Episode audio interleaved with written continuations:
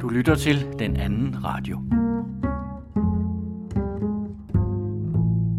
Den anden radio er en kultur- og samfundsradio på nettet.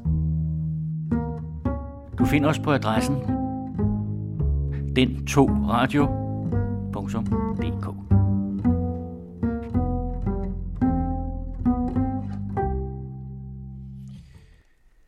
Velkommen til den anden radio og til en ny buket podcast om kultur og samfund. Intermezzo har overskriften Nøgle i baglås og Mette Frederiksens indkasserede dividende.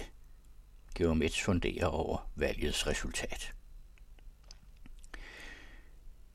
I Jytte Appelstrøms stue sidder hun og Sofias Jens Skov Olsen sammen for at tale om, hvad dannelse er. Begge har deres instrumenter med, så vi får også et par numre fra harmonika og bas. Jytte Appelstrøm tegner et dystopisk billede af vores ageren i samtiden, hvor vores griskhed og grådighed får naturen til at rejse sig og ånden til at skrumpe. Hun plæderer for, at vi tager ånden i hånden og lægger an til et opgør med vores vaner. Dødssynderne og dyderne kan sætte os på sporet af en ændret adfærd, der får os til at lægge vægt på nøjsomhed og menneskelighed. Men med det gode humør i behold. Vi bør tænde det åndelige lys i familien og i skolen ved at spille, lege, fortælle og høre gode historier. Jytte Erbistrøm tror på, at vi kan og vil, og at mennesket har en smuk fremtid. Dette er den 14. Sofia-samtale, der pejler, hvad dannelse er. Den anden radioserie Internationale Danske Klassiske Solister portrætterer dengang operasangeren Stig Fogh Andersen. Han fortæller om udviklingen af sin tenorstemme til Wagner tenor og om sine engagementer på de store scener med både gode og dårlige oplevelser med de store dirigenter og om sin frygt for fremtiden, først og fremmest hvad angår operaen. Mænd over 60 år bliver ramt af mange fordomme om at være gamle og dermed ubrugelige i erhvervsmæssige og sociale sammenhænge. De møder også en række udfordringer i form af tab af arbejde og dermed tab af mening, tab af sociale kontakter og dermed ensomhed, tab af venner og familiemedlemmer og dermed sorg, tab af seksuel formåen og dermed tab af identitet. En gang var de mandfolk. Hvad er de nu? Den modne mand befinder sig i et spændingsfelt mellem tab og vinding, mellem afmagt og accept, mellem fortvivlelse og visdom. Påfaldende er det imidlertid også, at mange mænd er tavse om disse forhold. Det forsøger Egon Clausen at belyse gennem en række samtaler med nogle kloge og eftertænksomme mænd om det at blive gammel. Her i den anden podcast om mandfolk er det den 76-årige forfatter, debattør og redaktør Georg Metz, der er i fokus, og han kan se tilbage på et rigt og varieret liv i medierne. Han er repræsenteret i højskolesangbogen med en vemodig sang om efteråret, og i en af linjerne står der, virkelyst og grå kraft er forbi, forbi. Egon Clausen spørger, om det er en melankolikers syn på verden. I november 1880 skete en meget omtalt stranding ved Klit Møller, og Nationaltidene sendte Herman Bang afsted som reporter for katastrofen. I to kronikker beskrev han begivenheden og omstændighederne. Sådan noget kunne han nemlig også. I første kronik fremførte han kendskærningerne ganske nøgternt og kom ind på skyldspørgsmålet, som i høj grad beskæftigede de lokale beboere. I anden del, som I får i Farovs klassiker i denne uge, er det snarere stemningen og det indtryk, som det store hav gør på byreporteren, der er i fokus. I udkanten af Holbæk Kommune ligger Ugerløse, der til forveksling ligner en by i udkants Danmark, med forladte huse, nedlagte butikker og en tvivlsom tatovør. Her skal vi på byvandring med folketingsmedlem for Socialdemokratiet, Kåre Dybvad, sammen med den anden radios Søren E. Jensen. Knud Rasmussen var jæger, polarforsker, folkemindesamler, fortæller, organisator og nationalhelt i første halvdel af 1900-tallet. Professor i antropologi ved Københavns Universitet, Kirsten Hastrup, udgav i 2010 et stort værk med titlen Vinterens hjerte, hvor hun også sætter Knud Rasmussen ind i en tid, der dyrkede de store menneskelige præstationer. Historien om Knud bliver i Kirsten Hastrups optik også til en fortælling om videnskaben, kolonialismen og nationens historie i Danmark. Kontrabassisten Richard Andersson er en af den danske jazzscenes mest interessante figurer, uddannet for Rytmisk Musikkonservatorium i København, Manhattan School of Music i New York og det Fynske Musikkonservatorium i Odense. Som 14-årig mistede han synet ved en trafikulykke, og på et splitsekund ændredes hans liv. Før ulykken interesserede han sig for sport og tegneserie. Nu måtte han famle sig frem efter en ny retning i livet, og svaret blev musikken. I udsendelsen taler han med Radio Jazz's studievært Claus Vest om sin musik og de vilkår, han som blind arbejder under. Noget af det sidste, vi hørte om Røde Kaj, er fra en by i Marokko, hvor han og en kammerat flygtede i en bil durk igennem en markedsplads. Og i dette afsnit fortæller Kai, hvordan det bliver ved med at gå galt, fordi han ikke kan modstå fristelsen til at gøre en god handel, selvom det kan blive farligt.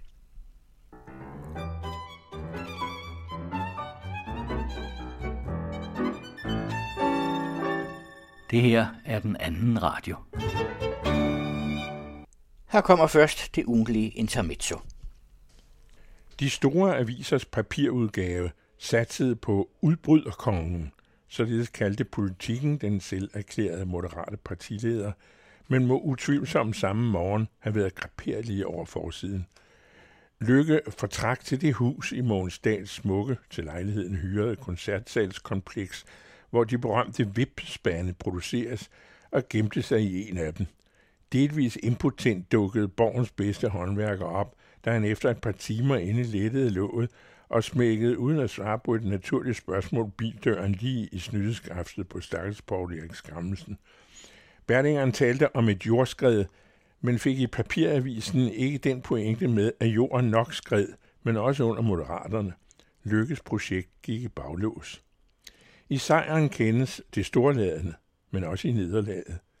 Statsministerkandidat Todd ankom i en mindre bus sidste strækning til fods iført familien.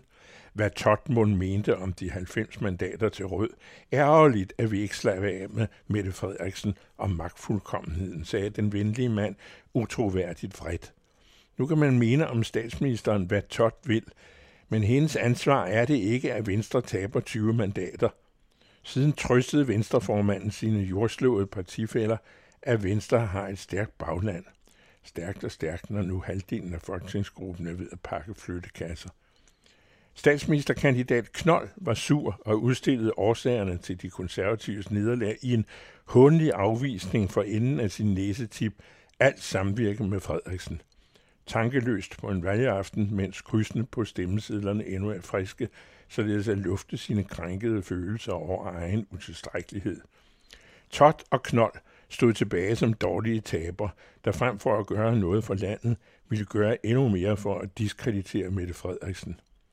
Den slags kan være et mål i sig selv, når valgkampen buller, ikke så lidt bulleret i TV2's ellers beundringsværdige valgaftendækning, men Knold og Tot burde nok have overvejet at indstille skydningen efter Vatterløv. Mette Frederiksens magtfuldkommenhed blev jo ikke det slagnummer, der sikrede en blådende sejr – selv borgerlige vælgere kan have haft svært ved at opfatte den frederiksenske magtfuldkommenhed mere mærkbart belastende end den kreative for Rasmussens 10-årige optræden som nationens synligste kontrolfrik, eller hans efterfølgers klyngen sig til magten i bilag og boxershorts uden ambitioner om at dele med andre, før alle hulens udgange var spærret, og han blev røget ud. Tonedøv over for politisk anstændighed – fik den ydmygede Løkke Rasmussen lige draget Nordatlantens mandater i tvivl som legitimt parlamentarisk grundlag. Mund han selv i en snæver vending havde afvist at tælle en eller anden blå grønlænder eller færing med. Han prøvede i hvert fald. Sagen er nok bare den, at Mette Frederiksen, hvis man altså skal blive ved med at personificere nogen frem for noget, i tirsdags indkasserede den coronadividende, mange kommentatorer talte om, dengang hun svingede sceptret og førte landet sikkert gennem den potentielt farligste epidemi siden den spanske syge.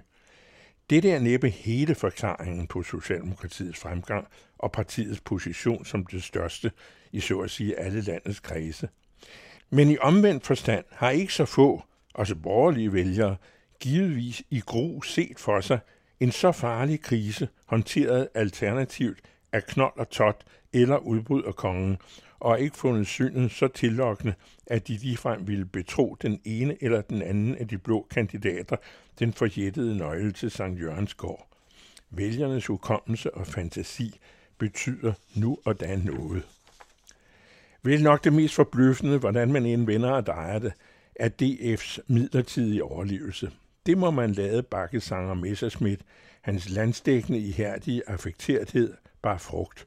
På trods af Pia Kærsgaards adfærd og store huller under vandlingen, varpede formanden partiet til kejs og kan fuldbringe forliset næste gang. Støjbergs parti klarede sig, men ikke overvældende. Igen er det vælgerhukommelsen, der kan have spillet den straffede partileder et pus. Udsigt til en ministerpost på baggrund af den nylig afsonede fængselsdom var for meget for retsfølelsen. Som for udbryder kollega Lykkes er alene navnet Danmarksdemokraternes mandater af reel ringe betydning. Støjbergs hold af gamle levebrøds DF'er kan risikere at få hjemvej, når resterne af det parti, den dag formanden igen skal i retten for dokumentfalsk og bedrageri, og Kærsgaard er gået i spåner, måske igen viser sig som en trods alt mere stabil platform end den nedgroede egocentriske hævngærighed, der skabte liste E. Nogen nem gang på jorden får aktørerne i det danske landspolitiske miljø ikke. Heller ikke for dem med 90 mandater i ryggen. Situationen kan ligne indledningen til en ny periode i dansk politik, hvor et valg i ny og næ snarere bliver hverdag, mere end stabilitet, rette linjer og længe siddende formænd. De radikale har reageret. Et af de blå partier bliver nok nødt til at tage en borgerlig samtale med knold. I hørte Georg Metz med hans ugentlige intermezzo. Altid her på den anden radio og hver fredag i Information. Jytte Appelstrøm folder sig ud i tanker og harmonika, i samtale og spil med Sofias Jens Skov Olsen. De kredser om, hvad dannelse er for en størrelse, og Jytte Appelstrøm sætter fokus på dyder og dødssynder, fordi griskhed og grådighed må afløses af medmenneskelighed og nøjsomhed – for åndens og naturens skyld.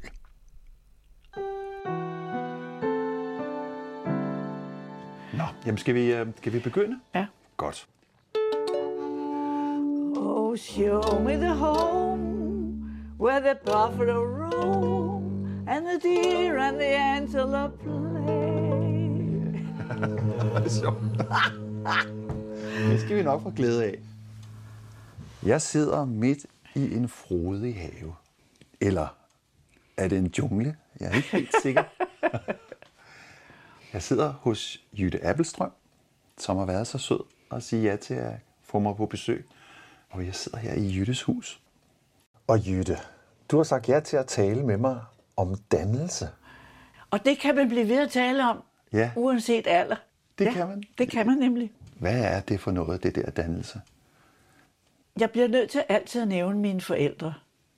De talte altid om, at man skal tænke på ordet og konsekvensen af ordet, så man skulle opføre sig pænt. Det er jo en form for dannelse. Ja. Og det mærkede jeg også, når, når, når vi var ude at handle. De sagde altid tak, og de behandlede hinanden ordentligt. Og dengang havde man jo ikke numre. Og så var det altid sådan, jeg tror, de kom før mig og sådan. I busser og i tog, de var altid høflige.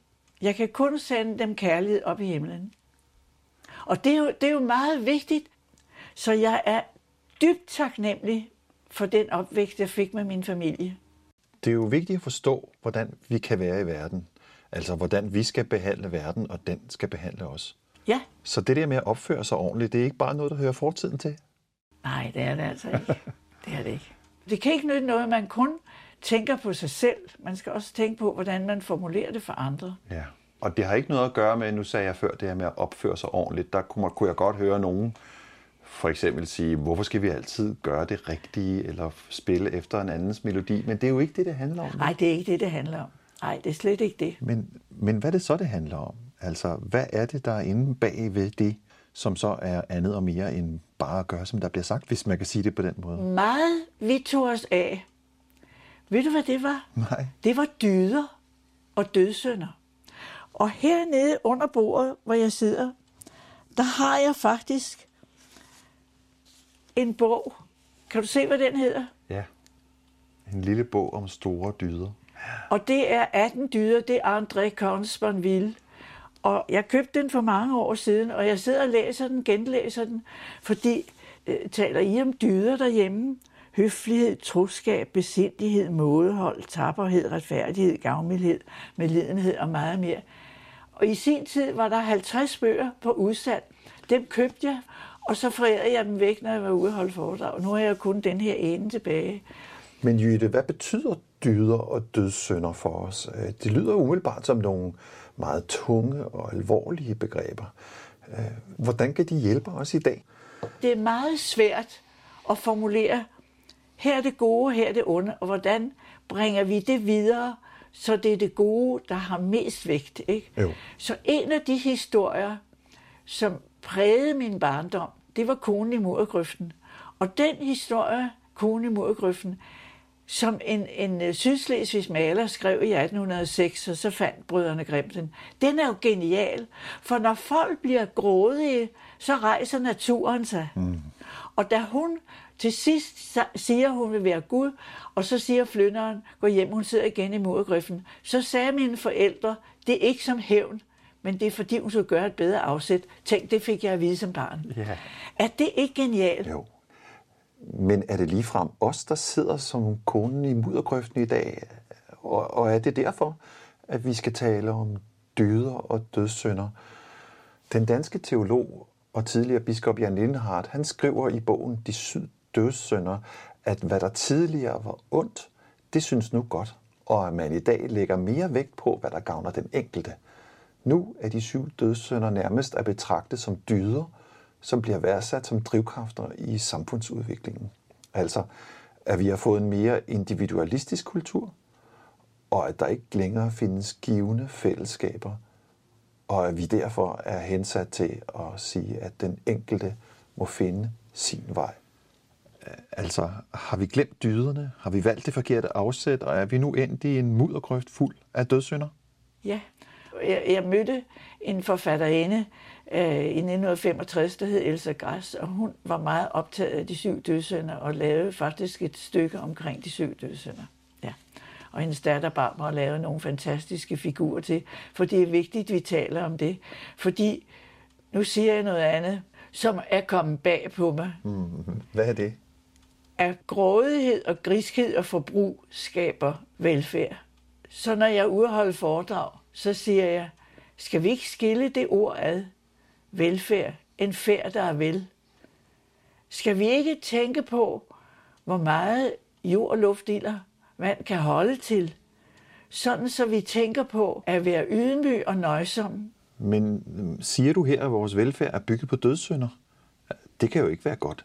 Nej, det kan ikke være godt, og det er jo derfor, at vi skal hjælpe hinanden. Hvordan kommer vi ud af det øh, traume, som det er jo faktisk blevet et traume? Jamen, kan du sige lidt om, hvad det traume giver sig udslag i? Altså, hvad er det, vi står i i vores samtid? Øh, og hvordan oplever vi det? Vi tør godt sige det, men vi siger det med så meget kærlighed, at det kan ændres. Ikke? Og det er jo derfor, vi sidder her. Fordi hvis, hvis vi bliver ved at bygge det op på den angst, som vi giver de unge, ikke? så de begynder at tage stoffer og drikke, det går jo simpelthen ikke. Så derfor tænk, at jeg fik lov at bo hjemme til jeg var 26, og jeg havde sikkert boet der endnu, hvis ikke jeg var flyttet. Jeg havde det chatol, jeg har stående herinde, og en seng og ikke andet. Vi bliver nødt til at hjælpe de unge med at, finde nogle nye idealer. Ja, hvor, altså. Hvordan mener du? Altså nye drømme, eller øh, nye måder at leve på? Nye måder at gå i skole på? I rigtig mange år, så var der familiehøjskoler. Og så kom jeg, jeg gav 10 numre på en harmonika, så var jeg nede og lege med dem. Gamle lege. Den leg gør, at voksen og barn kommer sammen på en skøn måde. Ikke? Hvor er lejen henne af i dag? Nu ved jeg godt, at jeg taler ikke så pænt om den digitale verden. Der er nogen, der har opfundet den, fordi de tror, det giver samhørighed. Men jeg er ked af at sige det. Hvis ikke du kan mærke en hånd og et klap, det kan du ikke gennem det digitale. Nej. Det er den menneskelighed, vi skal have tilbage. Undskyld, jeg siger det. Når børn er små, så bliver de krammet, ikke? Så snart de er lidt større, en vis overgang, så bliver de generet. Det er okay. Ja. Men ved du hvad? Krammet må tilbage. Altså nu ved jeg godt, der har været corona, og så må man ikke sådan nogle ting. Ikke? Men øh, i hvert fald både det åndelige kram, ikke? og så det fysiske kram. Det er på alle områder, at vi skal øh, kaste tingene op i luften og gribe dem igen og tænke os om. Mm. Ikke alene for vores egen skyld, men for kommende slægters skyld. Ja, men, men kan vi det? Vi, har vi råd? Det er jo, vi lever midt i en krise. Hvordan har vi råd til at, at gøre det, når kaste det hele op i luften, som du siger? Øh, måske er grunden til, at vi har indført iPads og computer i skolen, jo netop, at vi ikke har råd til at lave skole på den gammeldags måde, kan man sige. Hvordan skal vi... Alt er blevet dyrere. Jeg kan huske for mange, mange år siden, jeg sad op på en skole, og så sagde skoledirektøren, vi skal passe på ikke at blive for dyre for hinanden. ikke? har altså det menneskelige varme, vi ikke må spare på. Men synes du, vi gør det? Altså, hvor galt står det egentlig til? Vi er kommet derhen, hvor vi virkelig skal tage et stort skridt. Ja. Alle sammen. Ikke kun skolen, men også forældrene. Og hvis ikke forældrene kan, så i hvert fald dem, der leger med børnene, eller har, har med børnene at gøre. Ja. ikke? Jeg vil ikke tale og grimt om skærme, men altså, jeg savner mennesket til mennesket. Mm. Og jeg tror, at både øh, lærere og elever og forældre, alle vil blive mere glade for, at der kommer mere balance mellem skærmen og mennesket. Ja. Jeg kan ikke sige det smukkere. Nej, det tror jeg er rigtigt. Vi mennesker, vi er af krop og hud, ikke? Og det hænger jo sammen med sjælen indeni. Nu siger jeg noget helt banalt. Når jeg går tur hernede i Roskilde, og så er der nogen, der sidder i barnevogn, og nogen, der leger. Jeg giver dem altid en venlig hilsen og et vink, ikke? Og de vinker altid tilbage. Altså, små, enkle ting for andre mennesker, de, jeg tror, de betyder meget. Ja. Jamen, så er der jo noget, du kunne gøre for mig. Nemlig at spille en lille sang på din harmonika sammen med mig. Øh, så tager jeg bassen frem her imens. Ej, så en fin harmonika. Den købte jeg i i Irland. Jeg kendte en komponist i Irland gennem Elsa Græs. Se, hvor er din harmonika lille, den her bas, den er så kæmpe stor. Ja, er det ikke morsomt? ja, det er sjovt. uh,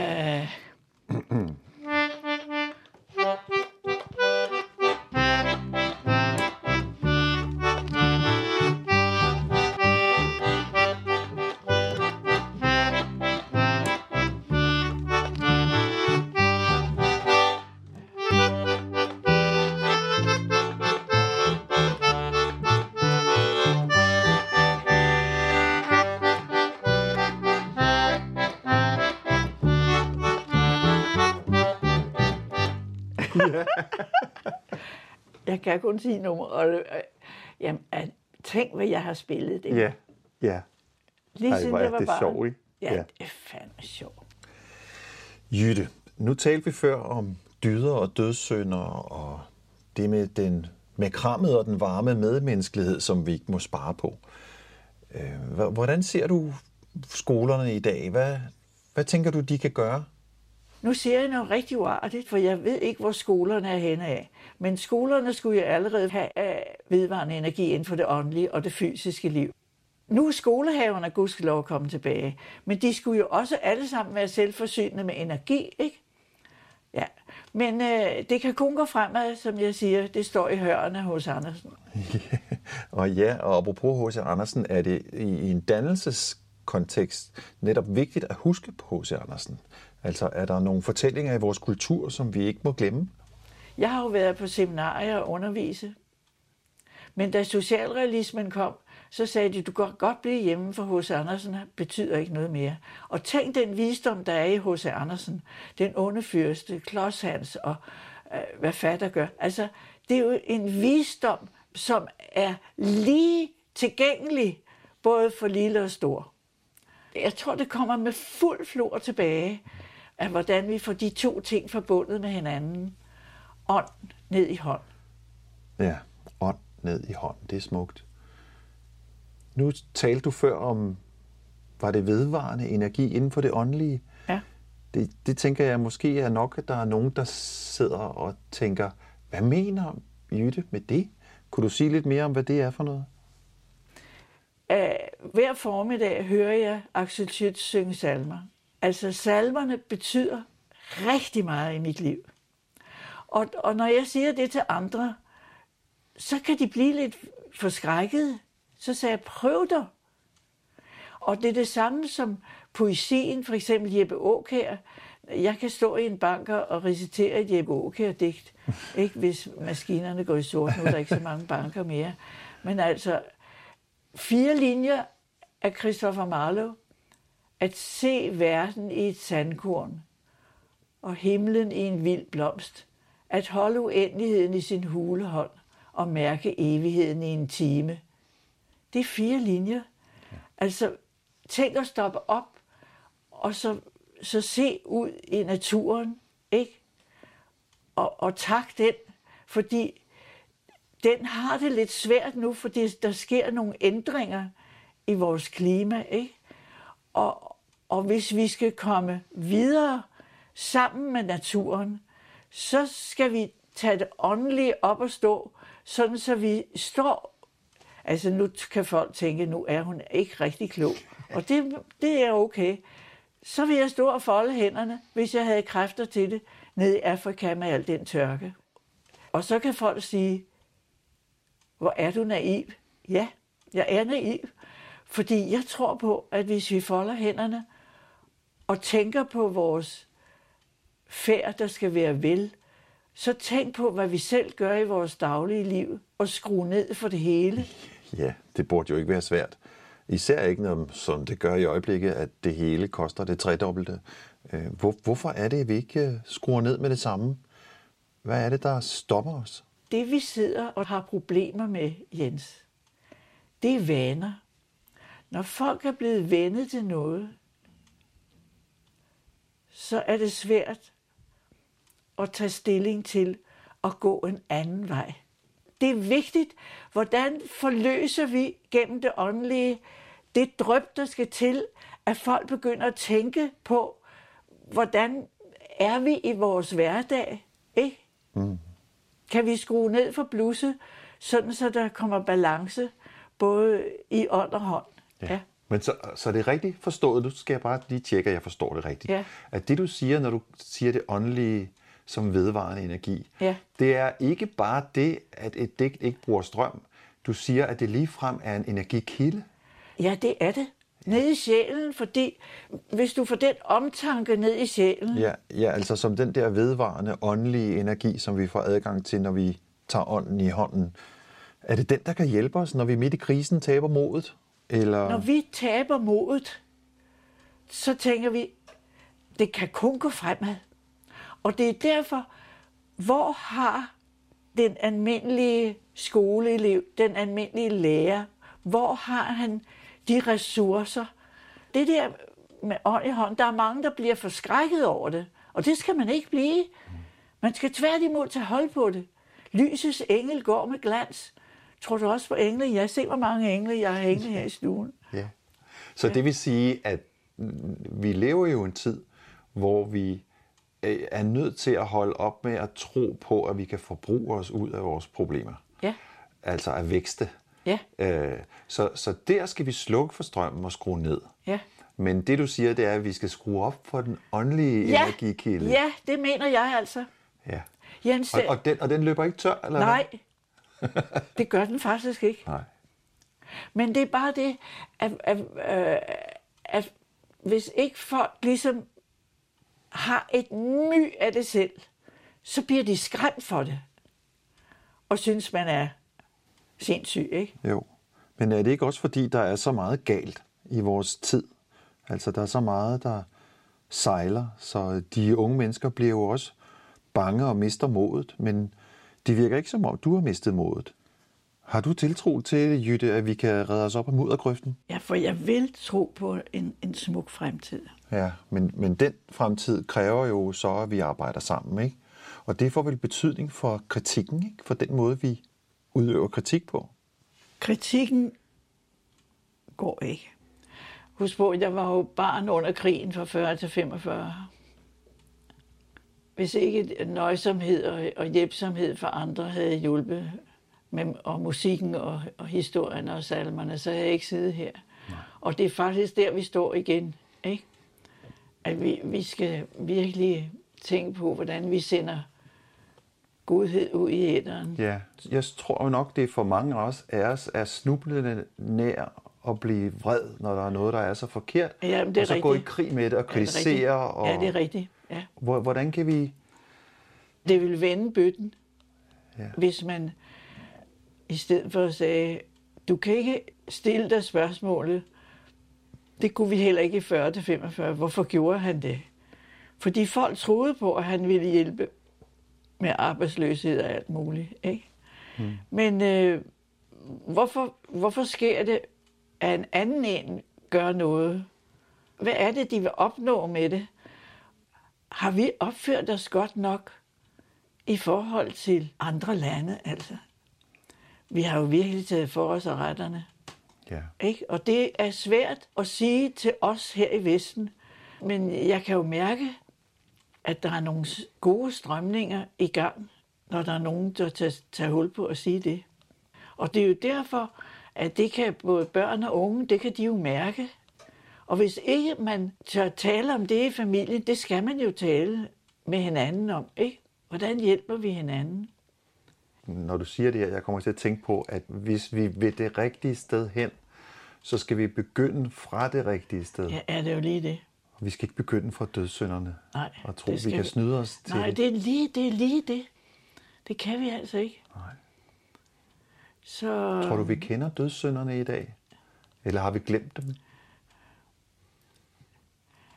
Tror du, børn kender dødssynderne? Nej, det gør, det, det gør de ikke. Det er derfor, for, øh, at både skole og forældre skal øh, have en lille stund, hvor de taler om dyder og dødssynder og, og spørger. Ikke? Fordi øh, jeg var heldig, fordi min farmor ikke havde så mange penge. Så for eksempel, da jeg kom ind i studenterrevyen som 18-årig, så når der var de der store fester, så jeg synes ikke, de havde råd til mere tøj til mig.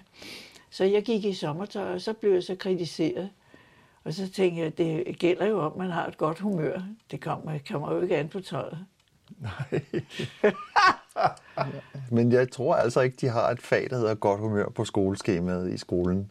Øh, Men det kan jeg forstå, det skal vi jo til at indføre. Måske for at skabe en modbalance til al den der jagt efter penge og status. Er det det? Hvordan får vi det hele til at hænge bedre sammen, så det ikke er pengene, der- der, skræmmer ungdommen for, hvordan kommer vi til at tjene så mange penge, så vi kan betale husleje, og hvordan får vi det hele ned på et plan, så vi har, kan bruge hinanden uden at det er meget svært. Det er meget svært, det vi sidder og taler om lige nu. Ja. Det er alt for svært, faktisk. Ja. Men det bliver jo så ikke bedre af, kan jeg forstå, at vi så begynder at skændes øh, om det.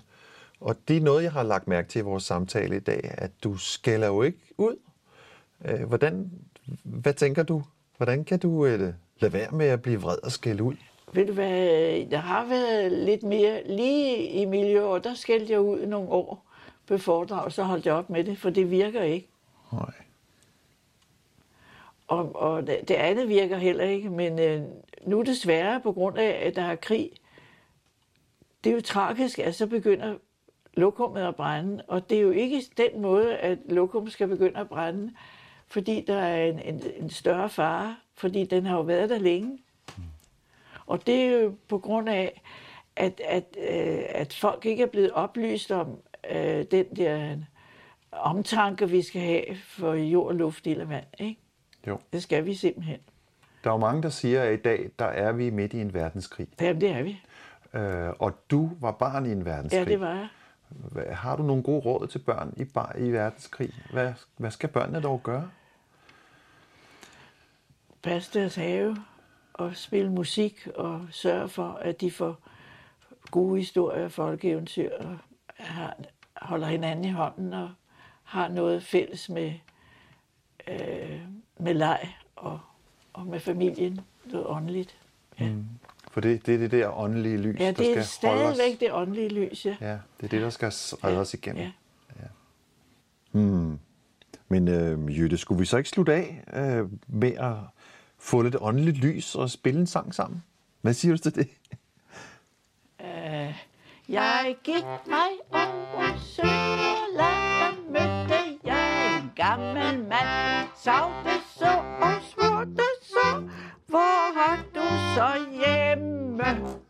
Så siger jeg nemlig altid til folk, hvor har vi hjemme? Vi har hjemme der, hvor vi både passer godt på hinanden, men også for jord, luft og vand. Ja. Og så klapper vi af det. Jeg har hjemme, og så klapper vi af det. Ja. Også når vi øh, ser ned på jeres fødder, de bærer jeg rundt hele dagen. Og hvis ikke vi havde moder jord, så havde vi ikke nogen steder at stille skoene. Og så tramper vi i gulvet. og det sidste, så vinker vi til hinanden, fordi vi skal sætte tempoet ned. Tusind tak, Jytte. Ja, jeg håber, der er nogen, der kan få noget ud af vores tanker. Ja, det tror jeg helt Ja. sikkert. Så nu sender vi kærlighed ud i æderen. Ja, det gør vi nemlig. Tak for det, Jens. Tak.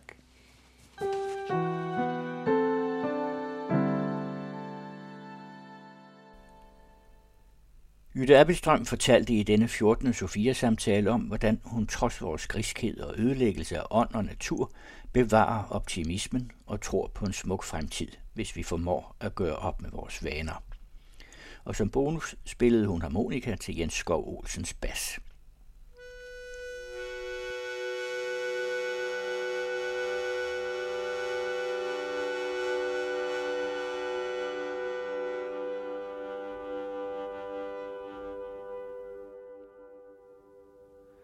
Du lytter til Den Anden Radio. I serien Internationale Danske Klassiske Solister skal vi denne gang møde operasangeren Stig Fogh Andersen.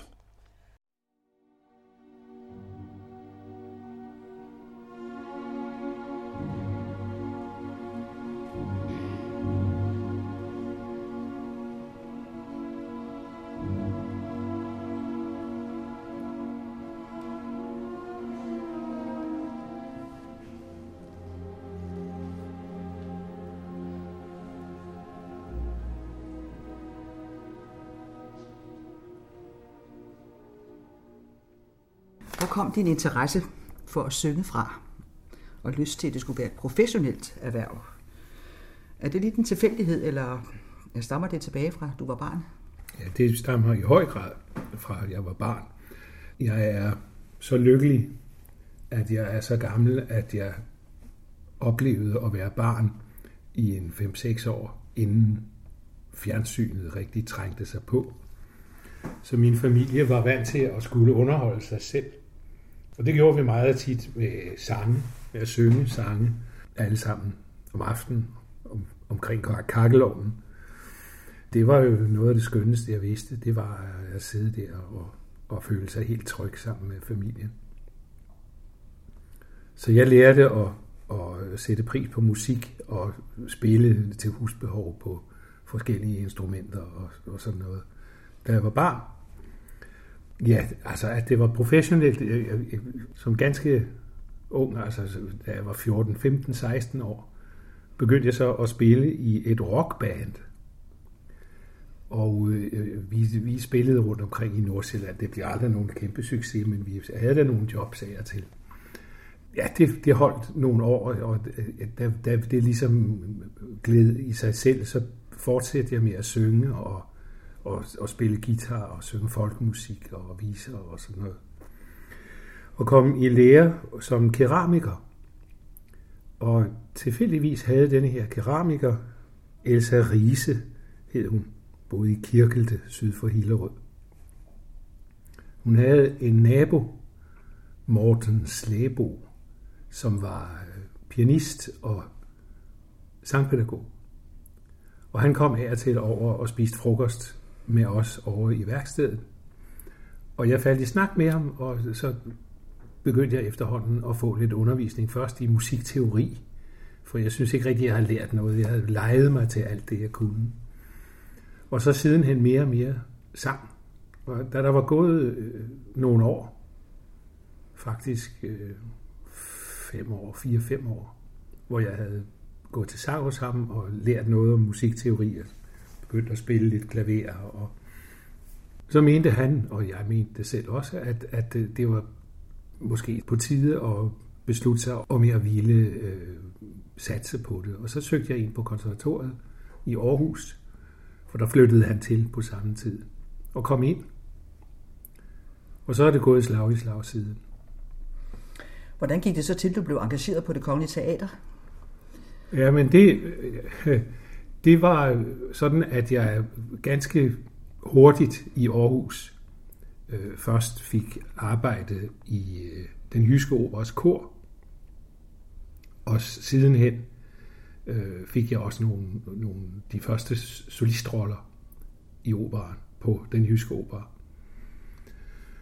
Og øh, der havde jeg været i et par sæsoner, og i sæsonen 79-80, der øh, kom jeg så til at synge Canio i, øh, i Pagliacci af Leon Cavallo. Hvad jeg så? Ridi Pagliaccio! Den her berømte arie, ikke? øh, og der kom de over, det var Niels Møller og, og hvem der kom, de kom fra det kongelige teater, for at høre den forestilling med mig. Øh, de kom til Stadionhallen i Aarhus, et ganske frygteligt sted at lave musik, fordi der var stendød akustik. Og jeg havde desuden feber, men når man er ung, så betyder det ikke så meget. Så, men jeg har altså haft sikkert langt over 40 i feber, da jeg sluttede, tror jeg. Det var virkelig, virkelig slemt. Men altså, jeg kom igennem det, og, og de synes, det var interessant, og jeg blev engageret på baggrund af det. Og startede så i 1980 på det kongelige. Du havde mange roller der i en del år som tenor, altså roller som Tamino i Tryllefløjten og også Don José i Carmen, ikke? Jo.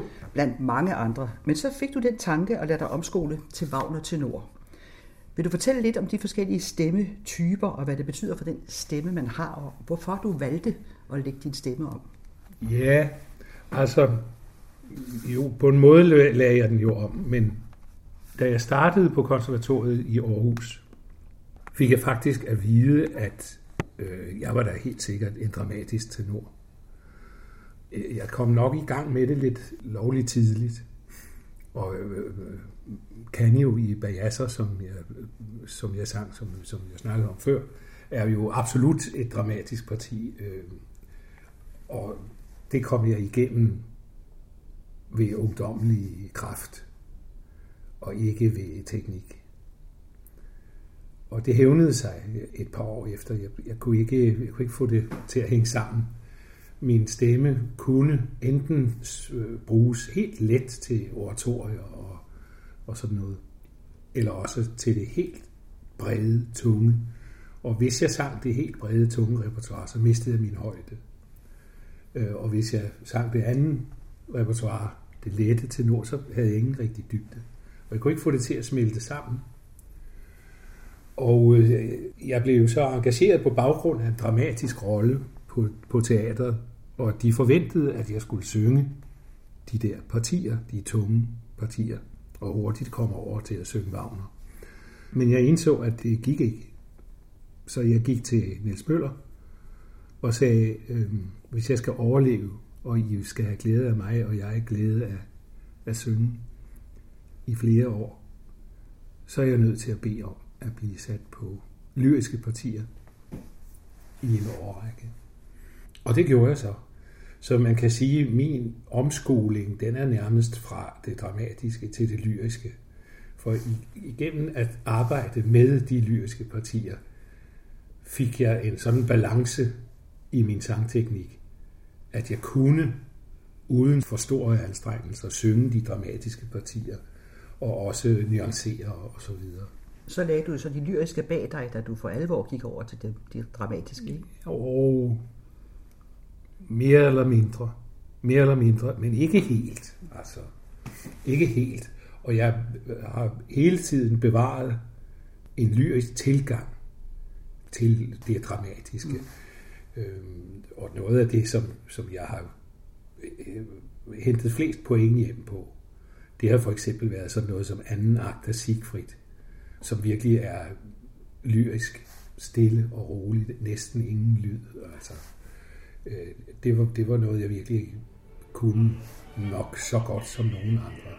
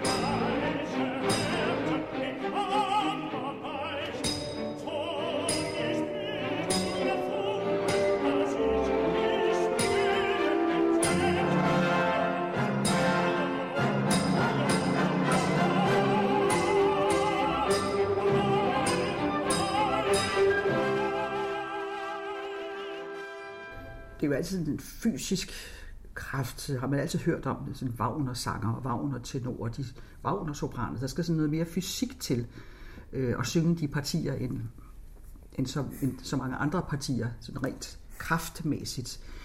Så det har du selvfølgelig også skulle indstille dig på, men er der også øh, en ændring sådan rent mentalt i det, at du har sunget de lyriske partier i nogle år, og så efterhånden næsten udelukkende synger de mere dramatiske ting? Ja, altså for mig har det nok været sådan, at det var det mentale, jeg anvendte overhovedet i, i, i min scenefremstilling og i min musik. Altså det at for mig at synge lyriske partier i de år, i begyndelsen på det kongelige teater, det var jo ligesom at lægge bånd på mit temperament. Det var at, at, at sige, hertil og ikke længere. Det her, det kan jeg, det kan jeg stå indenfor. Og nej, mindre, mindre, mindre. Det var det, det gik ud på. Så da jeg så endelig fik lov til at synge Wagner og andre roller af den slags, den, de tunge roller, så følte jeg det jo som om jeg blev sluppet løs.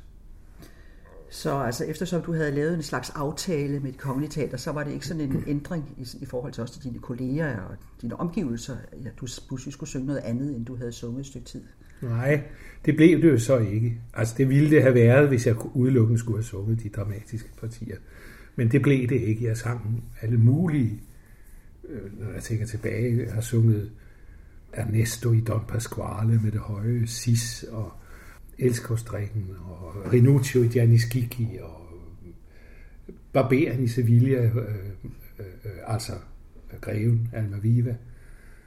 Øh, sådan nogle partier, som man ikke lige kommer i tanke om, når man tænker på, hvad jeg ellers har sunget her i de senere år. Nej. Har det så været nødvendigt at blive ved med at passe stemmen hos en sanglærer? Fordi det kunne jo godt ske med sådan en, en, en ændring. Ja, det har i højeste grad været nødvendigt at passe stemmen, men ikke hos en sanglærer. Jeg har indhentet råd fra coaches og dirigenter og kolleger, Øh, men en egentlig samlærer har jeg ikke haft. Jeg havde det i nogle år som, som ganske ung på det tidspunkt der, øh, hvor, jeg, hvor jeg startede på teatret og, og, og kæmpede med, om jeg skulle være dramatisk eller lyrisk og så videre. Og det, jeg lærte givetvis også en masse og kunne ikke bare have undværet at gøre det. Men så blev jeg spurgt af Franco Cristofoli, øh, dirigenten på den jyske opera, om jeg ville synge øh, partiet som Otello. Det sagde jeg ja til, og det var jo en kæmpe opgave, Det vanvittigt svært, og, og en stor satsning øh, af Kristofoli at tro på, at, at jeg kunne gennemføre det.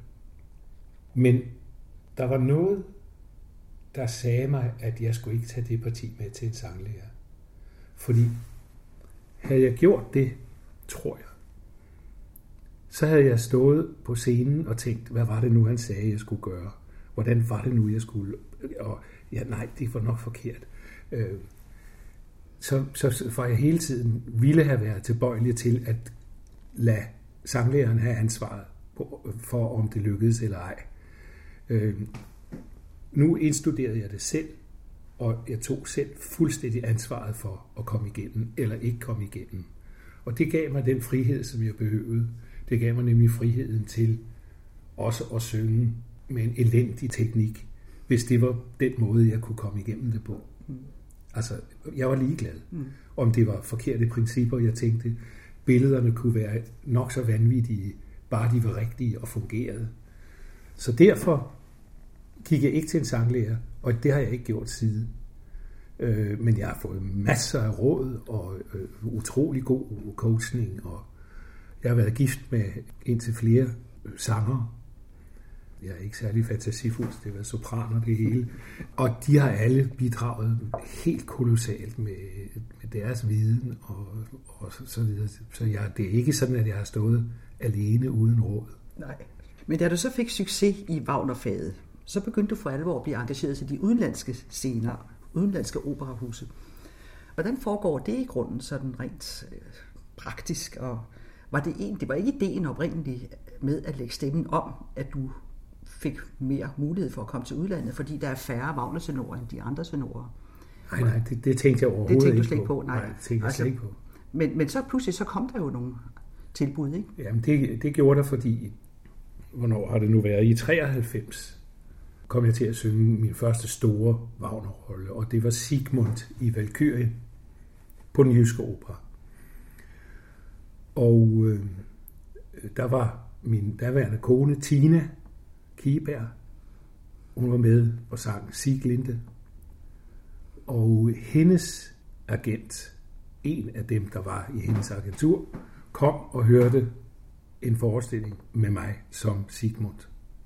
Og det var så dem, der arbejdede for mig. Og så sang jeg for forskellige steder, og de skaffede mig ind. Jeg tog med Tina til Chicago, hvor hun sang på Lyric Opera i Chicago. Der sang jeg for, og så blev jeg engageret til at synge Fro med Subin Meta. Og øh, jeg var cover på både Sigmund og begge Siegfried-roller i ringen, så jeg havde udstyrligt meget at lave, mm. og lærte en, en kolossal bunke af at være der. Ja. Men det, det allermest betydningsfulde, det var, at jeg kom til at synge en forestilling som Sigmund med øh, Subimeta, og han hørte mig jo ved prøverne og så videre. Så da han senere skulle sætte øh, en ring op i München, valgte han mig som Siegfried. Og øh, det var absolut det, der virkelig satte gang i min karriere. Det var Lyric Opera og, og så München. Ja. De to steder.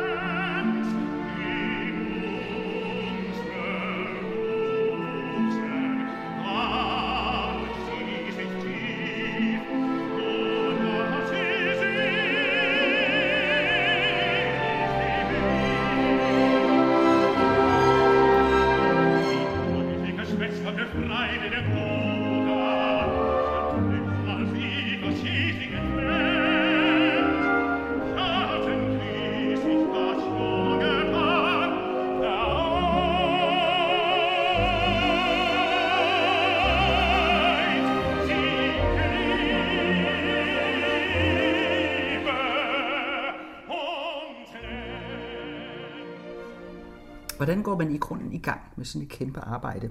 Altså helt forfra. Indstuderer du noderne selv derhjemme, inden du går til de første klaverprøver og, går på scenen? Altså hvor lang er sådan en proces egentlig? Og det kommer jo selvfølgelig an på rollens karakter. Altså det største, det længste, det sværeste, Tristan, den arbejdede jeg med i 3-4 år, før jeg sang den første gang. Ikke sådan, at jeg arbejdede hver dag, men, men af og til gav jeg den en skalle og tænkte over det indimellem. Lyttede til den, når jeg kunne, og øvede mig på en side her, en side der. Og så havde jeg det med til repetitører.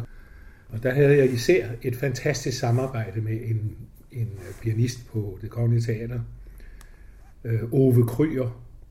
Med ham har jeg indstuderet næsten alle de roller, jeg har sunget, efter jeg begyndte at, at, at, at synge internationalt. Du har jo sunget netop på mange af de store scener med mange af de store dirigenter. Øh, hvordan er det at arbejde sammen med de der store egoer? Nu talte du lige før om Suvin Meta, men er der nogen, der er besværlige, og så nogen, der er okay? Ja, der, der er nogen, der er meget mere end okay. Der er nogle fantastiske mennesker indimellem, og så har jeg haft nogle stridspunkter med, med andre. Altså, jeg, jeg mødte øh, Christian Thielemann på Deutsche Oper Berlin på et tidspunkt, hvor han ligesom var på vej op, og øh, havde på det tidspunkt i hvert fald forholdsvis utrærede meninger om mange ting, blandt andet politik, og, og mente også under alle omstændigheder, at han altid havde ret. Og jeg var engageret til at synge stort set alle Wagner-rollerne, de store Wagner-roller, i den periode, som var tænkt som den sidste, som afslutningen af øh, instruktøren Götz Friedrichs periode på Deutsche Oper. Og ham havde jeg arbejdet sammen med, og han ville have mig til at synge de roller specifikt. Og jeg, jeg blev engageret til det af ham. Og øh, så gik han hen og døde. Og øh, så skulle det jo gå videre på en eller anden måde. Og Christian Thielemann ville ikke have mig. Han ville have øh, René Kollum til at synge den Siegfried. Øh, specielt Siegfried. Og han forsøgte at intrigere mig ud, ganske enkelt. Og øh, det var en meget, meget ubehagelig periode. At, altså, for jeg ville ikke ud, jeg ville, jeg ville synge det. Jeg var engageret af, af, af Götz Friedrich til at, at gøre det for ham. Og hans kone, hans enke sad der, og, og jeg havde mange kolleger med mig og så videre. Men det var hårdt at vide, at dirigenten simpelthen gjorde, hvad han kunne for at ødelægge det for en mens man sang, hvilket han gjorde. Han var virkelig øh, meget, meget svær at arbejde med for mig. Og øh, jeg har ikke arbejdet med ham siden, kommer givetvis heller ikke til det. Det er godt, de ikke er sådan alle sammen. Sådan var Subin Meta ikke. Sådan var Subin Meta ikke. Han, han kunne være skrab over for nogen. Altså det, det kunne han, mm. helt sikkert. Men altså, James Levine, mest af alle, Bernard Haitink, øh, som jeg var ovenud styrtende lykkelig for at, at arbejde med. Armin Jordan. Hvordan er du så gået til sådan en 5-6 timer lang Wagner-opera? Man kan jo forestille sig, at man skal bruge hele dagen på at forberede sig. Det er sådan, hvordan forbereder du dig? Har du forberedt dig både fysisk og psykisk på, at du skal ind og synge i så mange timer? At jeg sovet så meget jeg overhovedet kunne. Også i løbet af dagen det er meget vigtigt for mig at, at, at sove og være udvilet. Så er det lidt et spørgsmål. Det ved man mere om i dag. Men det er simpelthen som, som sportsfolk, man er nødt til at spise noget, som man ikke går sukkerkold, og alligevel ikke er overmæt og så videre. Man skal ligesom få tingene til at passe sammen. Øh, så det er lidt en sportspræstation, når det er de der store roller, det vil jeg sige. Mm. Det er det. Ja, og hvor meget kan stemmen så egentlig holde til? Altså, hvor mange operaer kan man synge på en uge, for eksempel?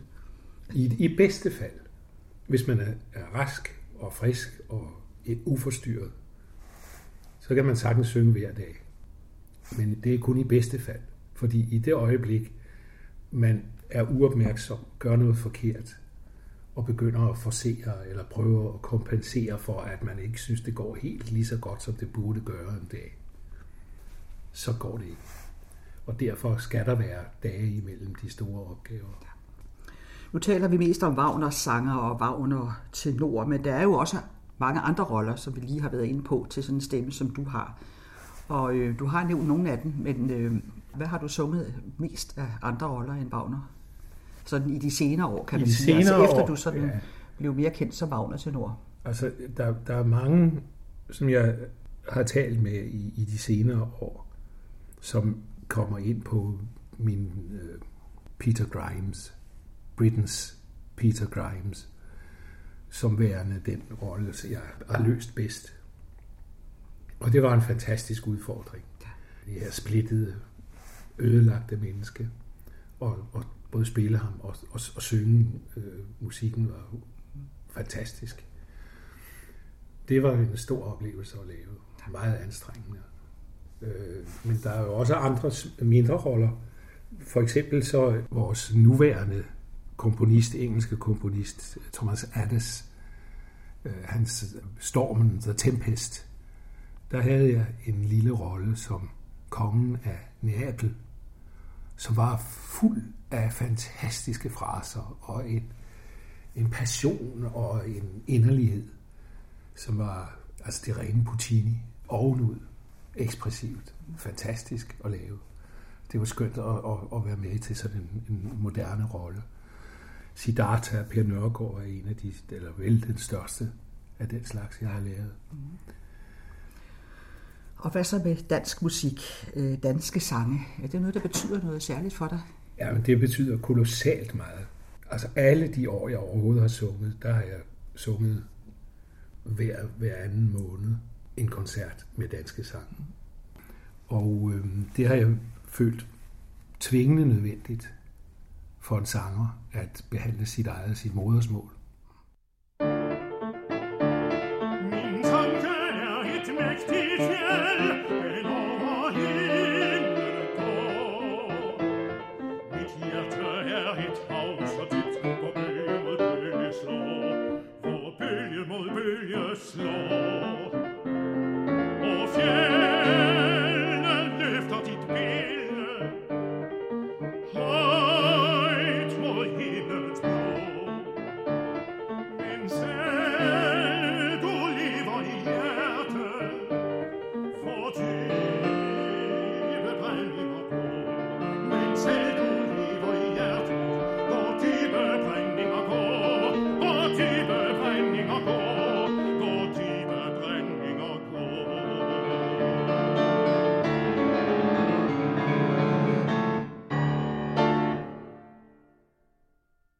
Også en gang, hvor man på det kongelige teater sang alle operaer. Sådan var det, da jeg startede. Og det var jo Det det var der det. først i 90'erne, at man begyndte at, Ja. at det blev gængs, at man sang det på originalsproget. Ja, det var det nemlig. Har det sådan været en, en, en mærkbar overgang at gå fra at have indstuderet sine partier på dansk, og så til at skulle synge det på originalsproget? Det er klart, at øh, det betyder meget stadigvæk. Altså, øh, forskellen var jo, at man satte alt på at få et tilstrækkeligt ensemble af danske sangere på de danske operahuse. Og man skulle helst have to gange, tre gange besat rollerne. Fordi man kan jo ikke bare lige få en anden til at, at, at synge det. Når alle synger Wagner på tysk og Puccini på italiensk og, og Mussorgsky på russisk, så er det nemt at finde en erstatning.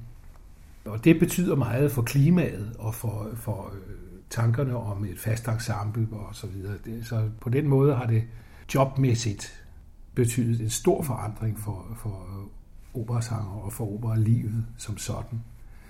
Det betød jo også, at, at jeg pludselig, efter at have sunget på det kongelige teater, alle mulige roller på dansk, pludselig kunne jeg komme ud og synge øh, Fidelio på tysk og, og så videre. Så, så det, det åbner andre døre også. Ja. Så rent professionelt betyder det en mængde. Men når det er sagt, så er den store forskel jo selvfølgelig det umiddelbare i at gøre sig umage for, at publikum faktisk fatter hvad man siger, at trænge igennem muren med sin kommunikation. Det er noget, som er i fare for at blive glemt og erstattet af en blank overflade. Og det er dybt sørgeligt, hvis det sker. For øh, efter min mening, så er det ikke opera, hvis ikke der er gjort alt for at virkelig få dramaet ud. Det kan være nok så kønt sunget, men det... Nu har du jo arbejdet som operainstruktør også nogle gange i de senere år, ikke? Ja. Er det sådan noget, der giver sig selv efter et langt liv på scenen selv, eller skal der noget ekstra til? Fordi der tæller du jo netop om dramaet som noget meget vigtigt. Ja, det ved jeg ikke, om det er. Altså, og, om jeg er specielt genial som instruktør, det kan jeg heller ikke sige. Men det jeg satsede på som instruktør, og som jeg, lykkedes med også, det, det var jo at få figurerne til at fremstå klare. At sørge for, at sangerne, de rollehavende, vidste, hvad det var, de gjorde, og at det var entydigt klart, hvad de lavede. Øh, sådan at, at man kunne følge med øh, i historien. Og det er der jo mange instruktører, der i dag ser stort på. Altså, det, det er jo ikke det, der interesserer. Der er det deres øh, intellektuelle koncept, det drejer sig om. Og om det er klare relationer, træder i baggrunden i, i mange tilfælde. Desværre, synes jeg. Øh, men øh, Og hvad så nu med dig, hvor du er blevet ældre og har droslet ned? Har du så andre projekter? Ja, altså jeg underviser lidt, og jeg, jeg har jo altså stadigvæk koncerter. Vi er snart færdige med en ny udgivelse af sange fra Holger Drachmanns Tandhøjser af nordiske komponister. En pianist, øh, Christine Thorup, og jeg har, har indspillet øh, 23 sange. Altså nordiske komponister. Øh, og tanken at sætte dem sammen, det var fordi, der er to sangcykluser, som er meget spændende og ofte lavet. Sjøgrens Tandhøjser-sange og Heises Farlige Drømme. Og alle sangene i de to samlinger kommer fra romanen Tandhøjser af Drachmann. Og så prøvede jeg at sætte dem sammen, sådan at rækkefølgen er efter Tandhøjser, romanen, og ikke sådan som komponisterne i det tilfælde, og Sjøgren og, og Heise, havde bestemt det.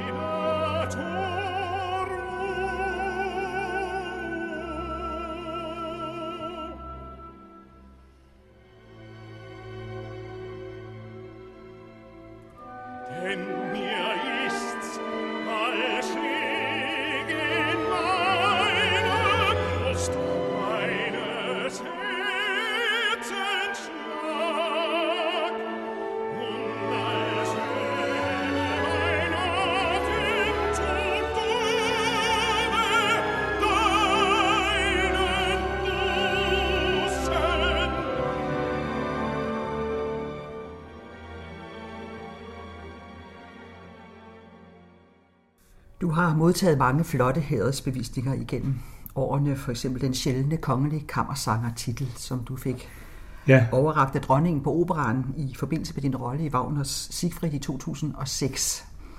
Er det en overraskelse at få sådan en heder, eller ved man noget om det på forhånd? altså jeg fik det at vide lige inden, at, at jeg ville få det. Men det var ikke noget, jeg vidste, og jeg troede faktisk, alle troede, at øh, det var opgivet. At, at der var ikke nogen, der blev det længere. Og at det ville så være, ja, Åge Havkland, Inga Nielsen, I Hansen. Ja, Ib Hansen, han er jo så ældre, men, men de yngste, de yngste, der havde fået det, det var Inga Nielsen og Åge Havkland. Jeg tror, det var de sidste. Og pludselig så fik jeg så, øh, efter at der ikke havde været nogen udnævnt i mange år, blev jeg udnævnt. Og året efter, Tina Kiba, min kone. Så hun og jeg er, er, er de, de eneste nu. Jeg har ikke været særlig heldig, når jeg har mødt øh, vores dronning.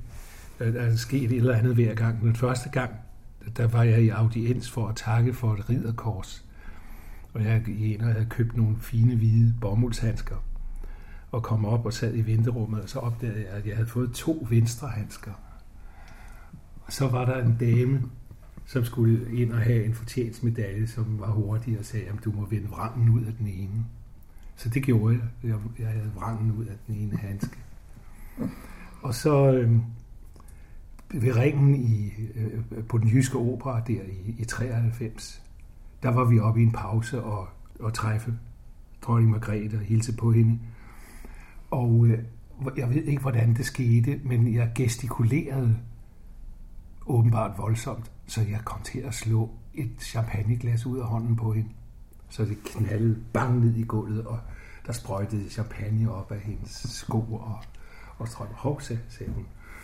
Og så kom dagen jo, hvor jeg skulle øh, flere år efter udnævnes som kammersanger. Der fik jeg stukket øh, den her bestilling, et stykke papir, hvor der stod, at jeg var kammersanger i hånden, og et glas champagne. Og det var jo midt i en Siegfried-forestilling, så jeg havde absolut ingen lyst til at drikke champagne lige på det tidspunkt. Ellers kan jeg godt lide champagne, men ikke der. Og jeg stod og fumlede med det, og til sidst så kom jeg til at hælde champagne ud over den her bestilling. Så der var øh, en eller anden, der måtte tage sit lomserklæde og tørre det af. Og da vi så var over i Esbjerg, hvor jeg havde sat øh, Gøtterdæmmerung op, der kom dronning Margrethe over, og så skulle vi hilse på hende i en pause. Og så fortalte jeg mine kolleger om, hvad der var sket de andre gange, og sagde, lige meget hvad der sker, så kommer jeg ikke nær til dronning Margrethe. Det tør jeg ikke, så sker der et eller andet. Og øh, vi gik derop, og i det jeg træder ind af døren, og ser dronning Margrethe stå i den anden ende af lokalet, og hun kigger op og ser, at jeg træder ind ad døren. Og i samme øjeblik falder hendes skuldertaske ned og rammer hendes underarm, hvor hun har en kop kaffe, som siger spjup, og så røg der kaffe ud over det hele. Så jeg sagde, det var ikke mig, det var ikke mig. så jeg ved ikke. Operan i Danmark har det ikke så godt i øjeblikket. Det må vi jo se i øjnene. Men du har været med i mange år, og du var også med i de gode år, det, der, det nye operahus åbnede i 2005. Det var jo den helt store periode med hele Wagnersringen, de fire store operaer. Men du har også været med i de senere år derefter, hvor operaren i Danmark faktisk er gået fra at være et A-operahus til et B. Og det er gået ganske stærkt. Hvordan føles det? Kan man mærke det at være en del af den forandring? Ja, altså for mig har det været næsten ekstra sørgeligt, fordi Øh, hvad der er sket med, med udviklingen på operan, på det kongelige teaters opera.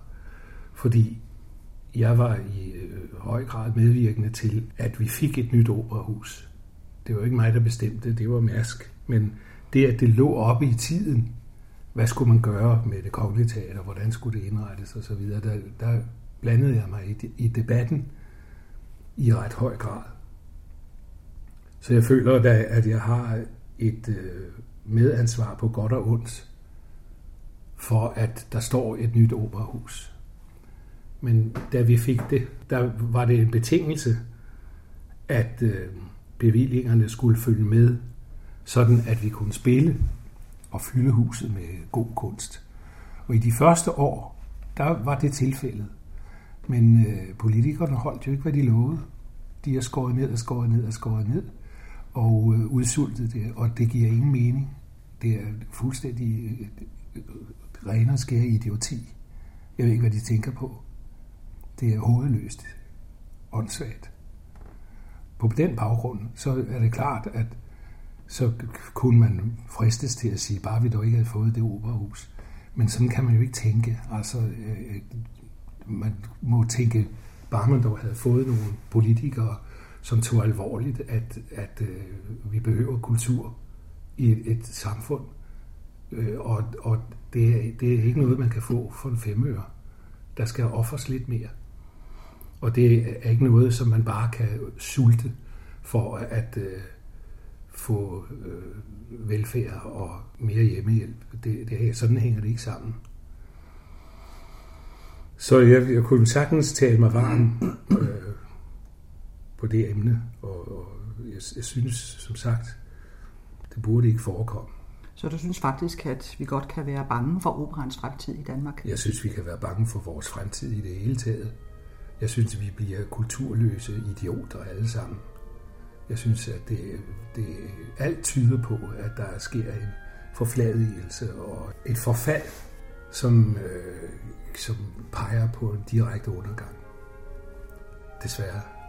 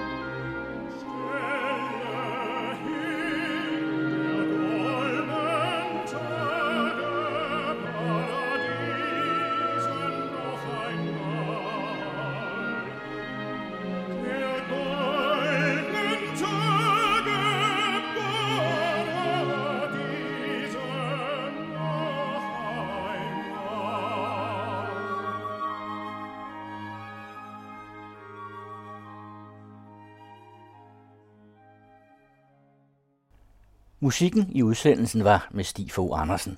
Han sang først titelrollen i Siegfried af Richard Wagner fra den jyske opera med Aarhus Symfoniorkester, som Francesco Cristofoli dirigerede. Så sang han Vinterstyrme fra Wagners Valkyrien fra Operaen i København med det kongelige kapel med Michael Schönwand i spidsen. Efterfulgt af Edvard Griegs Min tanke er et mægtigt fjeld til et digt af H.C. Andersen, akkompagneret af Helena Strogan.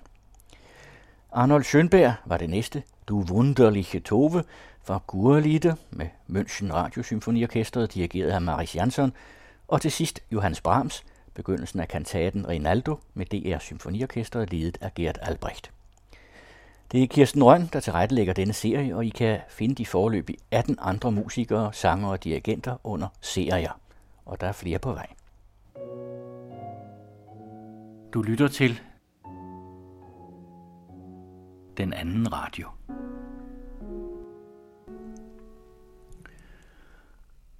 Og nu til næste program i serien om rigtige mandfolk.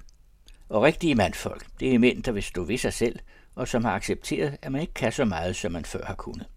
Men humøret og livsknisten holder man stadig i live. I dag har Egon Clausen en samtale med Georg Metz.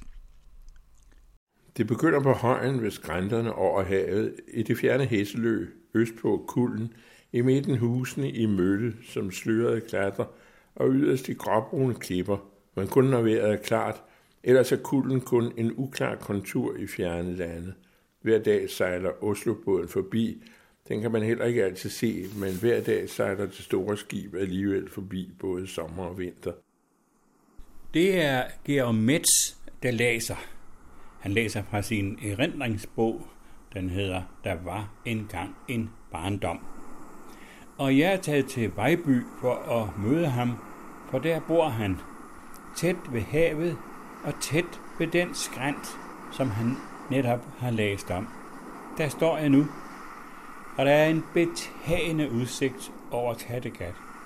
Det blæser med en frisk kuling fra nordvest, og vinden får brændingen dybt nede til at bruse og skumme og tegner et flydende net af hvide kniblingestriber dernede i det grå hav.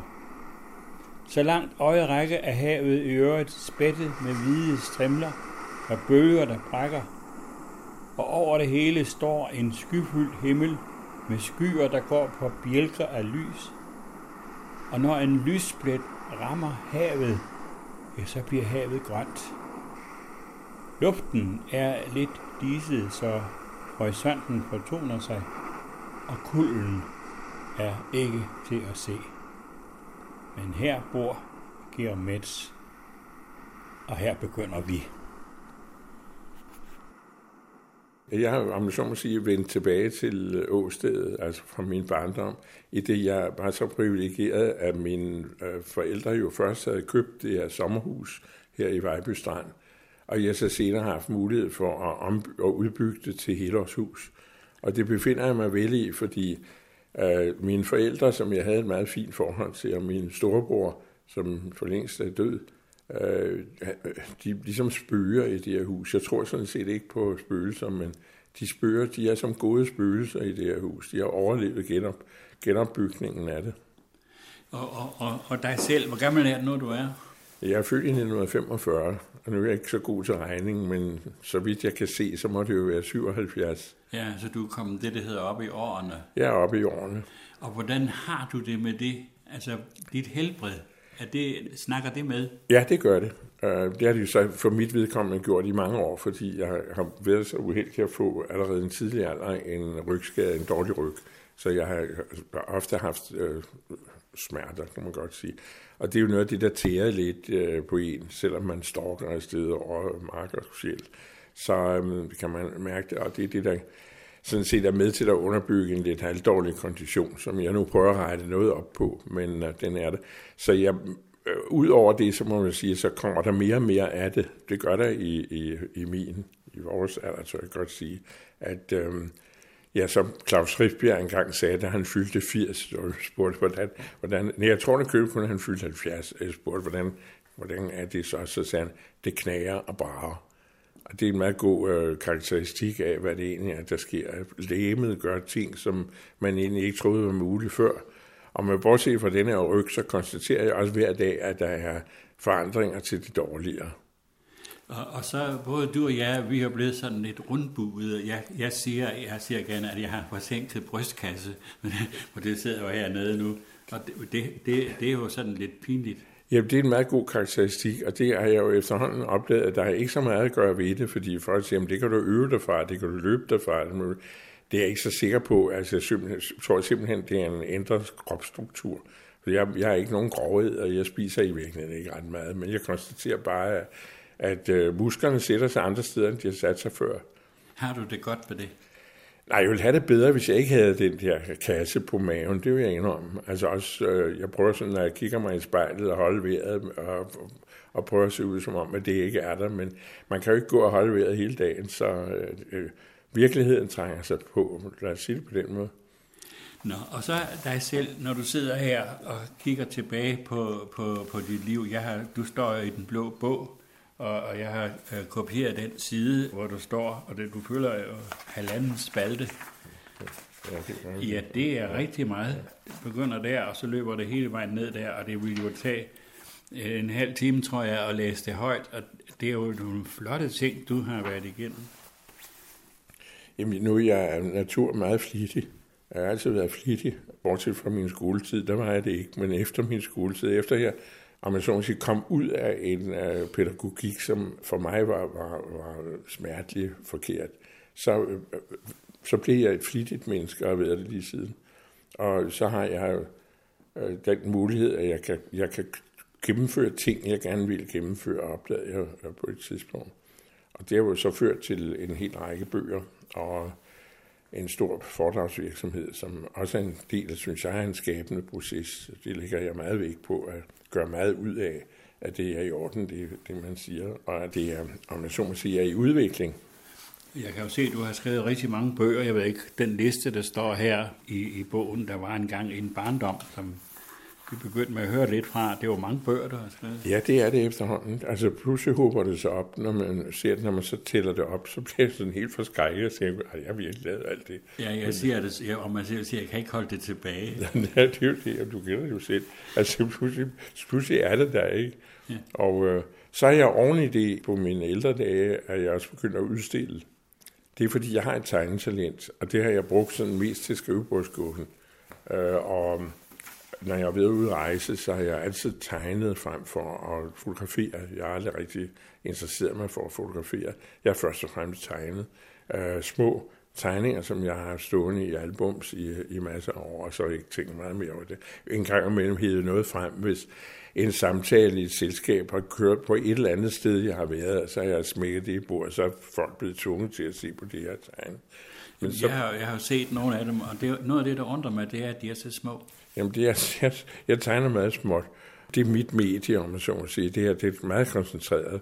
Øh, så kan man sige, det er også fordi, den eneste måde, jeg kan øh, gøre det på, det er den eneste måde, jeg kan gøre det troværdigt.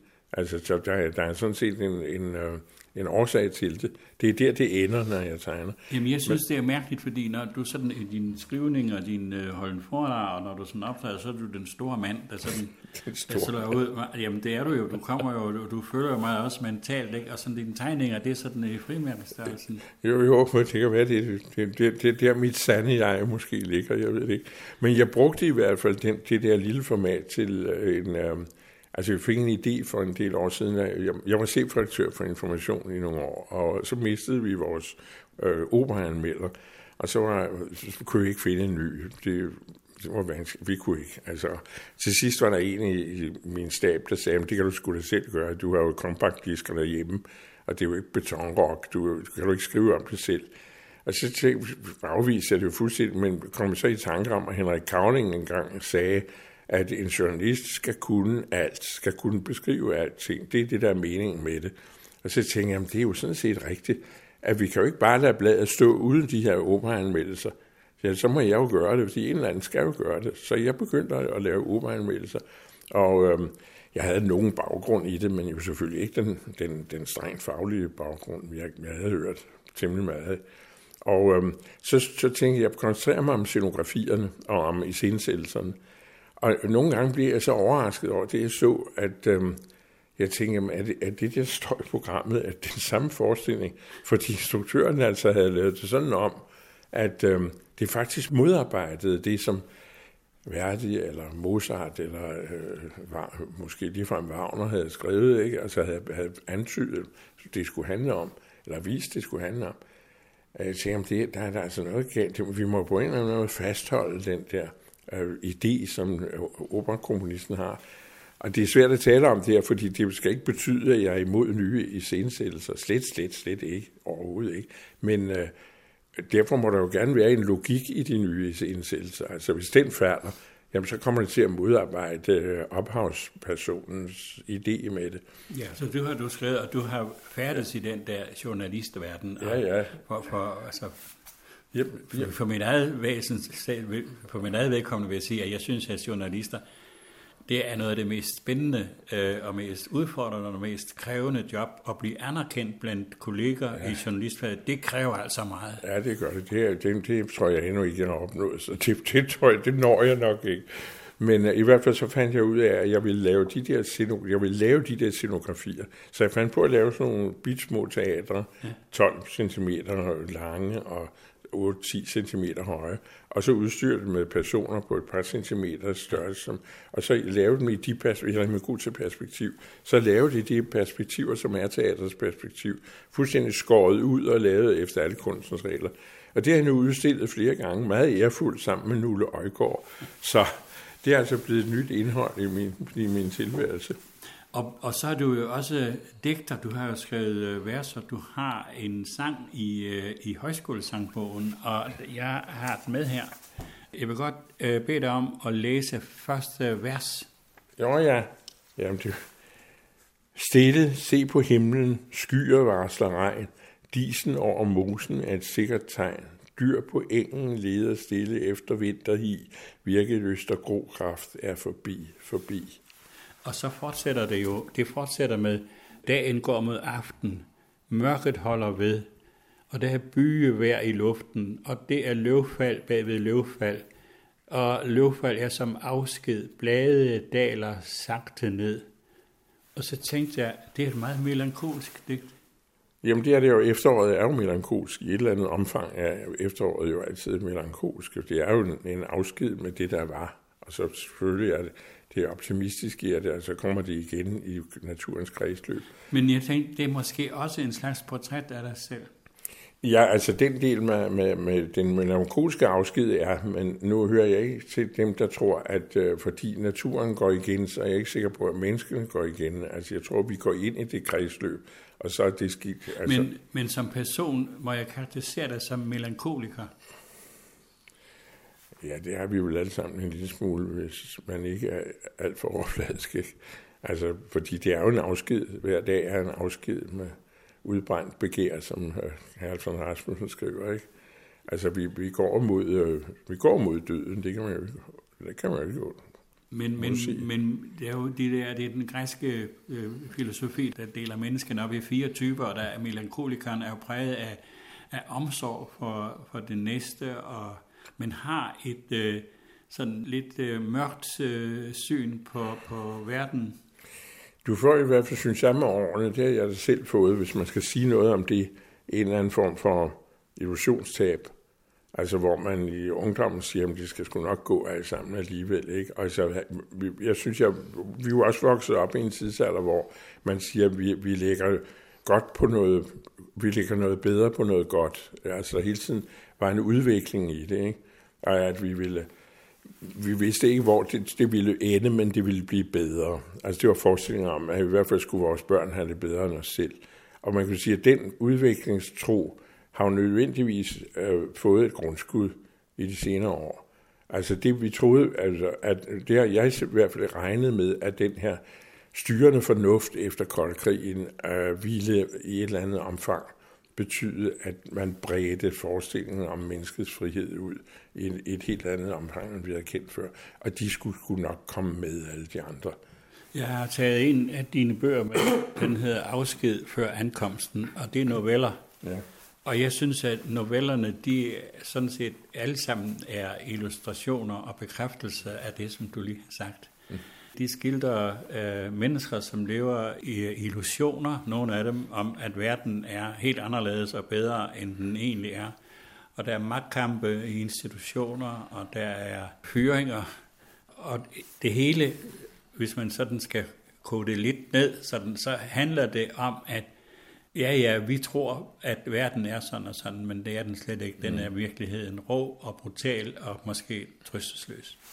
Ja, det er jo sådan set en, en konklusion, man kommer til. Ikke? Så tror jeg også, at jeg prøvede at give udtryk for, at jamen, livet fortsætter alligevel. Altså, folk lever i det der. Det er vi nødt til. Vi er nødt til at leve videre i det. Og hvis man så på en eller anden måde kan dreje det, som, jamen, som jeg selv prøver, at, at der også er en eller anden form for humoristisk dimension i at jagtage den, det, som jeg nu mener er, er en kendskærning. Det- Så kan man da i hvert fald overleve det, så længe det skal være. Det er faktisk morsomt, men det er sådan ondt og trist morsomt, da du fortæller om en mand, der bliver fyret fra jobbet, og, og øh, hans øh, e-mail, den går helt i stå. Han håber hele tiden, der kommer en e-mail, og til sidst så går han ned for at søge trøst til, til, på havnen i Dragør og går helt ud på målen, og pludselig så er der en e-mail. ja, Jeg kan dårligt huske den. Det er fra Sveriges Nå, teleselskab. det er det, der til velkommen til Sverige. Ja, det, var det. det var ikke.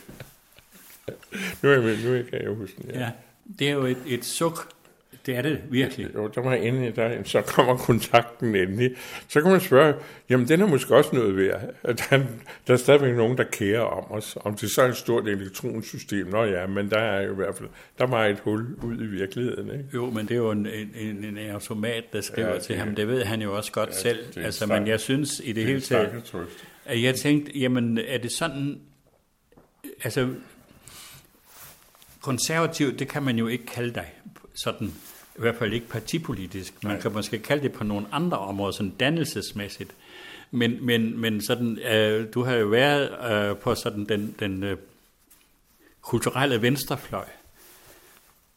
Nu har du så hver uge information, der har du sådan en tordensky, hvor du sender lyn ud imod den øvrige del af befolkningen. Synes du, vi har vundet, eller har vi tabt? Altså nogle gange tænker jeg, at, at, at vi har vundet, fordi øh, der stadigvæk er så stærke kræfter, der bekæmper os.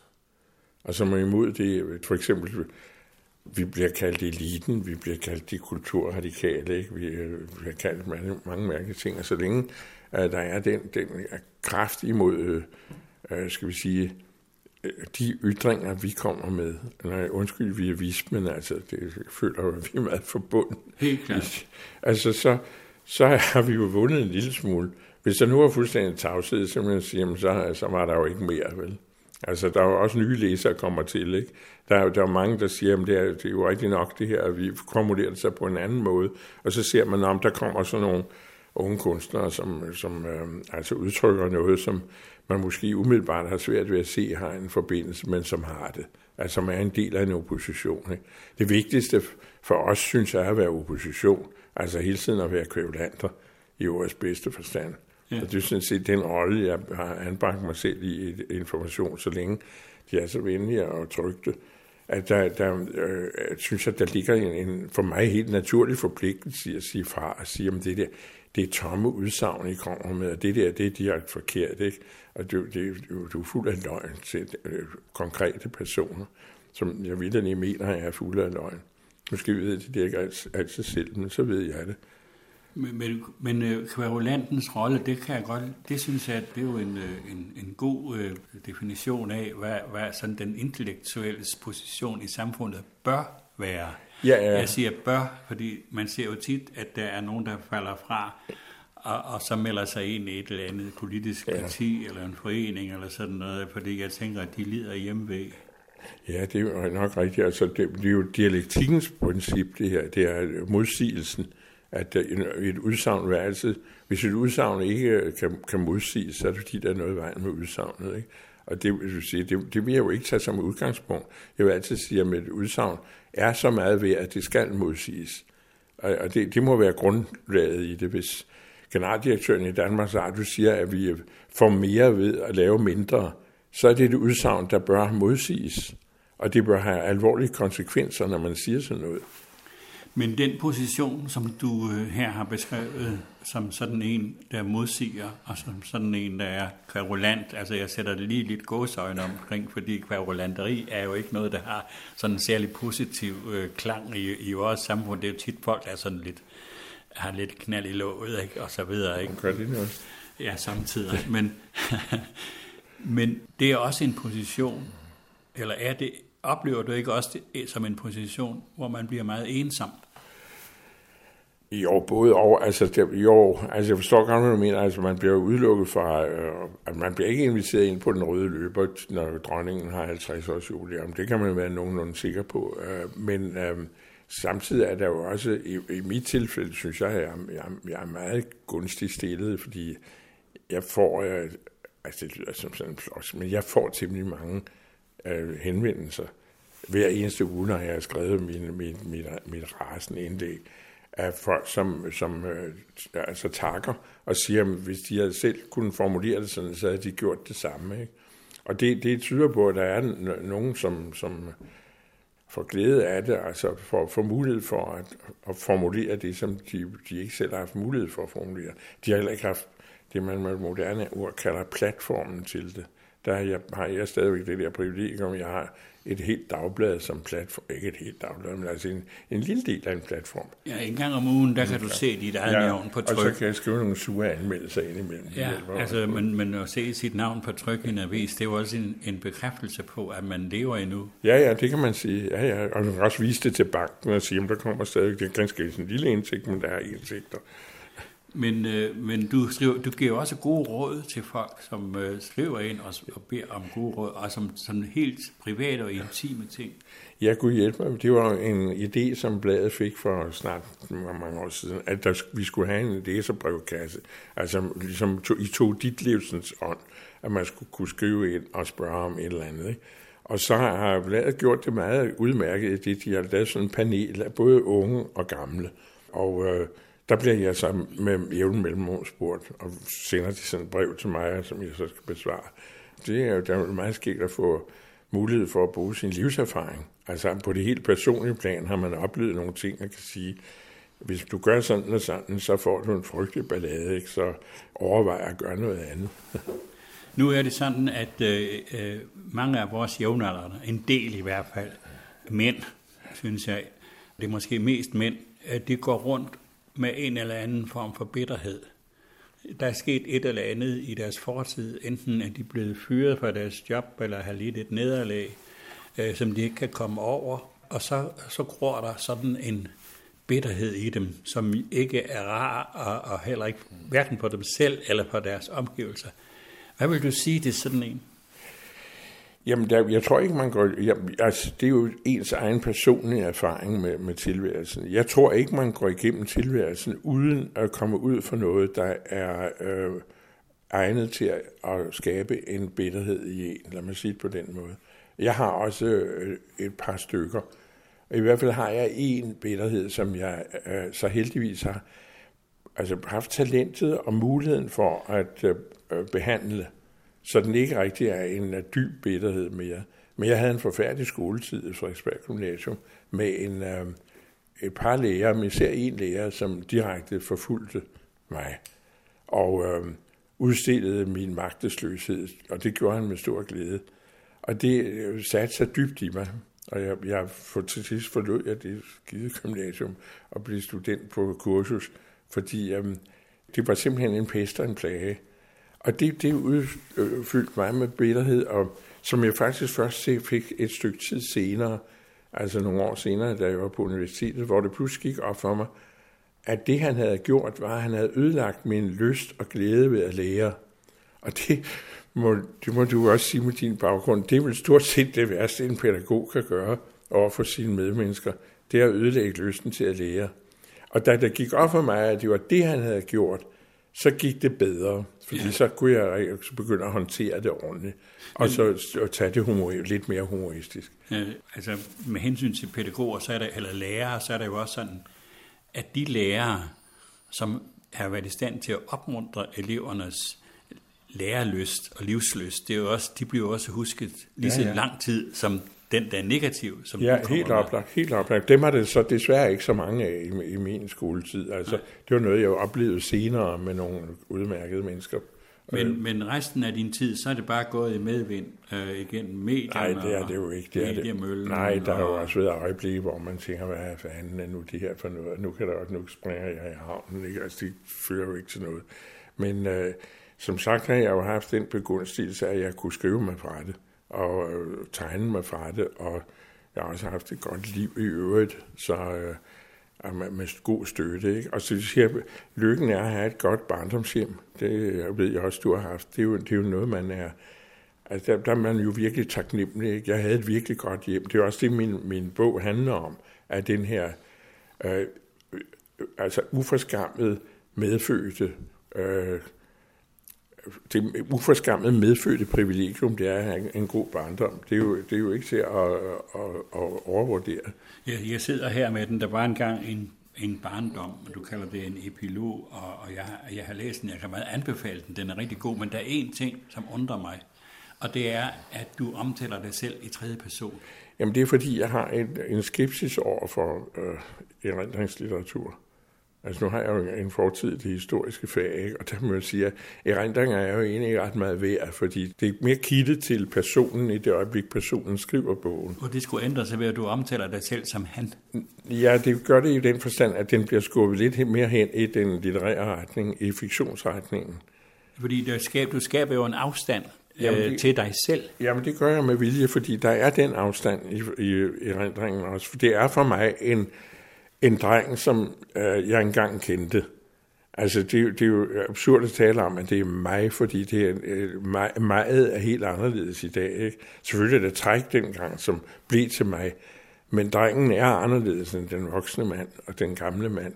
Og det er derfor. Men, men når man skriver erindringer på den, den anden façon og kalder øh, sig selv på jeg, så det, er jo, det, det har jeg jo selv prøvet. Ja. Det, er- det er jo en erkendelsesproces. Det er jo virkelig, hvor man, hvad skal man sige, sætter sig selv på prøve, om det dur, og om der er hold i det, og, og, og hele det der regnskab, som man jo har med, ikke mindst i vores alder, det der livslange regnskab, det er jo en hver, mener jeg, erindring er jo sådan set et regnskab. Jo, men det ville jeg, jeg ville også bruge jeg-formen, hvis jeg var gået op i tid. Altså, så er det klart, så ville det andet være snyd, fordi så er det at skrive fiktion rent, ikke? Men når det er barndommen, så er der noget særligt ved det. Hvis jeg må læse bagsideteksten, Ja. fordi den er vigtig for mig, altså den er sgu vigtigere end bogen, så man, behøver man ikke læse bogen. Fortiden er et fremmed land, siger digteren. De gør tingene anderledes der. Barndommen eksisterer i de stumper, erindringen rummer, men som i al deres tilsyneladende fortrolighed kun bekræfter distancen mellem nu og da. Fortidens fortællinger er ikke en ubrudt linje fra fødsel til ungdom, men fragmenter knyttet sammen af et senere sprog i såvel sikre som famlende forestillinger i digt og sandhed. Det er sådan, jeg ser på, på barndomserindringen. Og det kan man så diskutere, men hvis jeg skulle skrive den, som jeg ville, der komme passager af usandt ind i den, fordi så ville det være digtning. Hvis det skulle hænge sammen, ville jeg være nødt til at digte lange passager, som jeg sådan set også gør i den her, for at få det til at hænge sammen.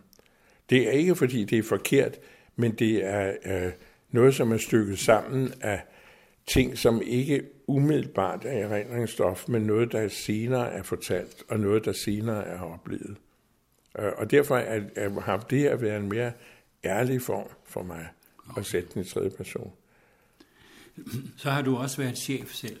Ja, Og som chef, så kommer man jo til, man bliver nødt til at træffe nogle beslutninger, som gør ondt for ja. andre. ja. ja. Jeg brød mig ikke om at være chef.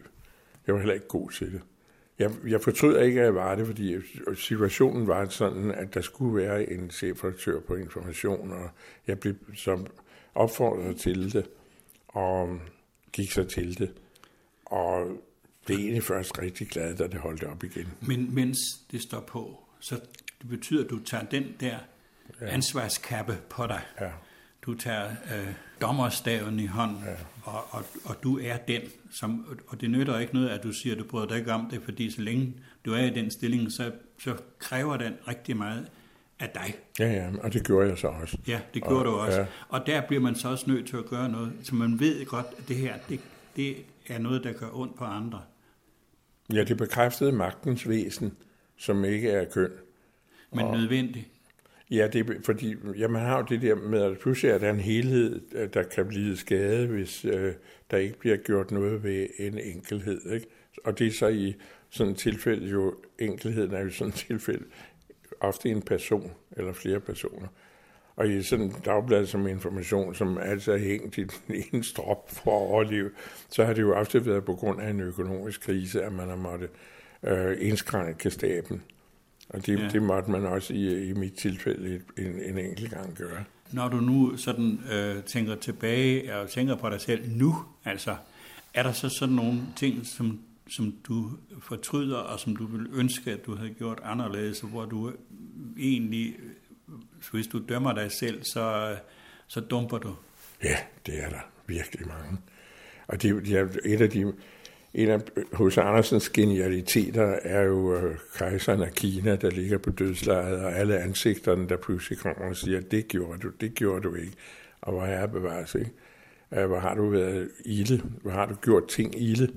Jo, jo, for pokker. Der er der virkelig mange ting. Hvis man så sagde, hvis du nu fik muligheden for at gøre det om, så vil jeg sige, at det vil være en ahistorisk handling, fordi så vil verden komme til at se anderledes ud. Ikke fordi min person betyder ret meget, men øh, så vil du gribe ind i historiens gang, så du kan ikke gøre det om. Du er nødt til at leve med, at du har gjort de der ting, og du er nødt til at leve med de der svigt, du har begået. Der er jo ikke noget at, at stille op. Georg, man må jo sige, at du er blevet en, en, en gammel mand.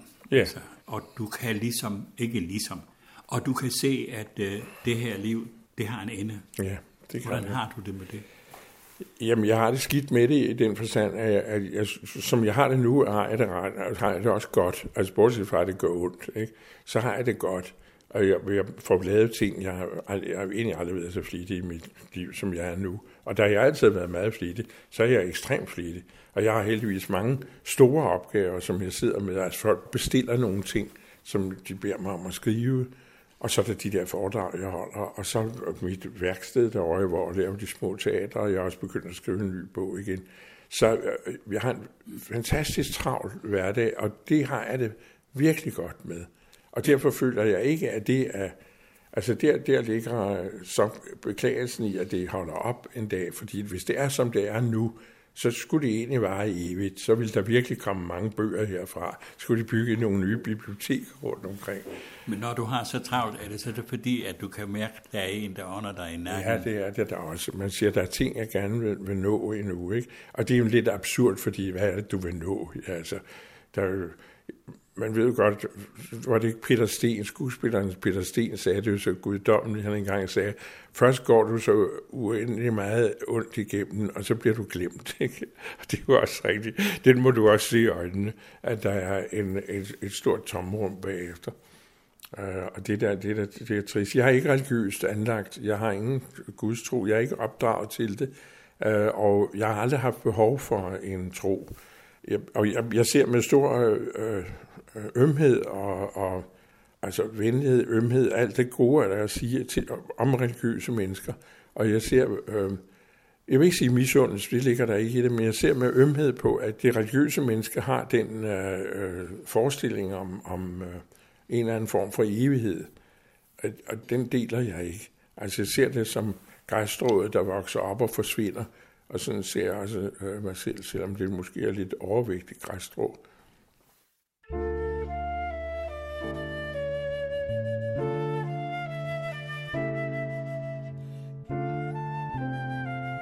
Stille på en skovsti himlen tegner sort.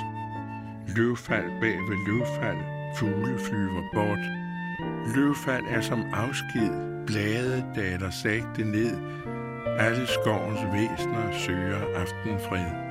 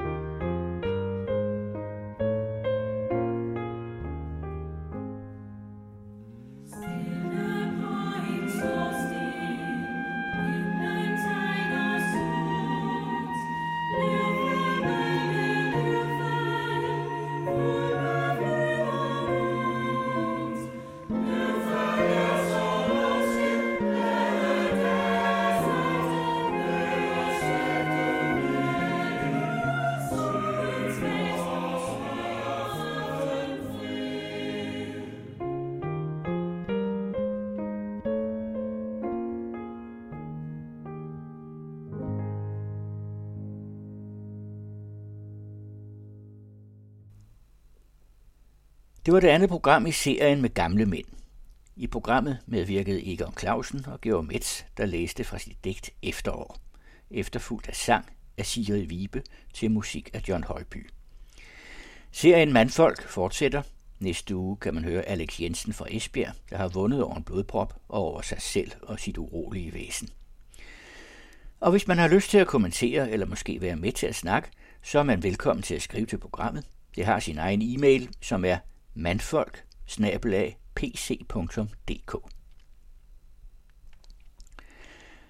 Herman Bangs kronik søndag den 26. november 1880 beskrev udførligt den store strandingsulykke ved Klitmøller.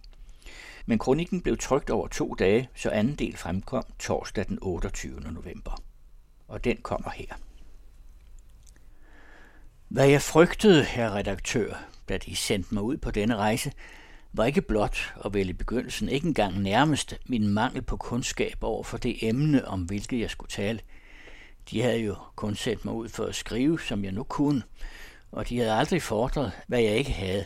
Nej, det var langt mere det, at jeg på den fart ville stå, også når det kun drejede sig om at give en stemning, over for det uvante, det nye, det mig ganske fremmede. Selv når det drejede sig om at give et indtryk, ville alt, selv i natur og forhold, betage mig med det uvantes forvirrende magt. Og hvad formår man vel at gribe, når det nye så at sige tilslører vort blik? Og der var endnu et, som ængstede mig, netop ved denne rejse.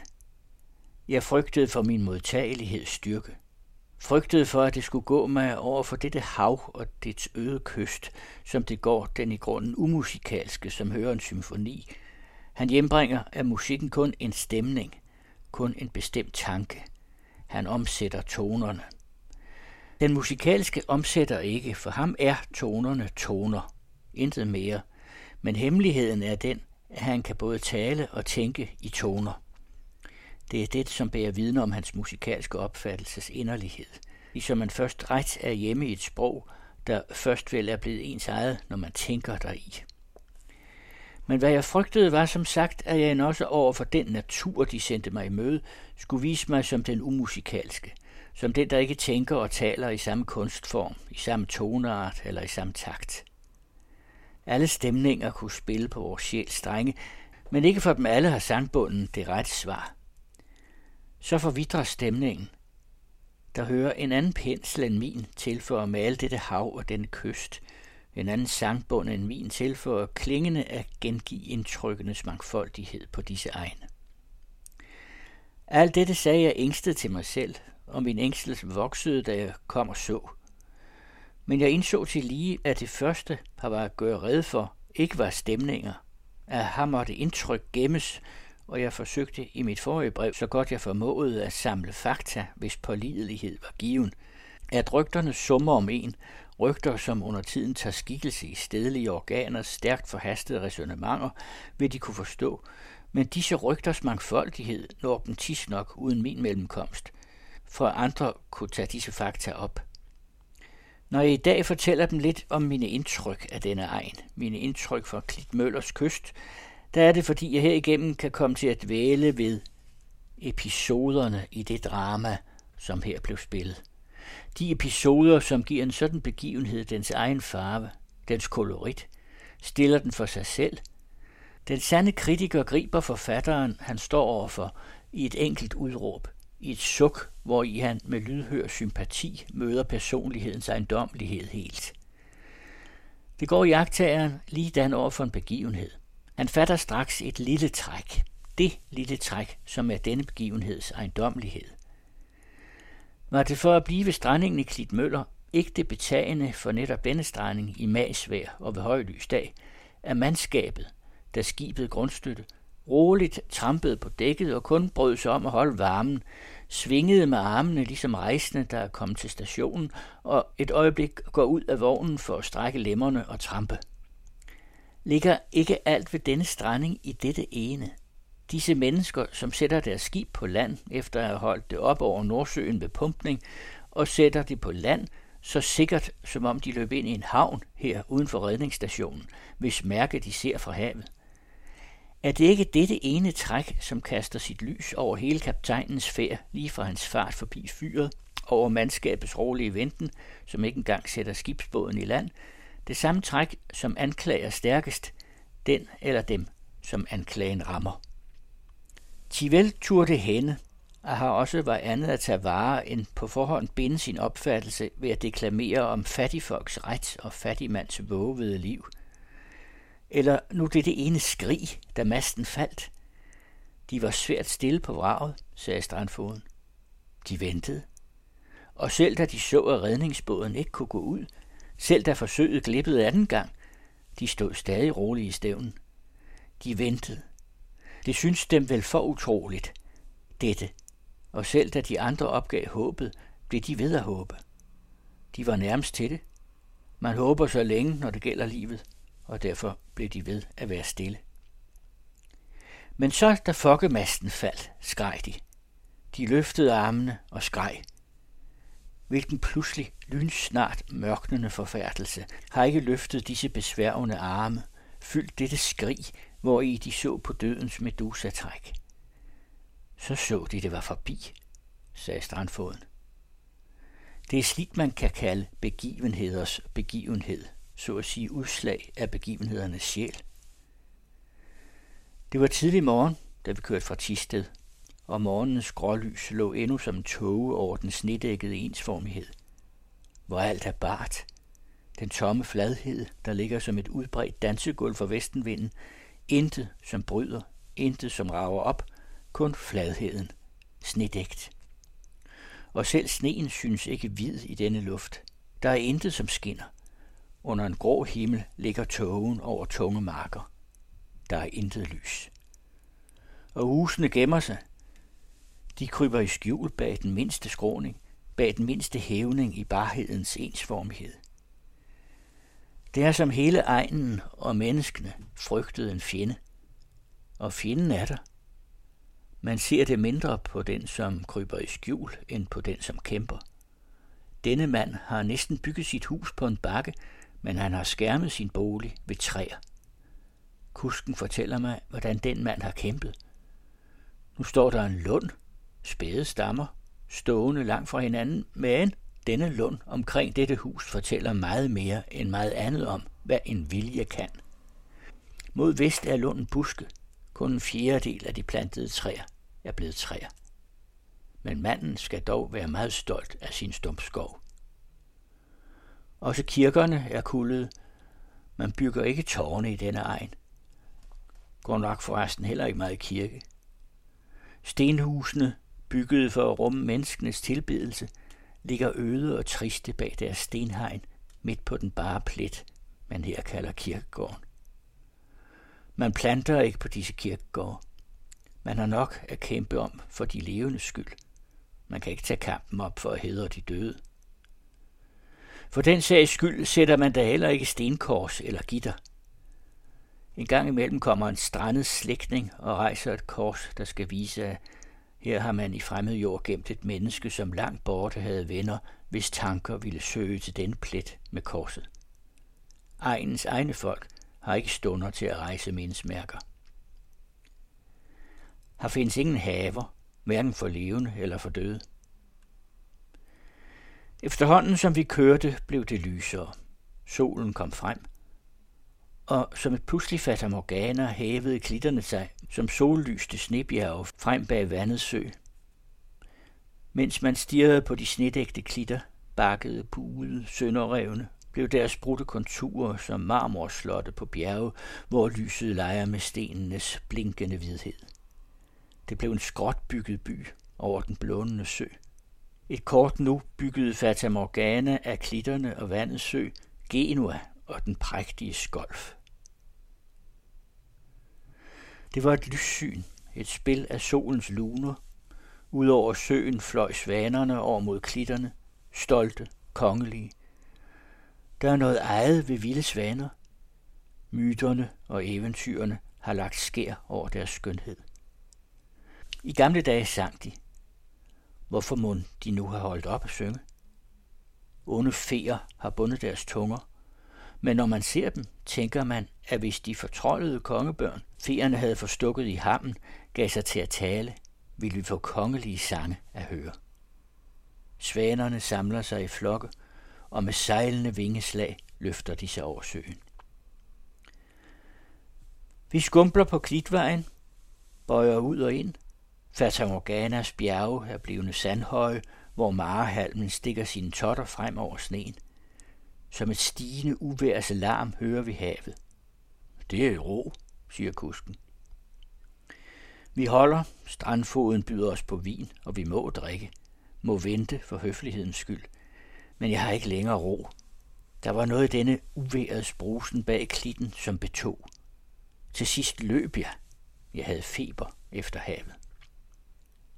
Vi gik op gennem klitterne. Det var tungt at arbejde i sneen. Besværligt at nå frem. Det gled jo, både sne og sand, så det blev et rent elte. De andre talte om strandingen, om vraget, om de 14 lig. Jeg hørte det ikke. Havet skulle jeg se. Det var hovedtanken. Det varede også noget, inden jeg kom til at tænke på strandingen. Jeg havde stirret på havet. Strandfoden havde ret. Det var roligt. Luften var snetung.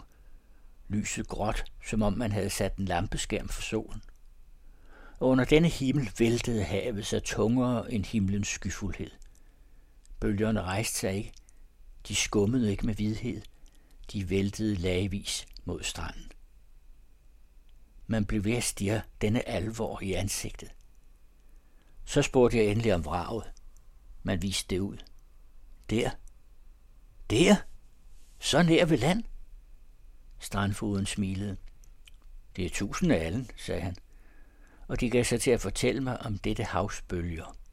Vandet går til klitterne. Bølgerne er høje som tårne, lige så store som huse, sådan nogle kæmper, som går på en. Kæmper, som går på en. Man griber aldrig slige billeder. De kunne vække en stemning. De giver ind til syn. De lader os føle noget. Aldrig se. Men hvorledes skulle de også kunne det? Man forklarer aldrig et menneske, hvorledes alberne ser ud. Man kunne heller ikke fortælle ham om bølger. De fortalte mig alt om strandingen, og jeg tvang mig til at høre. Men denne stranding var kun et blad af alt, hvad denne kyst lod læse, og mens de talte, forvildede mit blik sig over stranden. Vragstumperne lå spredte langs havet, mørke punkter i stranden, så havets gråhed. Hister her havde man begyndt at samle dem i bunke. Så dette tunge, dette ubeskrivelige alvorsfulde, der kom en så skærende på livet, som man undslap ikke. Jeg synes næsten selve det sømændene fortalte blev småt. Større dramaer kunne rummes her. Men hvilke større dramaer findes vel end liv eller død for hundrede? Man fortalte mig træk fra Sleipners stranding. I skibsdrengens kiste havde man fundet et blad, hvorpå han i Grimsby den 8 datum var der under, havde skrevet en sang ud af en visebog, sådan en sentimental sang, hvormed sømandsbøger svømmer over. Farvel, farvel, du som skal ud og pløje det vilde hav, din stolthed og din lyst. Fra fædres hjem, fra dale, bjerge, høje, du sejler ud til Indiens fjerne kyst. Mens afskedstårer flyder fra mit øje, og stille bønder flyver fra mit bryst. Farvel, farvel. Så skal du atter drage til Indiens strand, dig selv til lyst og gavn. Måske du aldrig mere kommer her tilbage, til far og mor, til barndoms trygge havn. Måske den grumme bølge vil der tage en stormfuld nat ud i sin kolde favn. Farvel, farvel. Nu skibet letter anker, og pligten kalder dig. Du må ombord. Og tænk, mens bølgen slår mod skibets planker, på ham, som styrer himmel, hav og jord. Farvel, farvel. Indslut i dine tanker det stille hjem, hvor fred og hygge bor. Digtet er almindeligt, sentimentalt som alle sådanne viser, men datum taler. Der var vel mange viser i skibsdrengens visebog den dag i Grimsby, da man skulle gå ud, skønt skibet lækkede mere. At han har udskrevet dette, fortæller os lidt om, hvordan de var til mode. og tæller os lidt om denne fart på en likiste, som endtes i Vesterhavsbrændingen i Masvær. Man forstår, at disse 14 først skreg, da fokkemasten faldt. Efter at have frygtet og lidt så meget på havet, var de nu så nær ved land.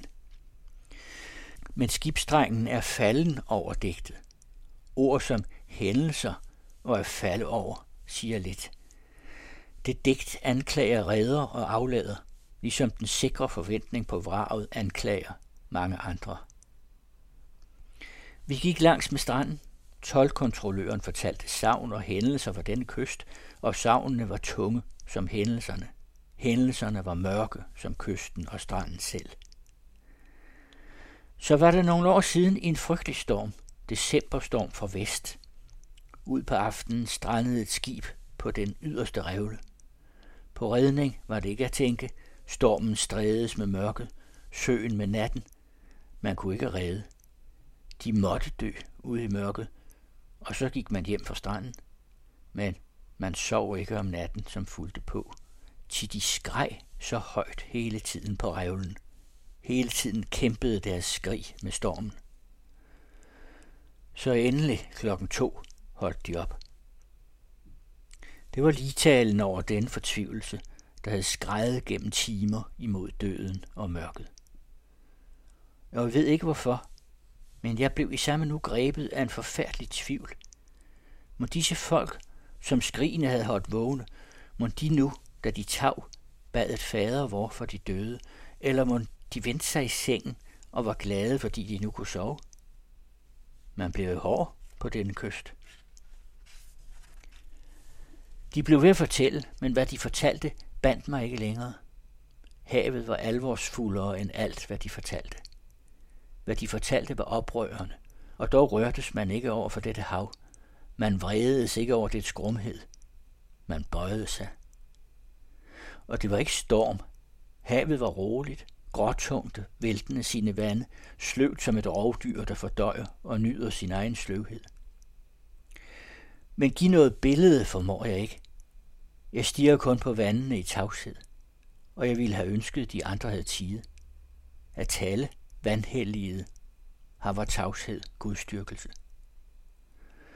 Ligesom røgelse og processioner og sange forstyrrer i Kølens domkirke og bespotter Guds templets storhed, således blev selve de simpleste ord til uværdigt flitter om denne skrækkelige storhed. Nej, et billede kan jeg ikke give. Thi billedet måtte være fuldt sandt for at tjene her. Thi her skrumper usandheden ind og visner. Man står sandheden nær. Afklædt ligger strand og kyst, og man oprøres ikke over en grumhed, som det selv så åbent blotter. Men hvad jeg tænkte var, at hen foran dette hav ville jeg gerne på en dag som denne føre tusinder, for at denne imponerende alvor kunne gennembore dem med sit blik og rive pjalterne af dem, usandhedens laser, så de i det mindste så, de var nøgne. Man kunne føre de blaserede herud, og deres fornemme blaserethed, et oprejst plankeværk om deres moralske uformuenhed, ville skrumpe sammen stykke for stykke. De unge, som begyndte med at trampe på deres illusioner, og når de har trampet dem ihjel, plejer deres magelighed og svøber velsmerts omkring deres fejhed.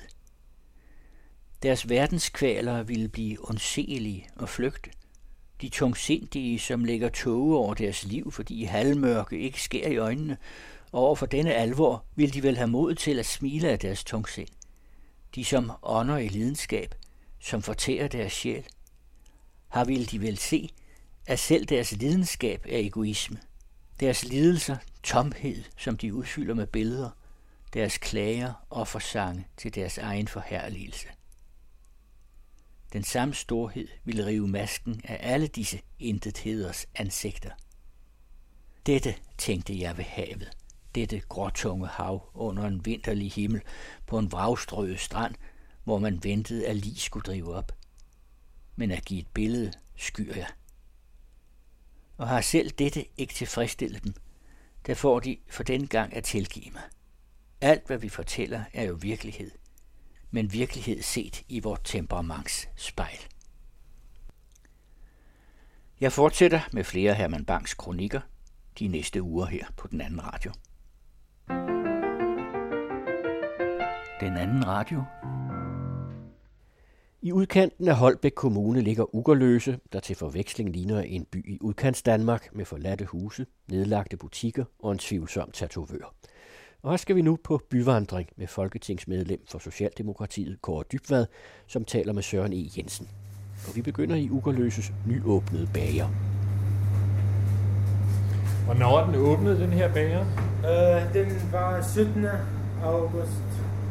Okay. Det første. Bager du selv alle kagerne? Og... Nej, det gør jeg ikke. Nej. Jeg er bare selv, ja. Ja, hvor kommer de fra? Øh, brød og alt muligt. Ja. Et døløse. Tølløse. Ja. Jeg har set dig før. Jeg kan ikke huske, hvor. Ja, det er jeg glad for, at du siger. Måske holde væk. Ja, nej, jeg sidder i Folketinget her fra kredsen. Okay. Så det kan være, du har set måske en folder eller et eller andet. Ja. Måske, ja. Kom bare det. Nej, tak. Det er rigtig dejligt, det her. Altså. Tak lige måde. Ja. Ja, Kåre Dybvad. Så er vi Ugerløse, hvor vi skal på en byvandring. Ja. Som alle kan høre, så er der meget trafik her. Ja, ja, men det er, det er den gamle amtsvej her øh, mellem Sorø og Holbæk, som går ind igennem. Øh, der er altså noget voldsom trafik i hovedgaden. Og du sidder i transportudvalget blandt andet, ikke? Jo, jo, det gør jeg. Og jeg ved, der er mange, der undrer sig over, hvordan kan det være, at infrastrukturen i Jylland er helt fantastisk, hvorimod den på Sjælland er helt forfærdelig. Jo, men jeg tror, at øh, mange af de jyske politikere, som har siddet igennem tiden, de har det meget højt op på dagsordenen.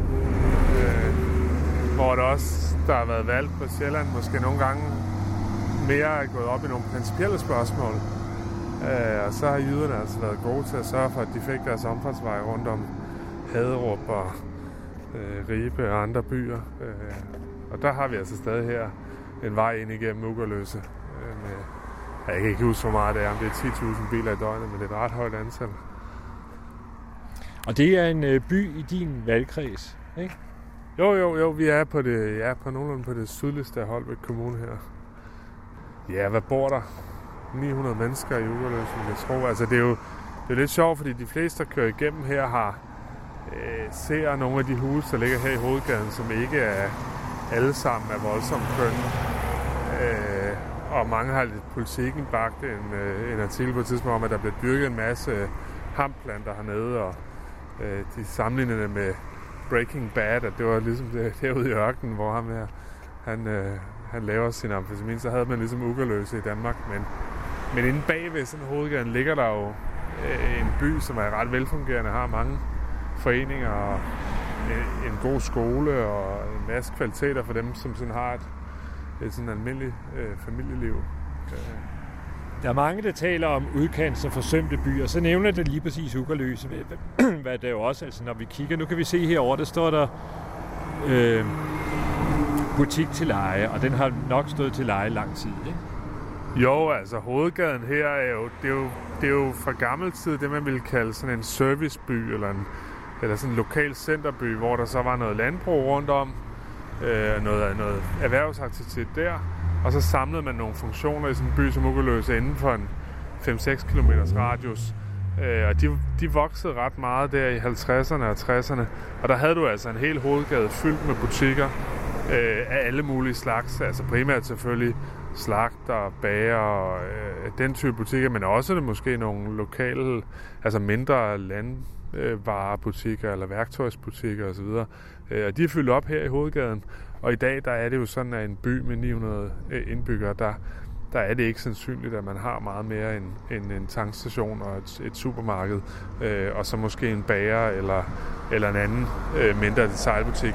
Og det ser man jo i Ugerløses hovedgade, hvor der, altså, nu har vi fået revet vi står her, hvor at, øh, på den ene side har vi øh, en, en grund, hvor der var nogle rigtig øh, søllehuse, som er blevet revet ned, og der er en græsplæne nu, øh, som er til salg.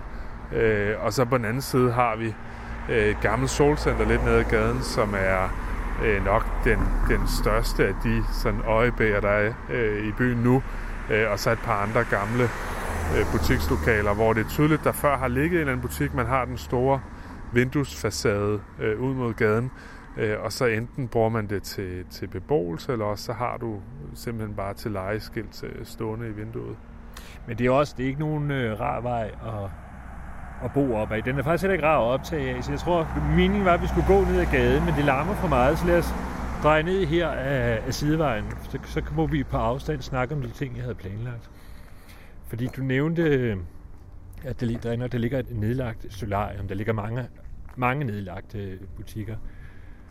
I foreslog for nylig fra Socialdemokratiets side, at øh, nedrivningspuljen på landejendom skal vokse, ikke? Jo, jo, vi foreslår, at man skulle lægge øh, lidt over 100 millioner i puljen. Øh, vi havde jo en, øh, under den gamle socialdemokratiske regering, var der 200 millioner om året. Det fik vi noget ret langt med, særligt på Lolland Falster, Mors og Tønder, og også her i Vestjylland blev der reddet en del ned. Og det er jo nogle af de ting, som vi ser blandt andet i hovedgaden i Ugerløse, at når du har sådan en solcenter, der tydeligt er fuldstændig forfald, og hvor, altså, hvor du er kommet til et sted, hvor du udefra kan se, at bygningen er i en stand, så det at renovere den vil, vil langt, langt overgå, hvad ejendommen har værdi, øh, jamen, så bliver der nødt til at være en mulighed for også at rive det ned. Øh, både fordi, at det kan være med til at, at løfte sådan opfattelsen af et lokalområde, men lige så meget fordi, at det, der sker, hvis man ikke river dem ned, det er jo, at, at Låsby Svendsen og nogle af hans, han har, altså ham her, Krejleren fra Midtjylland, han er jo ret kendt, men der er nogle yngre udgaver, der laver det samme, og det er jo, altså de kommer altså ikke i træsko, de kommer med, med slips og jakkesæt og så videre, og de opkøber ejendommen ned på Lolland, og så leger de dem ud til folk, øh, uden øh, større hensyn omkring, øh, hvad sundhedstilstand folk har. Altså det er huse med rød, og, øh, hvor at, øh, altså hvor det måske... De sundhedsfarlige simpelthen? Ja, ja, hvor der ikke er isoleret. Mange er med enkeltmuret, og øh, brædderne, gulvet er lagt direkte oven på jorden, og øh, der, der er mange ting, der er skidt ved de huse, og det er altså bedre øh, og få reddet dem ned, end at der bor øh, måske øh, fattige børnefamilier, som der gør i nogle af dem, hvor så børnene starter med at, med at skulle, øh, starter deres liv med at skulle have nogle af de sygdomme, som man sådan kendte fra brugkvartererne for, for 80 år siden i København. Øh, det, det går jo ikke, altså. Jeg skal lige sige, at altså, Ugerløse er ikke udkants Danmark. Nu nævner du Lolland igen og igen. Altså, jeg har en tese om, at en af de mest forsømte og meget glemte områder, det er Vestjylland, og Vestjylland begynder sådan cirka 7 km herfra. Mm. Jo, og... Du ved jo noget om udkants Danmark. Du har jo, helt klart. Det, jo, jo, og, og, man kan sige, at Lolland er, er, jo, er jo altid nem at hive frem, fordi at det, tallene er så ekstreme for dem. Altså, men, men hvis du tager Vestjylland for eksempel, så er det jo sådan interessant, at altså helt fra gammel tid, da man lagde hovedvejene siden jernbanerne, har man haft sådan to hovedstrækninger. En fra, som går fra Roskilde over Holbæk til Kalundborg, og så en anden strækning, som går fra, fra Ringsted over Sorø til, til øh, Slagelse og Korsør. Og på de to strækninger ser det sådan set rimelig fornuftigt ud. Men ind imellem dem og sådan nord og syd for, der, der har du nogle byer, som kæmper ret meget for at få tingene til at hænge sammen i øjeblikket. Øh, og det er blandt andet hele det her stykke, vi er i nu fra, altså nu er vi Ugerløse, og så er der Stormærløse, og Ruds Vedby, og Diana Lund, og Sten Lille, og mange, altså der ligger en masse sådan mindre byer, som har haft noget lokal erhvervsliv, og som har haft nogle offentlige institutioner, men som både har mistet mange af deres virksomheder, men som især har mistet rigtig mange af deres offentlige institutioner.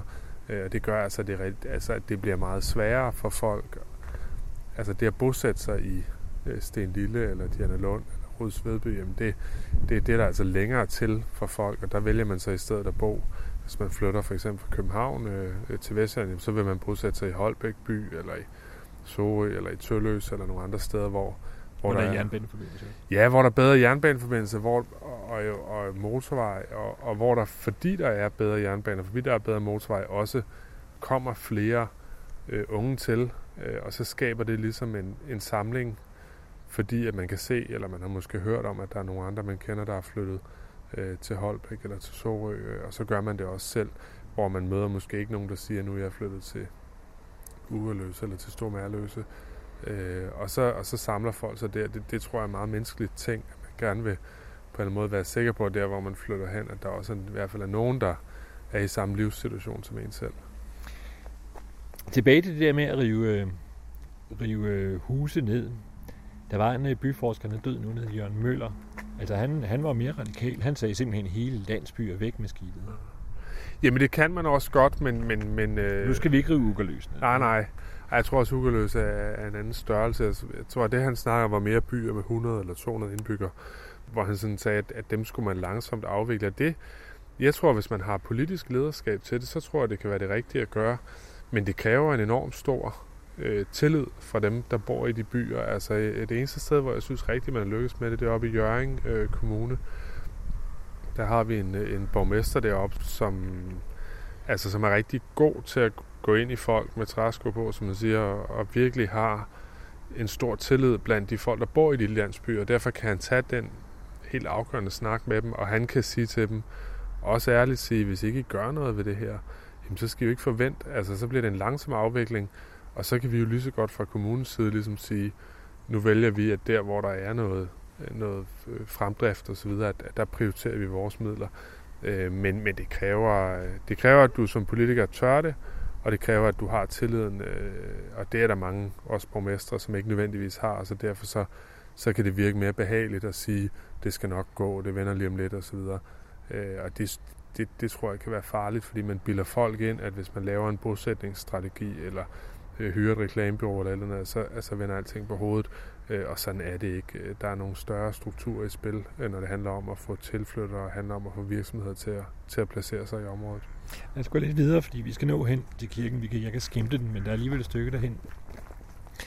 Det som Jørgen Møller, han, jeg, jeg interviewede ham en gang, altså det han sagde, det var, at tidligere, det er jo rigtig nok, det er jo ikke så mange år siden, altså faktisk frem til 50'erne, som du selv nævnte med, med altså dengang det her var en livlig by, der var der 25 procent af landets arbejdskraft, der var på landet. Nu er det meget bekendt 2 procent. Det var det sidste tal, jeg så. Det kan godt være, det er blevet halveret. Ja. Det er virkelig, fordi nu er det jo typisk med Ja. polske indkøb og så videre. Ikke? Jo, men det er helt klart, at altså, primærerhvervene, landbrug, fiskeri, øh, råstofudvinding, beskæftiger ikke særlig mange mennesker længere. Altså, jeg, jeg vil tro også, det ligger omkring 1 procent. Det man kan sige er, og, og det er jo der, at meget, også mange af de konflikter, vi oplever mellem land og by, og øh, altså øh, produktion over for viden og sådan noget, ligger jo i det paradoks, der er opstået, at i gamle dage, er det som Jørgen Møller siger, der var der 25 procent af arbejde i landbruget. Landbruget stod måske for 25 procent af eksporten. Så havde du nogle industrivirksomheder, som yderligere beskæftigede måske 25 procent, mm-hmm. og de stod så også for en ret stor del af eksporten. I dag har du det på den måde, at landbrug, fiskeri osv. beskæftiger 1 procent, industrien beskæftiger 12-13 procent, vil jeg tro. Men de to sektorer står for ja, tæt på to tredjedele af al eksport i Danmark. Men du har ikke nogen ambassadører for de erhverv, eller du har i hvert fald langt, langt færre, end hvad du havde tidligere. Så du kommer i en situation, hvor du i de, i de almindelige samtaler, både i politiske samtaler, men også i hverdagssamtaler blandt folk, er der færre og færre, som på en eller anden måde kan give et indblik i, hvad der foregår i de sektorer, som er så afgørende for, at vores land hænger sammen økonomisk. Og det tror jeg i virkeligheden er den største forklaring på, øh, at man har fået de der konflikter, fordi at du kan sidde i hovedstadsområdet især, og der kan du leve et liv fuldstændig øh, uden at have kontakt til nogen, der er beskæftiget inden for de sektorer, øh, og dermed også ende ved, med den konklusion, at, at de sektorer ikke har nogen værdi, eller ikke er nødvendige for, øh, at, at, øh, at vores økonomi kan være, altså at vi kan være et rigt land i fremtiden. Øh, og det har jo været en fejlslutning, som, som man lavede i nullerne, og som har kostet utrolig meget øh, for Danmark. Hvad var fejlslutningen der? Det var, at man troede, at man, at man kunne lade være med at producere ting, man kunne lade være med at, med at have et effektivt landbrug, man kunne lade Så være med at have, kreative klasser og alt det. Ja det, ja, det var jo en forestilling, som var, at, at altså ligesom det, der skete i Herning i 90'erne, som var, at man, at man ligesom lod designerne og regnskabsfolkene og sælgerne blive i Herning, og så flyttede alle syrskerne i tekstilindustrien til Portugal, senere til Kina. Øh, Det troede man, man kunne gøre med alle erhverv i virkeligheden. Man troede, vi kunne sidde og tænke i Danmark, så kunne vi sende tegningerne til Kina, og så kunne de producere tingene og sende dem retur i en container. Og den forestilling, den tror jeg kommer ud af netop det, at, at du ikke har haft, altså der er blevet færre og færre repræsentanter for de erhverv, som som er så vigtige øh, for vores økonomi.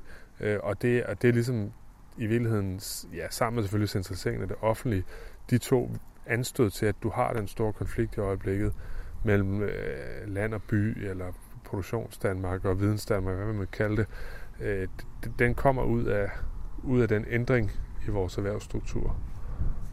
Nu er vi kommet pænt på afstand af vejen. Det er rigtigt, nu, nu ligner det jo sådan et pænt parcelhus, som man kan se over hele Danmark. Men der er den forskel, det her, det er efter min mening lidt mere søvnigt, end hvis du er i Jylland, fordi øh, i hvert fald store dele af Jylland, der er jo industri. Det vil sige, der kan du godt se sådan nogle parcelhus, men der står altså også to keramikløver udenfor eller sådan noget. Det kan man simpelthen se med det blotte øje. Jeg boede der for et par år siden. Hvordan kan det være? At hvad, du, du, du er kommet med den der, at værkstedet ja. ligger i Jylland og kontoret i København, ikke? Jo, jo, og det, jeg tror, den eneste sådan, større virksomhed, der er tilbage her, der er et savværk her i Ugeløse. Men hvis du tog til en by af den her størrelse i Jylland, så vil du sandsynligvis have, øh, om ikke et helt erhvervskvarter, så i hvert fald øh, en række virksomheder, som producerer ting. Eller også så pendler de til en af de store virksomheder. Ja, altså Lem, som ligger i Vestjylland, som er på størrelse med Ugeløse, der er der 32 metalvirksomheder, hvor den største har over 500 ansatte. Det er også et specielt case, men altså det er bare for at sige, at der er langt herfra. Jeg tror, at Sjælland, Vestjylland, Sydsjælland har jo haft den udfordring også, at man ligger lidt i skyggen af København. Øh, så meget af den udvikling, der har været her, er jo blevet stoppet af, at du tit har haft nogle muligheder i København, som har været større. Så hvis man tager for eksempel, går tilbage til 60'erne og ser på øh, det at være slagteriarbejder på Sjælland, der var rigtig mange, der stoppede med at arbejde på slagterierne, for at så gå ind og arbejde på akkord i de store byggerier i København. Og så på den måde endte det med, at vores slagterier blev mindre konkurrencedygtige, og så fik du i virkeligheden på sigt færre beskæftigede. Og det der jo sket i mange andre erhvervssektorer i Vestland på Sydsjælland, det er, at, at fordi du har muligheden for at få en højere løn i København og få nogle bedre vilkår som ansat derinde, jamen så, øh, så, så, så, så skal der mindre til, før du flytter. Hvor de Du er selv en af dem. Jeg troede faktisk stadig, du boede i Viborg her i nærheden. Nej, nej, nej. Jamen, det er rigtigt. Altså, jeg står også i en situation, hvor at, øh, min kone er, er jurist og, og har et arbejde i København, og jeg arbejder så i Folketinget, kan man sige. Og det er enormt svært at pendle hele vejen. Men, men essensen i det er bare, at mange steder i Jylland har du dit eget centrum. Altså i Herning har du dit eget centrum, hvor at der er nogen, der kommer til, og som, og som, øh, altså, som ikke bare flytter øh, umiddelbart. Og det samme i Sønderborg, og det samme i, i, øh, i nogle af de Esbjerg og så videre, sådan halvstore jyske byer. Nu kom vi ikke forbi noget, som, som ligger. Vi var ved en bager, som lige er åbnet, det hørte vi. Der lagde vi ud. Øh, der er faktisk en anden øh, forretning, vi skulle være gået forbi. Det er en tatovør. Jeg har lagt Ja. mærke til, at øh, der er sindssygt mange tatovører Ja. på landet. Der er en i Tølløse, der er en i Valsø, og der er også en Ja. her. Ja, men det er sjovt. Min svoger er faktisk tatovør, men fra før, at det blev så udbredt. øh, Dengang han blev udladt på Hugos Tattoo i Holbæk. Og der var det på den måde, der, var- det var meget tæt forbundet også dengang til, altså han var jo ikke, men altså tatovørerne sådan i almindelighed havde en forbindelse ind til nogle af de her rocker kreds og så videre. Der, der fik man altså at vide, hvis man skulle åbne en tatovør mellem to byer, skulle man have tilladelse af de tatovører, der var i forvejen i området for at man kunne gøre det. Øh, og det, det, altså, det, det er så blevet brudt ned, det her lavsvæsen, de har kørt efter. Og nu kommer de så over det hele, og jeg ved ikke. Jeg, jeg har svært ved at tro, at de kan overleve alle sammen, men, øh, og det er jo ikke noget, der kræver en uddannelse eller nogen som helst form for sådan en certificering. Eller sådan. Du kan jo bare slå dig ned som tatovør i morgen, hvis du har lyst til det. Og så må man håbe på, at kunderne de, øh, de stoler på det, du laver. Men det er rigtigt, det er begyndt at komme ud til de helt små byer. Men man kan vel også lave et... Altså nu, har jeg, nu, nu skal vi overhovedet ikke sige noget ondt om tatovøren i Ugeløse, men man kunne jo godt forestille sig, at det er en virksomhed, hvor man kunne lave et regnskab, hvor knap så hvide penge lige pludselig blev hvide. Ja, det kan sagtens være. Der er jo nogle brancher, hvor der er flere sædler i omløb end i andre. Og øh, ja, det kunne godt være, at det var en fidus. Men øh, jeg ved ikke, på den anden side ser jeg også, at det er en farlig branche. Det er en af de, det er en af de nye tatovører, der åbnede i Holbæk. Han blev udsat for sådan en brandbombe her for nylig, så det er heller ikke sikkert, at det altid er så behageligt. Øh, eller der, der er nogle større erhvervsrisiko forbundet med det. Men det hus, der er her, det tror jeg faktisk, sidste gang jeg var i Ugeløse, var jeg her sammen med Mette Frederiksen, da vi lancerede vores nedrivningsbolig. Og jeg tror, at der Hvad lancerede I her? Det var i 2015 i efteråret. Og der var, øh, og der var et helt nedslidt hus lige der, og der, og der er nogen, der er i gang med at bygge et helt nyt, pænt øh, øh, halvandenplans øh, parcelhus her. Nærmest en murmestervilla, moderne Mhm. udgave i hvert fald. Og der mener der stod et helt nedslidt, fuldstændig sammensunket rødt hus lige på, på den grund der for, for to år siden. Men det er vel også som om, altså vi, vi lever jo i medgangstider i øjeblikket, uagtet hvilken regering der sidder der. Men alligevel, altså jeg, jeg ved, at det der hed forbrugsfesten der i nullerne, der var der jo områder, blandt andet Vestjylland, og så selvfølgelig Lolland Falster og, og Nordjylland og Sønderjylland, hvor huspriserne faldt. Øh, ja, ja, det har der nok været. De steg jo meget i Vestjylland op til, op til krisen i 2006-7 stykker der. Der, der steg priserne ret meget, men, men det er klart, der er steder, hvor det faldt. Altså øh, på Lolland, Mors, øh, Tønder har, har det nok faldet sammenlagt, øh, fordi man har haft en affolkning, øh, og man har haft en meget stor gammel boligmasse. Problemet på Lolland Falster er jo, at hvis du køber, hvis du går ned til ejendomsmælderen i Nakskov, så kan du se øh, flotte gamle øh, herskabsviljer, som bliver solgt til, til en million, ikke? men hvor der håndværkerne koster ikke nær så meget som i København, men, de, men timelønnen er ikke meget lavere, så det vil sige, omkostningen ved at, at sætte noget i stand i forhold til, hvad du kan få for det, den, den er ligesom for stor. Det, det, det er jo det, der gør, at, at mange ikke får sat dem i stand, hvor i København, der nu ser jeg på, på Amager, der sælger folk øh, øh, altså hus til nedrivning til, til 3-4 millioner. Så mm. køber du sådan et hus til 4 millioner, som du kan det, så kan du starte med at bruge 200.000 på at rive det ned, og så, og så bagefter bygge nyt ovenpå til 3 millioner. Ikke? Altså det, det er jo virkelig en, en forskellig dynamik. Men kan man gøre noget? Fordi det er jo det, der er opstået i de nye klasser. Det er jo ikke, altså, hvad for et job du har, hvad for en uddannelse du har, men det er jo stort set, hvor du bor. Ja, det er rigtigt. Det, det definerer folk meget mere. Og jeg tror grundlæggende, at noget af det er, øh, sker af sig selv på den måde, at der er en øget specialisering i hele Altså i alle steder i verden får du en specialisering af alle erhverv. Men omvendt, så har du også haft en meget stor offentlig centralisering, som gør, altså for eksempel på universitetsområdet, har du mere end fordoblet antal af kandidater, der bliver færdige på 10 år.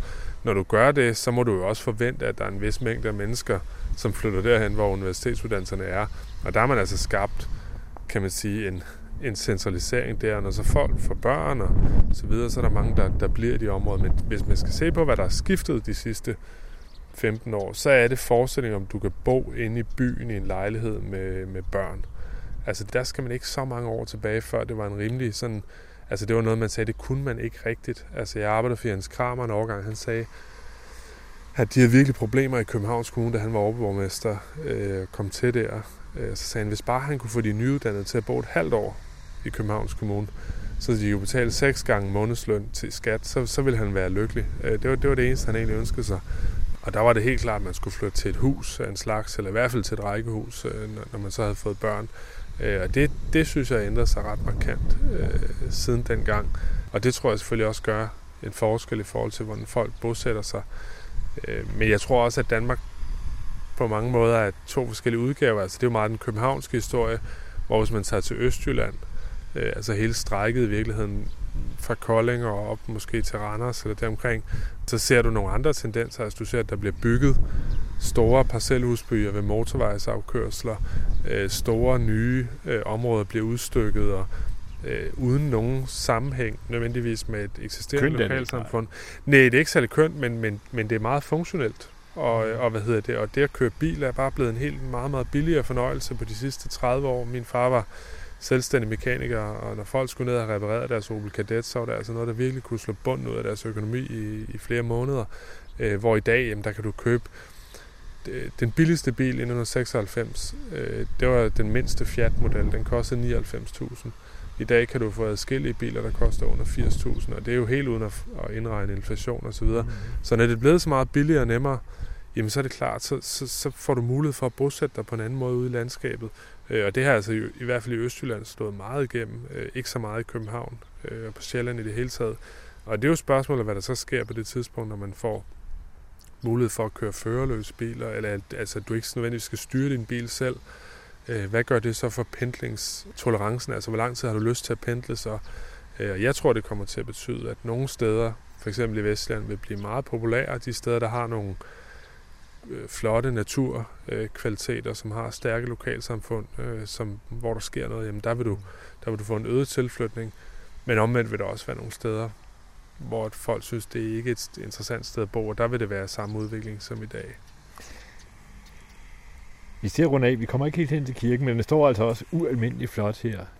Det er en jernbanekirke, faktisk. Ja, jeg har hørt det. det jeg tror måske, det var din artikel i, i Lokalavisen, jeg læste på et tidspunkt, men, men den er bygget af en arkitekt, der også byggede øh, jernbanestationer. Kan det, ja, er det den første jernbanearkitekt og hans eneste kirke. Man kan jo egentlig godt se, at den ligner meget de der øh, historicistiske stationer rundt omkring. Så det er åbenbart, altså den er jo ny, Det er ikke en gammel middelalderkirke, hvilket er meget, meget sjældent her på Sjælland at se en ny kirke på landet. Ja. Fordi øh, der er et hav af dem. Ja, og det er også meget sjovt, at Det er, jeg tænker, skal I ikke til at sanere kirker? ah, jeg ved det ikke. Ja, jeg tror, så længe der er... Der er jo stadig flere, der går i kirken, der går i biografen, så, så længe der er det, så, så må man jo holde fast i det. Det er jo et af de eneste steder i den offentlige sektor, som ikke er blevet centraliseret. Det, det er jo hele kirkeområdet. Men det er jo sjovt, at man har en jernbanekirke i en af de få byer her på egnen, hvor der ikke er nogen jernbanestation. Øh, altså det er her, man har valgt det. Men det er jo også meget et symbol på den tid, som altså man kan sige, at Ugerløs jo som by har er båret frem af, af en industrialisering af landbruget og en, en hvad hedder det, øh, den effektive, altså der er, der er jo ikke noget, nogen lang historie tilbage her. Det er jo, det er jo en by, som er opvokset i, i den velstand, som Danmark fik i, Jamen, i og, 50'erne og vel at mærke 60'erne. uden station, fordi der stationsbyerne stod op. Men Ugerløse er mærkelig, fordi den har ingen station. Nej, det har det Den ikke. har aldrig haft det. Nej, og hvis man skulle sige, det, det den er båret frem af, det er jo det, vi står i her parcelhuskvarter. Altså fra 1950 til 1970, der gik Danmark fra at have 140.000 parcelhus til at have øh, 700.000 parcelhus. Øh, og det er jo blandt andet det, vi ser her. Altså, der, der fik arbejderklassen mulighed for at få deres egen lille have øh, og et, et, øh, et hus med to børneværelser. Øh, og det er jo blandt andet det, som, som Ugeløs er skabt ud af. Kan det vende? Altså jeg ved, der er i nabokommunen, i den gamle nabokommune, Valsø Kommune, der måtte København Kommune sælge deres vandreservoir i 1995. Fordi de manglede penge. Det er ikke så sindssygt mange år siden. Og nu nævnte du selv Jens Kramer. Altså, det, Ja. Men det er også en del af den diskussion, der er interessant. Jeg læste nogle gamle artikler for nylig om dengang øh, musikhuset på Vesterbro, det der så blev til Vega, skulle åbne. Og det var en diskussion om tilflytning til København og de problemer, kommunen havde. Øh, og der sagde Jens Kramer, nu får vi blandt andet musikhus på Vesterbro. Og så sagde Per Kålund, den gamle, øh, også socialdemokrat, den gamle amtsmester i Københavns Amt, han sagde, når Københavns Kommune åbner et musikhus, så skaber det ingen beskæftigelse i Københavns Kommune. Alle dem, som udfører det kunstneriske, de vil bo i forstederne, og de eneste, der vil bo i Københavns Kommune, det er dem, der arbejder i kantinen og som gør rent. Og det synes jeg var et meget sjovt udsagn, fordi hvis man sagde det samme i dag, hvis man sagde, at i Per Kålunds, øh, jeg tror han kom fra Hvidovre eller Brøndby, hvis man sagde, at der åbnede et musikhus i Brøndby, så ville folk jo sandsynligvis påstå præcis det modsatte, at alle dem, som skulle spille der, alle dem, der skulle være kunstneriske, de ville bo i Københavns Kommune, og de eneste, der ville bo i Brøndby, det ville være dem, som, som, hvad hedder det, øh, som gjorde rent og som stod i kantinen. Og på den måde øh, kan tingene jo på, på 30 år, eller ikke engang 25 år, vende fuldstændig på hovedet. Og det er også derfor, jeg har sådan iboende sådan, man skal virkelig passe på med at komme med de der meget kontante forudsigelser om, hvordan befolkningsudviklingen udvikler sig, fordi at det kan jo lynhurtigt vende på grund af den teknologiske udvikling, den samfundsmæssige udvikling i øvrigt. Øh, og det er jo det blandt andet, vi har set med København. Så om 10 år er Ugerløs det hotteste. Det ved jeg ikke. Jeg tror ikke, jeg tror ikke nødvendigvis, man kommer derhen, hvis ikke man selv gør en indsats i hvert fald. Men jeg, men jeg tror på, at lokalsamfund ude omkring på Sjælland, som har noget liv og som har noget lokal sammenhængskraft og som giver nogle af de kvaliteter, som også mange børnefamilier efterspørger. Jeg tror på, at de med den teknologiske udvikling, der er, også skal blive mere attraktive, end de er i dag. Øh, og det tror jeg vil være en del af, af mulighederne også for ugerløse.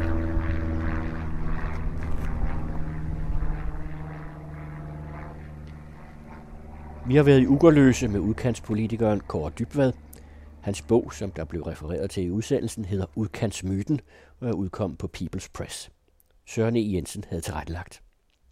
Den anden radio.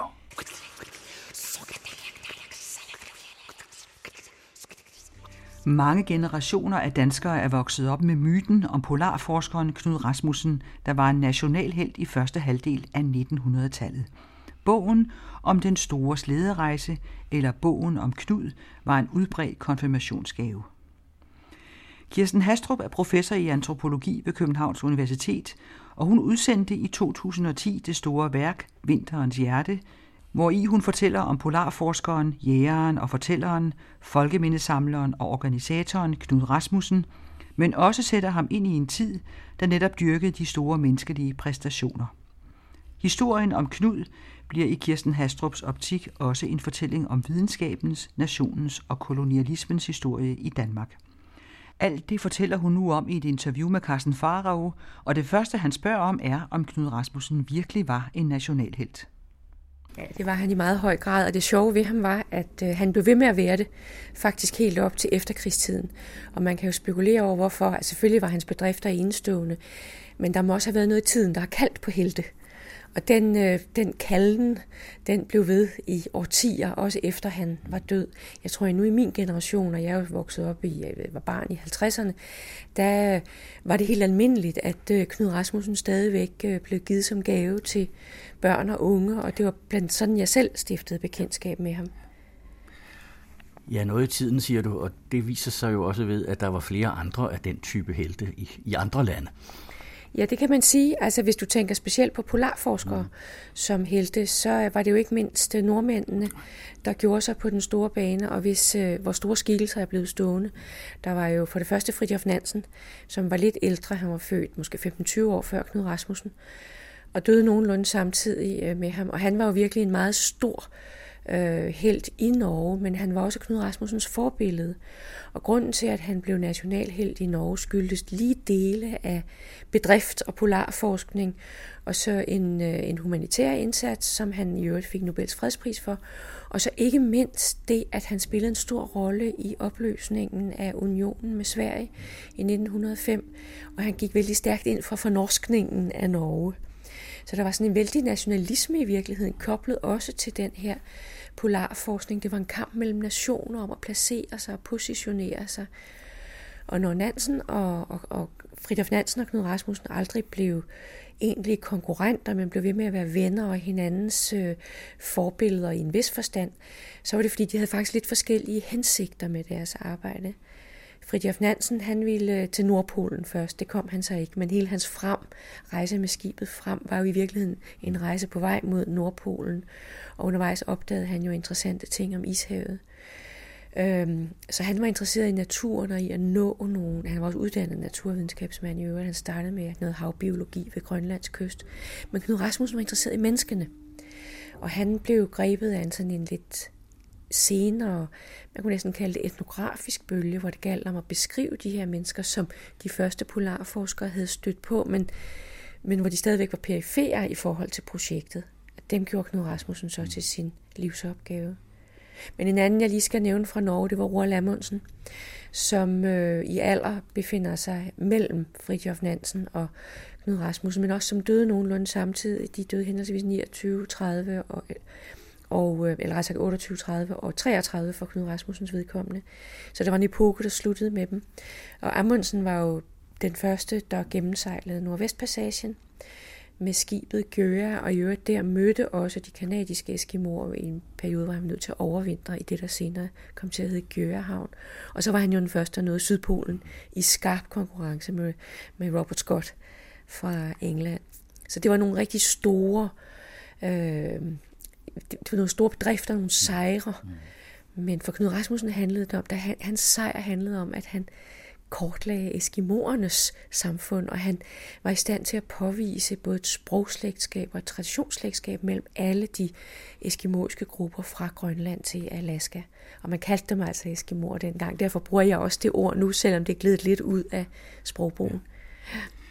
Han var jo ikke uddannet videnskabsmand, og man kan vel sige, at hans indsats ligger på flere forskellige områder. Der var dels det rent opdagelsesmæssige og, og, ja. og træde, betræde nyt land.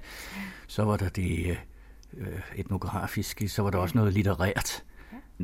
Alt det blev jo samlet i en person, som har haft en utrolig karisma og en han har været et meget charmerende og imponerende menneske, kan man forstå. Altså, og det skal vel også med for at kunne opbygge sådan en helteskikkelse.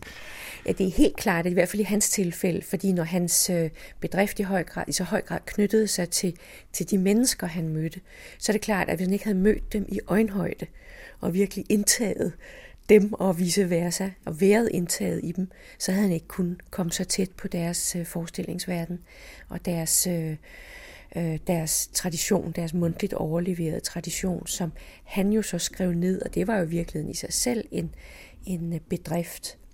Man skal tænke på her, at han også levede i en tid, som var ligesom lige afslutningen af den store interesse for folkemindesamling. Og hans første rejse til Grønland var den, eller ikke til Grønland, men til Thule-distriktet. Han havde boet i Grønland som barn. Det var i 1902-4, hvor han rejste under Mylius Eriksens ledelse. Noget, der hed den litterære Grønlandsekspedition, og litterariteten i den bestod netop i, at de skulle samle traditionsstof, savn, myter, fortællinger. Og det var Knud Rasmussens gebet, fordi han kunne sproget. Og så skulle øh, Mylius Eriksen mere skrive sådan en rejseberetning hvad han så senere gjorde sammen med Moltke, eller det var måske Moltke, der skrev det meste. Og Harald Moltke var med som tegner og maler for at forevige disse nye mennesker i, i streg og oliemaling. Ja.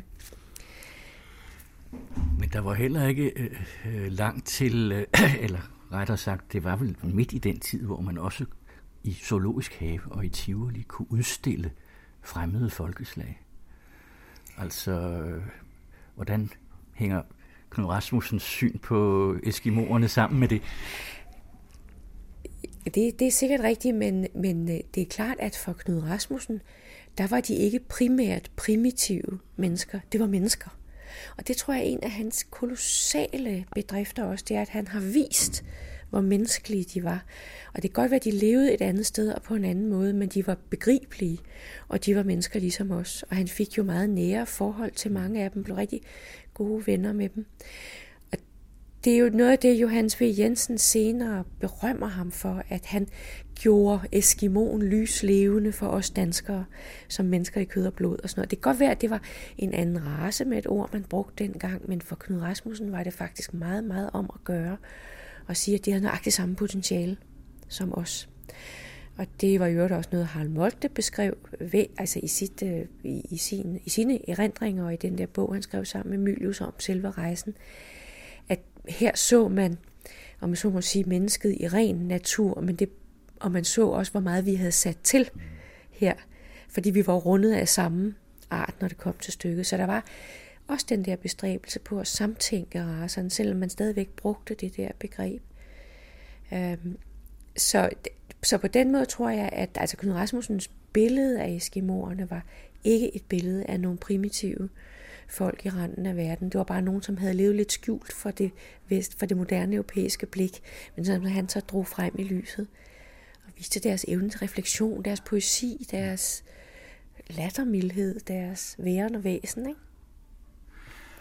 Og vel også øh, netop set i forhold til den vestlige civilisation, så uden nogen af de bagsider, som civilisationen bringer med. Altså, der var vel også en, en, lidt en dyrkelse af, af det oprindelige og lidt uspoleret. Det er klart, det var der i meget høj grad, kan man sige. Og Knud Rasmussen, han citerede en gammel lærermester, altså fra, fra omkring år 1800, en der hed øh, Bastholm, som skrev en bog om de vilde folk ude i randen af verden. Og der skriver han, at, at naturfolkene, og der inkluderer han så eskimoerne, som han selv har mødt, så de viser os hvad mennesket er, mens det moderne menneske viser os, hvad det kan blive. Og det er klart, der var en, en dyrkelse af den her oprindelighed, den, den uspolerede natur, det er men, fordi man kunne komme til det rent menneskelige, uden alt den der øh, sådan det der overdrev, det der overtræk af civilisation og teknologi. Samtidig var det jo en tid, som netop også var grebet utrolig meget af det moderne. Og det er netop i lyset af det moderne og den moderne teknologiske fremdrift og alt det, det medfører, både af nye muligheder og i virkeligheden også nye problemer for samfundet, at det oprindelige pludselig står så tydeligt. Så man kan sige, opdagelsen og t- næsten til dyrkningen af det moderne, og ikke mindst moderne teknologi, det gælder også i litteraturen. På Pontoppidan, Johannes V. Jensen og andre dyrkede den der teknologi.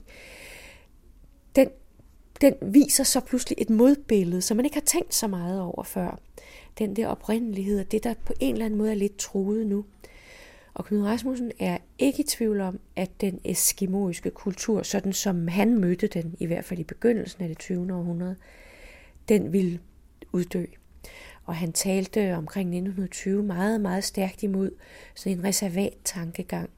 Det havde han øh, hørt og læst om fra USA, og han mente, det var simpelthen for uværdigt så kunne de vralde rundt der som tamgæs, og det ville virkelig tage vildgåsens muligheder og mobilitet fra dem. Og det gik han ikke ind for, så derfor var der ingen vej udenom en lige så langsomt og skånsomt som muligt at introducere det moderne samfund for disse mennesker. Men selvfølgelig kan man sige, at han dermed også bidrager til at udslette oprindeligheden, men hans erklærede politik var netop at gøre det så skånsomt for, som muligt, fordi det under alle omstændigheder var uundgåeligt.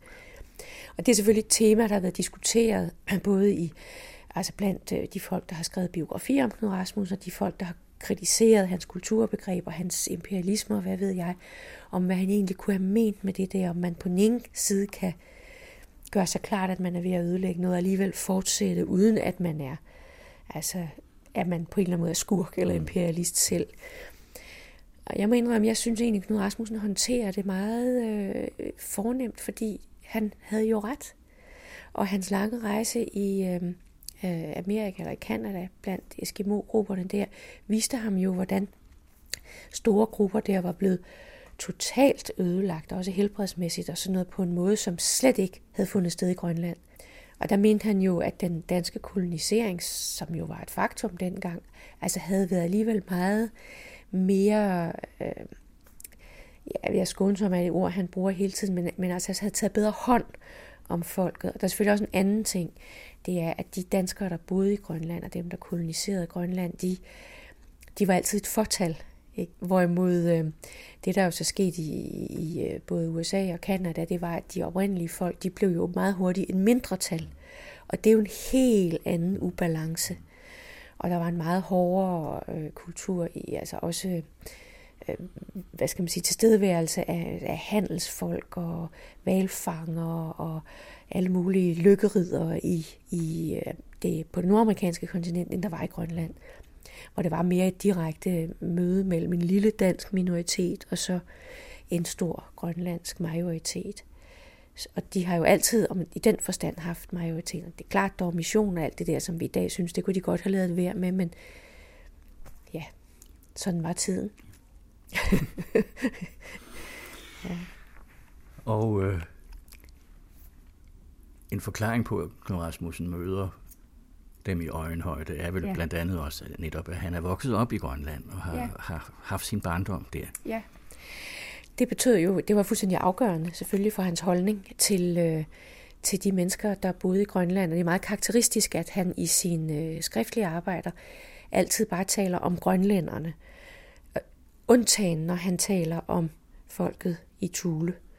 Øh, dem kalder han øh, polariskimoerne eller Tulefolket, eller tilsvarende enkelte gange kalder han dem inuitter med et begreb, der var ved at, at, at trænge frem, og som de muligvis og muligvis ikke har brugt om sig selv. I dag bruger de i hvert fald ikke det begreb. Og så taler han om østgrønlændere, som, som altså bare de grønlændere, der bor på østkysten. Når han taler, når han virkelig lægger vægt på, at de er grønlændere, jeg ved ikke, om han lægger vægt på det, så tror jeg egentlig, det sker helt automatisk, fordi det er dem, han er vokset op i blandt. Og han føler sig som en blandt andre, når han er i Vestgrønland, som jo var klart det mest og tættest befolkede øh, område i Grønland. Og han blev selv kaldt grønlænderen i sin skoletid i, i Danmark, fordi han så lidt anderledes ud, og han, han kom jo så tydeligt fra et andet sted og havde nogle andre forudsætninger, og længtes jo tilbage til Grønland. Så for ham er grønlænderne bare dem, der bor i Grønland. Og, øh, og så er der jo altså dem der helt op nord, som havde været sådan omgivet lidt af sådan savn og myter og forestillinger, og, men som ikke var helt så uopdaget, som han gør det til i bogen om de nye mennesker, for faktisk var de jo øh, allerede på det tidspunkt temmelig velbesøgt af både Robert Peary, og, som kom der regelmæssigt i en periode på, på 18 år fra, fra 1891 og frem til ja, faktisk til 1909, hvor han var der sidste gang, da han vendte hjem efter at have været på Nordpolen. Men også, øh, der var en nordmand, der hed Eivind Astrup, som var med på et par Paris ekspeditioner, som på dansk og engelsk havde udsendt en bog om præcis disse mennesker. Og Knud Rasmussen har læst de bøger, han refererer til dem, og alligevel så fremstiller han det i sin, i sin bog om de nye mennesker, som om han, han opdager dem. Ikke? Altså det, det, det, de nye, men det er klart, de var nye for ham. Og for ham, at der bliver de pludselig, de læmeliggør nogen, der nede i Jakobshavn blev omtalt som nogle lidt sære snegle, der boede der helt mod nord. ja, og det kan jo få en til at spørge, hvad, hvilken betydning fik Knud Rasmussens arbejde egentlig øh, videnskabeligt og, og sådan bredere? Ja, jo, altså det, øh, man kan sige, at øh, i, omkring 1909, der får Knud Rasmussen en egentlig videnskabelig interesse. Og det hænger sammen med, at han på vej op til åbningen af bygningen af missionsstationen i Thule i 1909, hvor han der rejser han med sin far den grønlandske kirkesag op. Nu skal der bygges en missionsstation, fordi nu skal der ske noget der mod nord. Der er der en øh, kulturgeograf med, der hedder Hans Peter Stensby. Og han var på det tidspunkt, altså fra København, og han var på det tidspunkt meget optaget af eskimoernes vandringsveje og den oprindelige eskimo-kultur. Hvor kom de fra, dem der boede i Grønland? Og det har, der, det har de god tid til at tale om på vejen op. Der var også en museumsinspektør for Nationalmuseet, øh, Thomsen. Og han, og han har god tid til at tale med dem, og det går op for Knud Rasmussen, at der faktisk er nogle store spørgsmål, der knytter sig til det her, hvor han måske kan levere en del af svaret, fordi, da, øhm, fordi han kan sproget, og fordi han ligesom kan tage de der, han kan rejse der, hvor øh, de der eskimoiske folk i Kanada selv rejser. Og allerede samme år, der offentliggør han sådan et, et projekt, som er projektet, som ender med at blive til den øh, Øh, femte Thule-ekspedition til netop at spore eskimoernes vandringsvej fra Grønland og ligesom spole tilbage til Alaska, fordi man begynder at mene, at de må være kommet jo fra øh, Asien og så ind i Amerika, så vandret hele vejen over og så ned i, i øh, Grønland.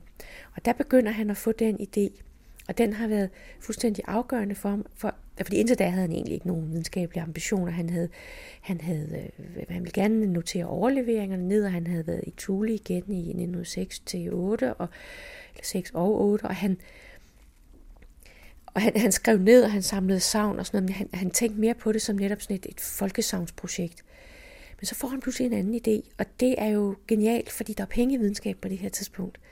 Og pludselig får han en anden kilde, og han får en anden autoritet, og så begynder han at bygge op. Og så laver han den første lille videnskabelige ekspedition med den anden Thule-ekspedition fra 1916 til 18. Der, der bliver det rigtig videnskabeligt. Han laver en kortlægningsekspedition, som hedder første Thule-ekspedition fra 12 til 14 med bare Peter Frøken. hvor de kortlægger noget af et, et, altså det nordgrønlandske af kyststrækningen, mere eller mindre. Ikke? Men øh, så laver de en egentlig videnskabelig ekspedition, og der er Knud Rasmussens opgave, egen opgave, det er netop at spore, øh, om, altså se efter, om der har været gamle Eskimo-bopladser langs Nordgrønlands kyst, så man kan tænke sig, at, at Østgrønland kunne være blevet beboet i sådan nordenom, så at sige. Man begyndte at være klar over, at de var kommet ind deroppe, hvor der var smallest i strædet, så de, at de var kommet ind fra Amerika til Thule, eller det der blev Thule i Knud Rasmussens terminologi, og nu hedder det stadigvæk. Og det, det var så hans opgave. Der kan man se, der har han taget den idé til sig, og så har han faktisk fået læst en hel masse. Så er der en, kortlæg, en rigtig kortlægger og en botaniker med. Og så tager han det næste og helt store skridt med den femte Thule-ekspedition, hvor han har en, en egentlig etnograf og en arkeolog med også, som både skal tage spor forhistoriske bevægelser og ligesom studere sammenhængen også i den materielle kultur, og Knud Rasmussen skal så igen se sammenhæng mellem alle de her varianter af de fortællinger, som, som de har. Og der knytter han sig, han knytter sig stærkere og stærkere til videnskaben som sådan, og ser i høj grad sit projekt som videnskabeligt, og får i øvrigt også støtte af Carlsbergfondet til 5. Thule-ekspedition, og de støtter jo videnskabelige ekspeditioner. Og da han kommer hjem fra den, får han faktisk også en æresdoktorgrad ved Københavns Universitet. Og det har jo senere været diskuteret, man kan sige, det er videnskab, fordi han rejser jo bare og noterer, men faktisk i tidens videnskabsbillede, der er, er selve den der kortlægning af folk og identifikationen af forbindelserne mellem dem, er et videnskabeligt projekt, som rækker ud over. Og så har han Birgit Schmidt og Terkel Mathiasen, etnografen og arkeologen, som leverer, de er jo egentlig uddannet og begge to knyttet til Nationalmuseet. De laver så nogle egentlige videnskabelige rapporter, men Knud Rasmussens egne arbejder fra den står altså også som i virkeligheden en, en del af bundlinjen for alt senere tids øh, forskning i de arktiske folk. Så jeg er slet ikke i tvivl om, at han fortjente den der videnskabelige men, men han var ganske rigtigt uuddannet som sådan. Han tog en studentereksamen med nød og næppe, og der skulle flere forsøg til. Og det havde noget at gøre med, at han simpelthen var for restløs til at sidde ned og lære franske verber, som han selv beskriver som noget af det værste i hele verden. Ikke? Så, og man kan også se i hans øh, dagbøger, hans rapporter og sådan noget, at han aldrig rigtig opnået et særligt flydende engelsk, for eksempel. han har på en af sine ekspeditioner, der har han medbragt en engelsk grammatik, så han kan sidde og prøve at lære det undervejs. Det er ikke helt nemt. så han udvikler sig fra at være en rejsende med et sådan folkemindesamlingsprojekt, som jo er relativt enkelt, bortset fra at det kræver et vist talent, naturligvis i sig selv. Netop det der samtaletalent og den der måde ligesom stille sig lige med folk, så de fortæller af sig selv, og ikke som svar på hans udspørgen. Ikke? Fordi så han får deres fortællinger, og ikke bare svarene på det, han, han spørger om. Og så til at være en, en mere øh, i virkeligheden bredt funderet etnograf i ordets bedste forstand. Men sådan lidt bredere, kan man sige, så, så fik han jo også skabt en bevidsthed hos almindelige mennesker om, at, at det netop ikke var vilde folk, men det var mennesker, og at der var kulturer højt mod nord og så videre, og, og det blev interessant. Ja, det er klart, det er jo en anden side af den der bedrift, det er, at han jo også gjorde øh, øh, både grønlænderne og eskimoerne mere øh, generelt bekendt i Danmark, og det er der jo flere, der har fremhævet. Blandt andet Stavning, som var øh, statsminister, da Knud Rasmussen døde. Han holder sådan en, en, en tale for ham, hvor han netop siger, at øh, det, altså, det er Knud Rasmussen, der har bygget bro mellem Danmark og Grønland. Fordi Knud Rasmussen har virkelig forstået at formidle billedet af grønlænderne som nogen, der var ligeværdige, og de var i virkeligheden også meget, meget imponerende.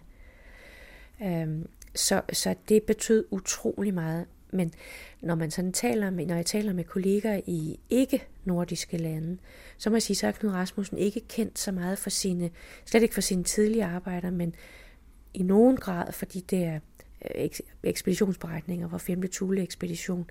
Men det er altså kun blandt arktiske forskere. Det er ikke sådan, at han står der som den, der har bragt øh, det arktiske folk ind. Men det er jo også fordi, Danmark havde jo allerede et særligt forhold til Grønland. Det var det fjerne folk, ikke? det næsten u- unåelige øh, kontinent deroppe, som der gik alle mulige frasavn om, og folk blev i stigende grad i slutningen af 1800-tallet sendt ned for uddannelse i Danmark, men det var få, få mennesker, ikke? som man kendte nogen, men han gjorde det altså langt mere levende. Og et tegn på, at han betragtede de der øh, mennesker som fuldstændig ligeværdige, er jo, at han jo rejste, altid rejste med grønlandske fanger og slædekuske og, og øh, i, på den lange slæderejse, den store slæderejse, også med en grønlandsk kvinde, som kunne hjælpe med husholdningen og skinbehandlingen og sådan noget. Og de var jo så de var også naturlige gæster ved hans æresdoktor promotion, ikke? hvor man kan se, de stablet op i smoking, henholdsvis kjole og høje hæle, hvilket er fuldstændig absurd, når man er vant til at se dem i bjørnskinsbukser.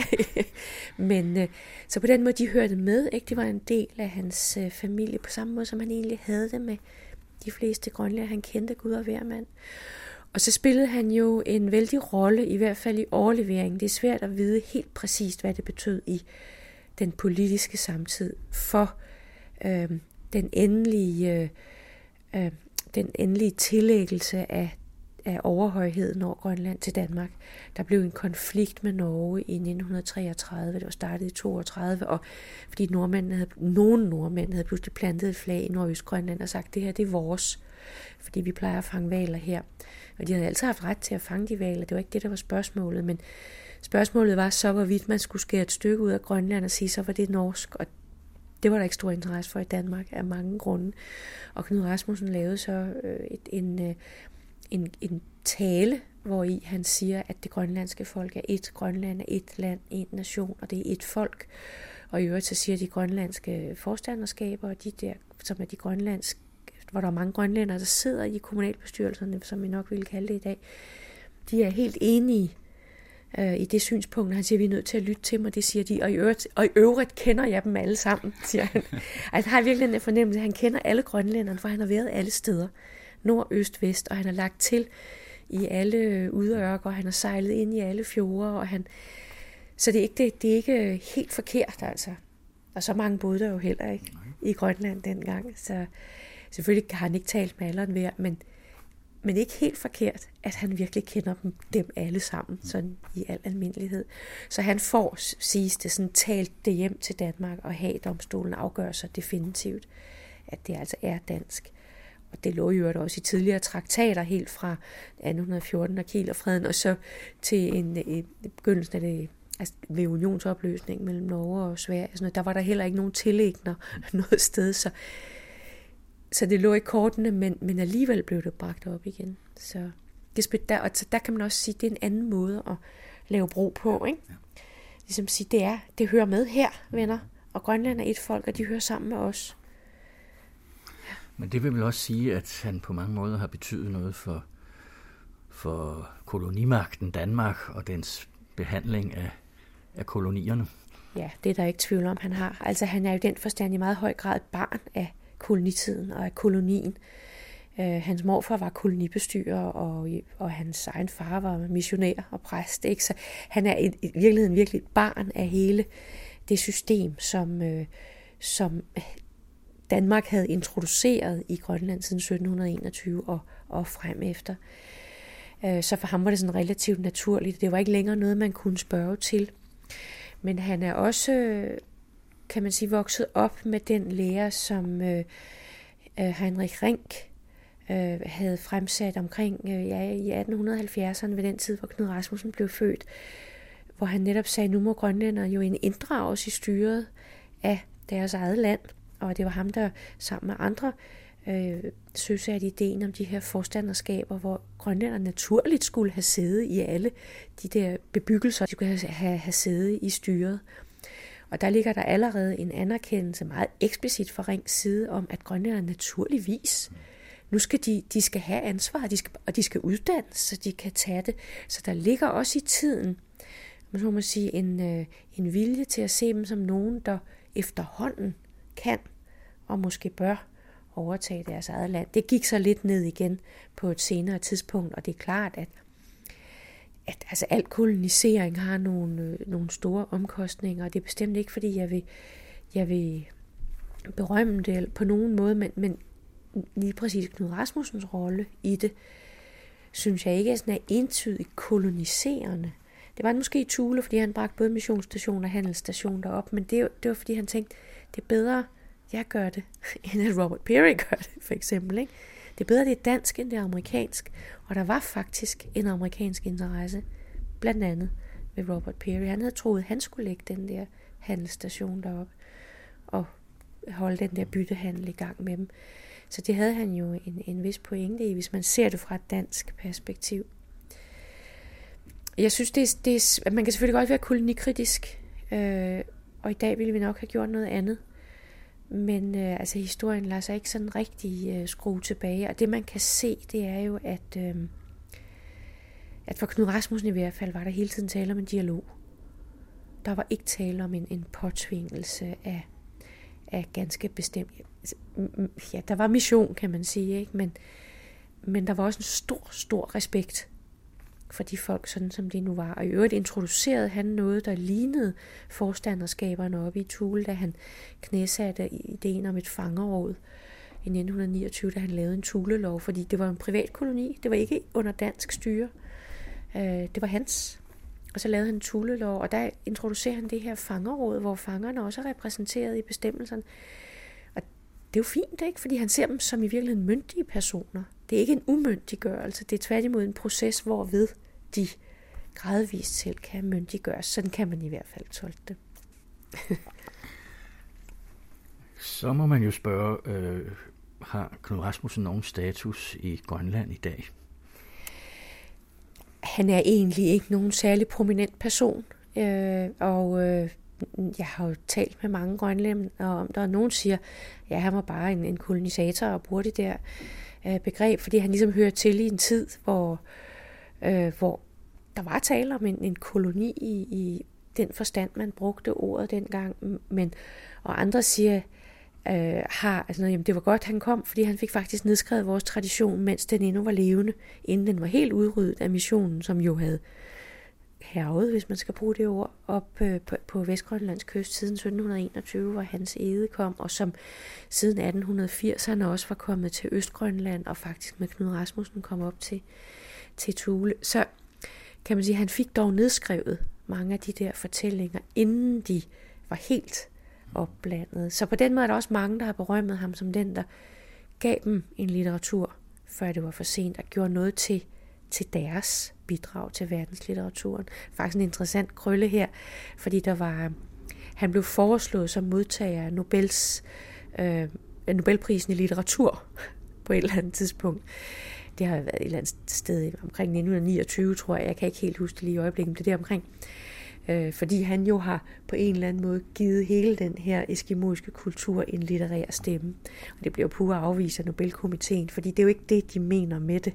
Men, men der er alligevel nogen, der anser det i sig selv for en så stor bedrift, at han har fået skrevet den litteratur ned. En, der hedder øh, William Talbitzer, som er sprog- og litteraturforsker, en dem, der virkelig har forsket i eskimoiske sprog, som synes, det var så fantastisk, at det hele det der stof var overleveret. Andre har selvfølgelig omvendt kritiseret Knud Rasmussen for, at han virkelig har skrevet sine egne versioner ned, og han har gendigtet og genfortalt. Det tror jeg ikke, han har. Men øh, når han har oversat dem til dansk, så har han en, en vis forstand gendigtet, for det, man kan ikke oversætte ting bogstaveligt. Men det grønlandske, han beskriver selv, hvordan han, han aldrig har skrevet en fortælling ned, før han selv har for, kunnet fortælle den på grønlandsk og få den accepteret som den rigtige fortælling. Det betyder jo ikke, at der ikke er variationer i mundtlige overleveringer, og på et eller andet, når de så bliver skrevet ned, så bliver de fastlåst, men det er jo betingelsen for, at de kan blive skrevet ned. Ikke? Så, altså, hans, hans, så, så det, den grønlandske holdning til Knud Rasmussen er delt, men i det store det hele, så er han jo ikke nogen stor og prominent figur, der står lidt statuer, hist og piste, ikke? hvor der står noget om nationens store søn og sådan noget, men, men øh, han, er ikke, han er ikke rigtig omtalt mere. En lille anekdote i den forbindelse kunne være, at da jeg første gang selv kom op til centrum i det, det nuværende centrum i det gamle Tule-distrikt, som er byen Kranak helt oppe i nord øh, ved Valsund, der, der kom jeg til at tale med, med en, en kvinde om, der snakkede om min interesse for Knud Rasmussen og sådan noget, og, og den, vi snakkede om den store slæderejse, så sagde hun, ham der æderfuglen, som rejste med, det var, det var faktisk min morfar, Åh, oh, sagde jeg så, det var dog interessant. Og, og, og vi kalder ham den store slædekører, sagde hun så. Og så fortalte hun, fordi deroppe var han jo hovedpersonen i den bedrift. Ikke? Og det var sådan en, det synes jeg var lidt af en lærestreg for mig også, fordi jeg ser jo på Knud Rasmussen som den store slæderejsende. Men deroppe var det jo ham. Knud Rasmussen var en biomstændighed. Det synes jeg var fint, ikke? De har tilegnet sig den der historie på deres egen måde. Jeg kan jo også huske den store slæderejse, måske i en forkortet udgave, som ja. konfirmationsgave og alt sådan noget. ja. Og øh, så var der jo lidt stille om Knud Rasmussen, og så kom der jo flere bøger ja. om ham i 90'erne, og ja. nu er der igen kommet flere ja. bøger samtidig med din. Ja. Øh, en ny interesse, som også går meget på personen og hans erotiske eskapader osv. osv. Ja. Men, øh, men øh, måske er der igen noget i tiden, der kalder på vores interesse for helteskikkelser? Ja, det tror jeg, du har ret i. At det, det er svært at forklare det på anden måde. At vi mangler, vi mangler nogle figurer, vi kan samles om. Og vi har heller ikke længere om så sige, nogle store politiske skikkelser i, øh, i Danmark i hvert fald. Uh, vi har ikke en stavning eller, eller sådan en eller anden figur, der virkelig sådan har den der landsfaderlige rolle. Og der tror jeg, at man har alligevel jeg ved ikke brug for, det lyder så, så igen så, så plat, ikke? Men, men der kommer en interesse for nogle figurer, som i hvert fald engang har kunnet samle tankerne om, øh, om, om noget, der så, så kunne være fælles.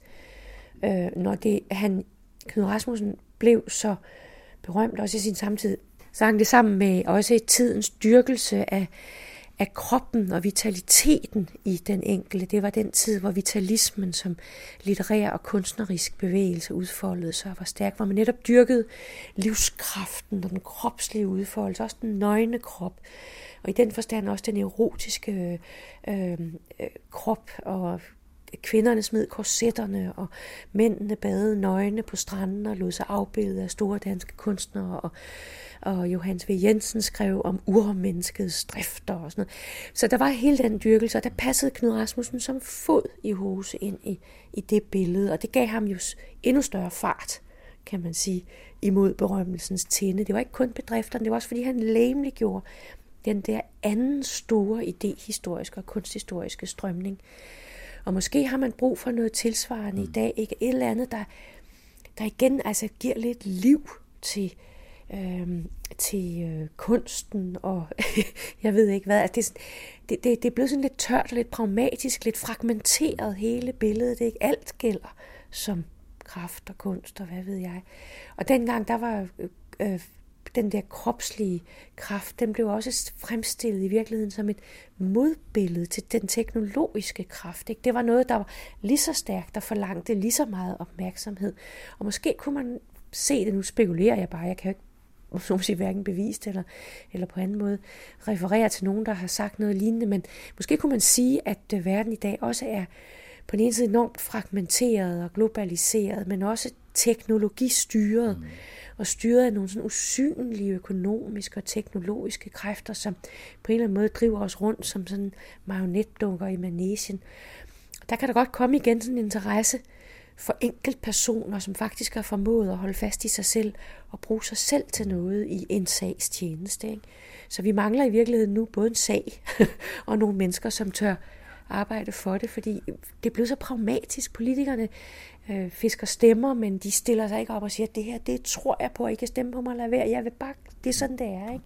Altså, vi mangler de der skikkelser, tænker jeg. Det kan være, det er det, der får sådan noget til at vende tilbage, som, øh, som et ekko af den tidligere tid. Dengang var der jo også Nietzsche og Georg Brandes, der hyldede den, det store, den store ener, ikke? Lige præcis, ja. Men i dag løber løber vandet menneske jo maraton eller noget lignende, så vi har jo også en fornyet interesse for kroppen. Ja, det kan du sige, og det er meget vigtigt netop med den der filosofiske og litterære bevægelse om den store en, og, og, og den, der virkelig kunne drive det til noget. Fordi det, det var jo det, der sådan senere udviklede sig lidt uheldigt i retning af de her føreskikkelser. Og man kan se, Nansen blev også ligesom ophævet som sådan en føreskikkelse af tidens øh, litterater. Men, men øh, det var dengang, og det var, det var, hvad det var. Men der var også, det var også hele idrætsbevægelsen, tog fart der i begyndelsen af det 20. århundrede. Niels Buch og andre, man dyrkede kroppen. På, Og det, den kropsstyrkelse er der også igen nu. Det har du fuldstændig ret i. Nu er det jo en masse bevægelse. Det var der også lidt dengang, fordi det blev så massivt. Der stillede man bare op på lige rækker. Nu løber man hver især, ikke? med i øvrigt ind, plukket ind i et eller andet iPod-system. Ikke? Men dengang, der var jo lige rækker i takt til musikken. Øhm, og så, jo, det er klart, der, der, er, der er virkelig noget af det samme, som er på spil, men vi mangler, måske, altså i forhold til dengang, jeg ved ikke, om vi mangler i nogen absolut forstand, men noget, der kan samle alle disse billeder og sige, her har vi det, her ses det. Og der, der kan man godt tænke sig, at den, den helt nye interesse for Knud Rasmussen hænger lidt sammen med det. Altså min egen interesse går meget på netop at placere ham i tiden og vise, hvordan han blev stor i kraft af samfundet, nok så meget som i kraft af sine egne bedrifter. Og måske mangler vi i, i vores dage, et, vi har ikke helt så tydeligt billede af, hvad samfundet er, men øh, vi mangler nogle fikspunkter i den her utrolig flydende verden, vi lever i, hvor grænserne, også de nationale grænser, er sådan under opløsning, og, og hvor alt, alt kan krydses, alle grænser kan krydses, kan man sige både de mentale og kropslige og nationale grænser. Og så gik det, som han spåede med Grønland, som blev mere og mere moderne og trukket ja. ind i resten af verden, ja. og har fået selvstyre, og nu skal der ledes efter olie og ja. industri øh, ja. ting og ja. måske med klimaforandringerne en mulighed for grønlandsk landbrug og hvad ved jeg, ja. men de skal klare sig selv. Ja, i den forstand er de jo ikke længere et modbillede, modbillede til resten af verden. De er blevet en del af det store billede, altså på godt og ondt, kan man sige. Og der er jo øh, store, øh, jeg ved altså der, der er mange, meget store forskel på, hvad grønlændere mener om udviklingens retning, men det er klart, at med det varmere klima i sig selv, der sker der noget, og det er jo fuldstændig rigtigt, at man er i gang med at opbygge et landbrug i det sydlige Grønland. Man har kvæg, man dyrker grøntsager, man man øh, dyrker kartofler og sådan noget, ikke? og der er jo længe til, man er selvforsynende, og infrastrukturen er jo heller ikke rigtig på plads til, at man kan fragte mælken fra Sydgrønland op. Men, men det er dybt interessant, fordi det er jo på samme måde, som nordboerne kom til Grønland i sin tid, også at slå sig ned i Sydgrønland med landbrug under den tid, der var der den varme middelalder. Middelalderen var jo meget varmere, end, end det blev senere.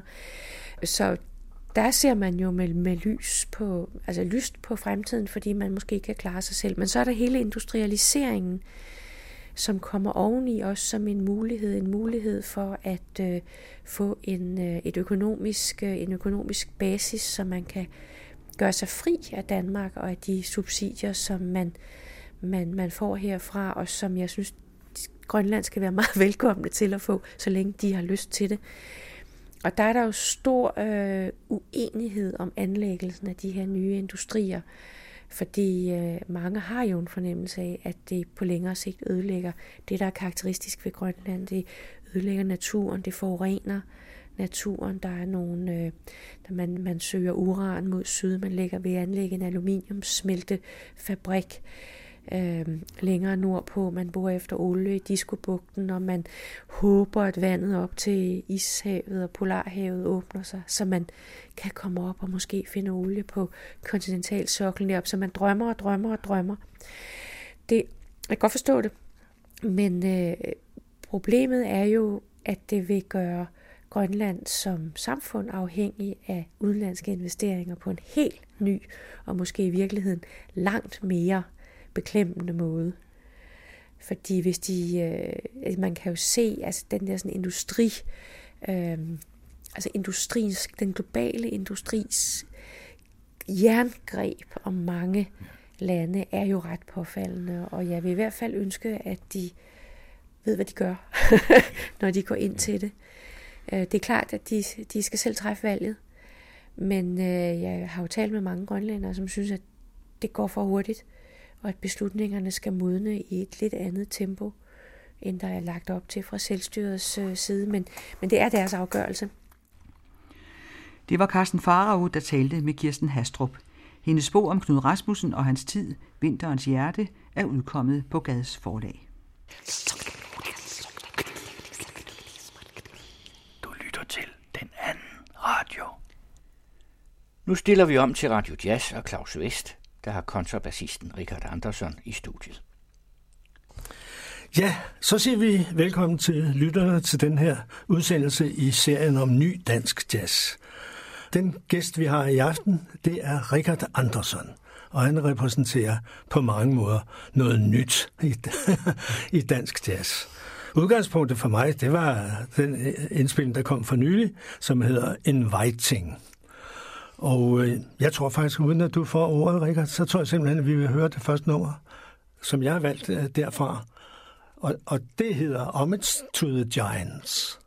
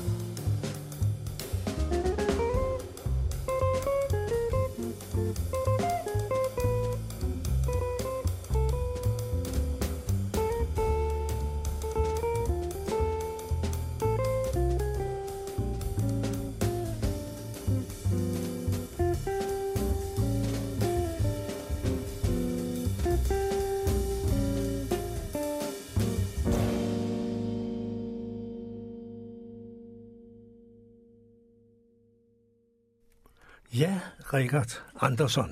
Hvad var det, vi hørte der?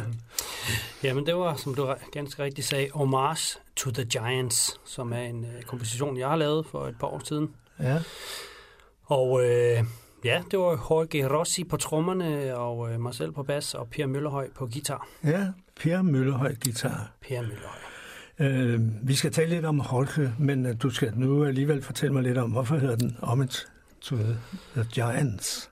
Man kan sige, at i jazzhistorien har vi jo en tradition med at øh, bygge øh, numre op på gamle numre, ikke? Altså tage måske et øh, akkordskema fra en gammel sang og skrive en ny melodi på osv. Og Ja.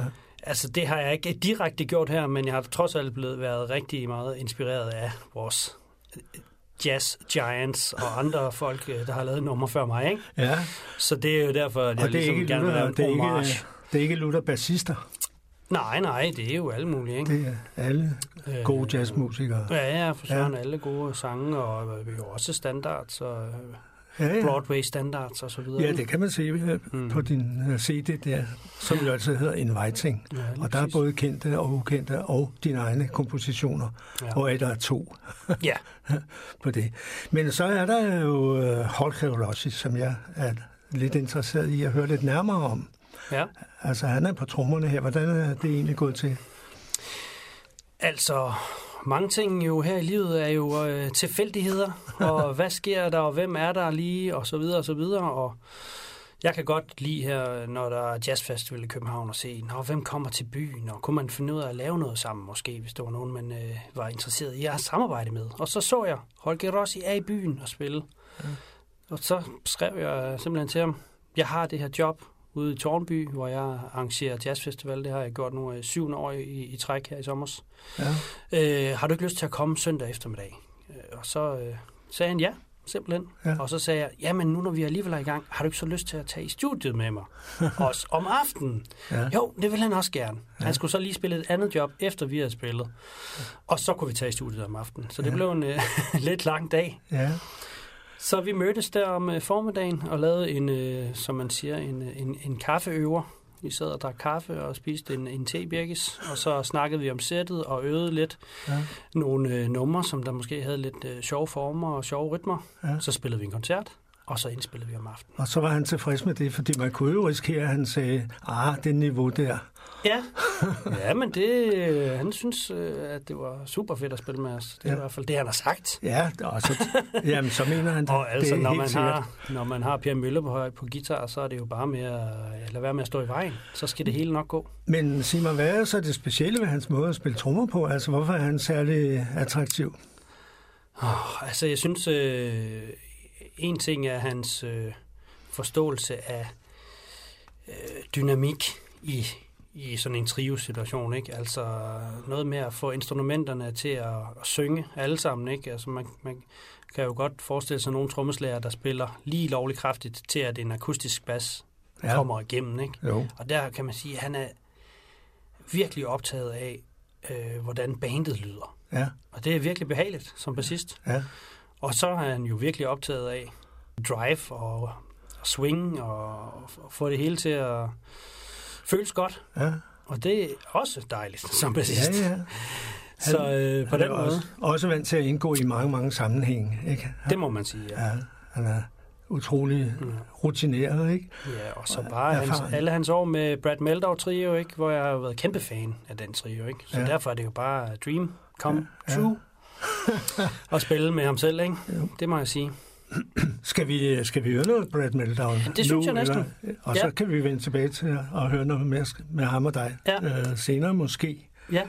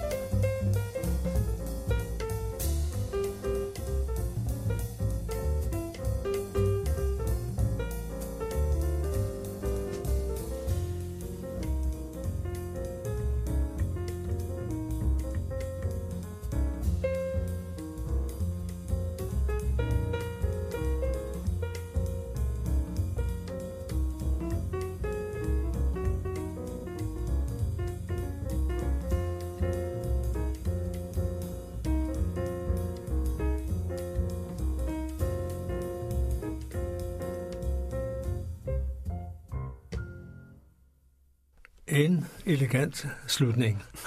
det må man sige. Du advarede mig mod at slu, slutte for tidligt på Ja. ja. den her afspilning, for der kom en slutning. Ja, du skulle have det hele med, ikke? Det skulle du selvfølgelig have med, ikke? Mm. Og hvad? Ja, du kan gentage noget af det, du har sagt om uh, Holker og om trioen. Ja, ja, men Brad altså- Meldauers trio. Ja, jamen, det er jo en kæmpe in- inspiration, ikke? Og Larry Grenadier, ja, som er fantastisk bassist, ikke? Også en virkelig stor inspiration for mig, må Ja. jeg sige. Ja. Den måde, han øh, formår at spille hver eneste tone ekstremt klart, så der, man kan altid høre, hvad det er, han har gang i, ikke? Ja. Så det, Ja. det prøver jeg også selv at, at, at gøre så meget, som jeg nu kan. Ja, vi skal på en eller anden måde også snakke om, hvordan du egentlig har lært at spille bas. Ja, altså, øh, jeg blev jo blind øh, efter en fyrværkeriulykke i 97. Ja. Der var jeg 14 år. Ja. Så begyndte jeg at spille klassisk guitar. Mm. Så du gik- spillede ikke før du jeg var 14? spillede stort set ikke. Jeg har gået lidt til klassisk klaver, Ja. men, øh, men jeg har aldrig sådan rigtig øh, drevet det sådan noget. Så efter det blev det til øh, klassisk guitar, og så fandt jeg en brasiliansk guitarist, der lærte mig nogle øh, bossa novaer og sådan noget. Ja, Og, ja. og så endte det så med elbas, og Ja. jeg søgte ind på MGK i Kolding, Ja. hvor jeg så havde Torben Bjørnskov som lærer, Mhm. og han øh, introducerede mig til kontrabassen. Mm. Øh, og det var, jeg havde jo allerede fra starten af sådan en, en øh, tanke om, at det nok skulle blive til kontrabas, fordi jeg var interesseret i jazzmusik, og det er jo Ja. instrumentet for det meste, ikke? Ja. Øh, medmindre man hedder er Steve Swallow, ikke? Der er Ja. lige Steve Swallow og nogle enkelte, ikke, som spiller, Jo. Nå ja, spiller det er jazz kontrabassen, med, og med ikke- elbas, ikke? Ja. Øh, og så var det så Odense, hvor jeg så havde øh, Bo Steve først, og senere øh, Jesper Bodilsen, ikke? Og de kunne undervise dig, selvom du ikke kunne se noder. Og Jamen noget. altså, man kan sige, øh, jeg, jeg blev nødt til at lære tingene udenad, men det, er, Ja. men det er jo ikke en dårlig ting. Nej. Øh, Det er jo der mange, der praktiserer i jazzmusik og lærer tingene udenad. Ja, ja. Øh, jeg skulle bare gøre det lidt mere end de andre, Ja. fordi jeg ikke havde noderne at støtte mig til. Så, Ja. så det er jeg jo så blevet rigtig god til. Og de tekniske ting, hvad, hvordan underviste de dig egentlig i det? Altså, Ja, altså hvordan jeg skal holde min Ja, hånd, og jamen, ja, ja. det var jo... fingerstillinger og Ja, ja, det var jo noget med at, at måske, du ved, føre min hånd i den rigtige situa- hvad Nå, stilling. de, ikke? Når de førte din hånd.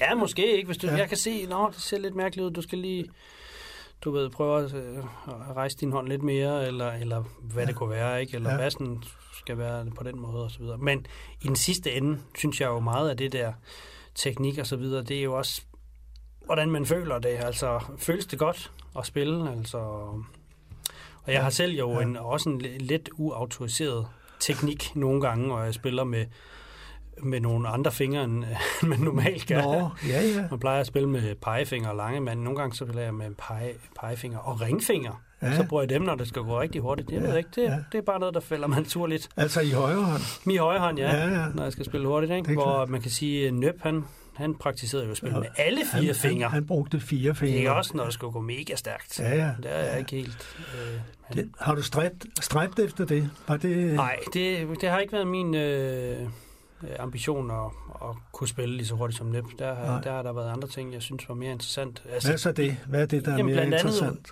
Blandt andet jo rytmikken ikke? i de Mm. her. For eksempel, nu hørte vi lige øh, en standard spillet i det, man kalder en skæv taktart. Ja. Fire fjerdedele. Nej, Og- fem. Og, øh, ja, fem fjerdedele, lige præcis, ja. Ja. Og det var, du, du sagde jo, at det havde jeg ikke engang lagt mærke Nej, til. nej, det er jeg nemlig ikke. Og det lægger man ikke mærke til, fordi at de spiller det på sådan en svingende måde, så det, bare, det føles bare dansen, ikke? Man får lyst til at danse. Virkelig, Ja, ikke? ja. Og det er jeg virkelig øh, inspireret af, Ja, og har prøvet at arbejde på selv også. Ikke? ja. Øhm, så øh, det, det synes jeg er virkelig sjovt, at udfordre ja. mig selv på den måde, at spille nogle ting, som ikke, ikke er lige for. Ikke bare en, der går i fire Og så udvikler du i den forbindelse en teknik, øh, der passer til det, ikke? Øh, ja. Som ikke er autoriseret, om så må sige. Ja, men det er så Gælder det også venstre hånd? Nu taler vi meget bas her, vi er jo nørder. Mm, Ja, ja. Mm, Nej, ja så. Jeg måske nogle gange er jeg lidt en doven, en doven ting. Jeg gør nogle ting, som måske ikke er helt rigtigt, vel holder Nå. der venstre hånd lidt forkert, fordi at Nå. jeg ikke måske lige... Ja. Så altså, det er også alt efter, hvor, hvordan jeg lige er i, i form, ikke? Om jeg har mange øh, koncerter, Men du eller er jeg ikke blevet har så mange undervist i og for sig i at spille rigtigt med venstre hånd, om så må sige. Ja, det er ja. ikke noget, du selv har opfundet. Nej, nej, det kan man sige. øh, Fingersætning og, og hvad for nogle øh, fingre jeg skal bruge hvor, og, og skalaer og så videre. Ja, jamen, det har jeg da øvet meget på. Ja, Ja. selvfølgelig. Og, Ja, ja, og man kan sige, når man skal spille kontrabas, så, skal, så drejer, drejer det jo så også meget om at intonere. Ja. Og det er jo nemmere, hvis man bruger de samme fingersætninger på venstre hånd. Nå, nå. Ikke? Fordi Ja. så ved man, den finger skal være der på det gribret, ikke? Og så ved man, hvad det er for en tone. Men de fire fingre trykker jo ikke lige meget, og så videre. Der er meget at diskutere der, ikke? Ja. Men jeg må dog sige, at øh, Larry Grenadier, han tager altså prisen for at kunne, kunne intonere. Altså, han var jo i København og spille med øh, Jorge Rossi faktisk, og så øh, den øh, østriske guitarist øh, Wolfgang Mutzbiel. Ja. Og der spillede Larry Grenadier på en øh, lånebas fra Montmartre. Ja. Og han spillede en tone, der lå så højt op, så jeg vidste ikke engang, hvad det var en tone. Han spillede den klokkeren. altså, helt, han kom helt nedfra og spillede den helt op. Ja. Og jeg var bare, det, det kan ikke lade sig gøre at spille Nej. den tone så rent, når du lige har været dernede og spille en anden tone. Mm. Så Nå, men det var godt. Det var lidt med dine øh, ba- bas-idealer. Ja, ja, ja, ja, ja. Men øh, lad os vende lidt tilbage til at høre øh, et nummer mere fra jeres øh, CD Ja. Inviting der, for at få lidt fokus tilbage på trommespillet og også rytmespillet. Ja, og det er jo en sang, som, som har jo også givet øh, inspiration til titlen Inviting, og det er jo nummer, der hedder. Invitation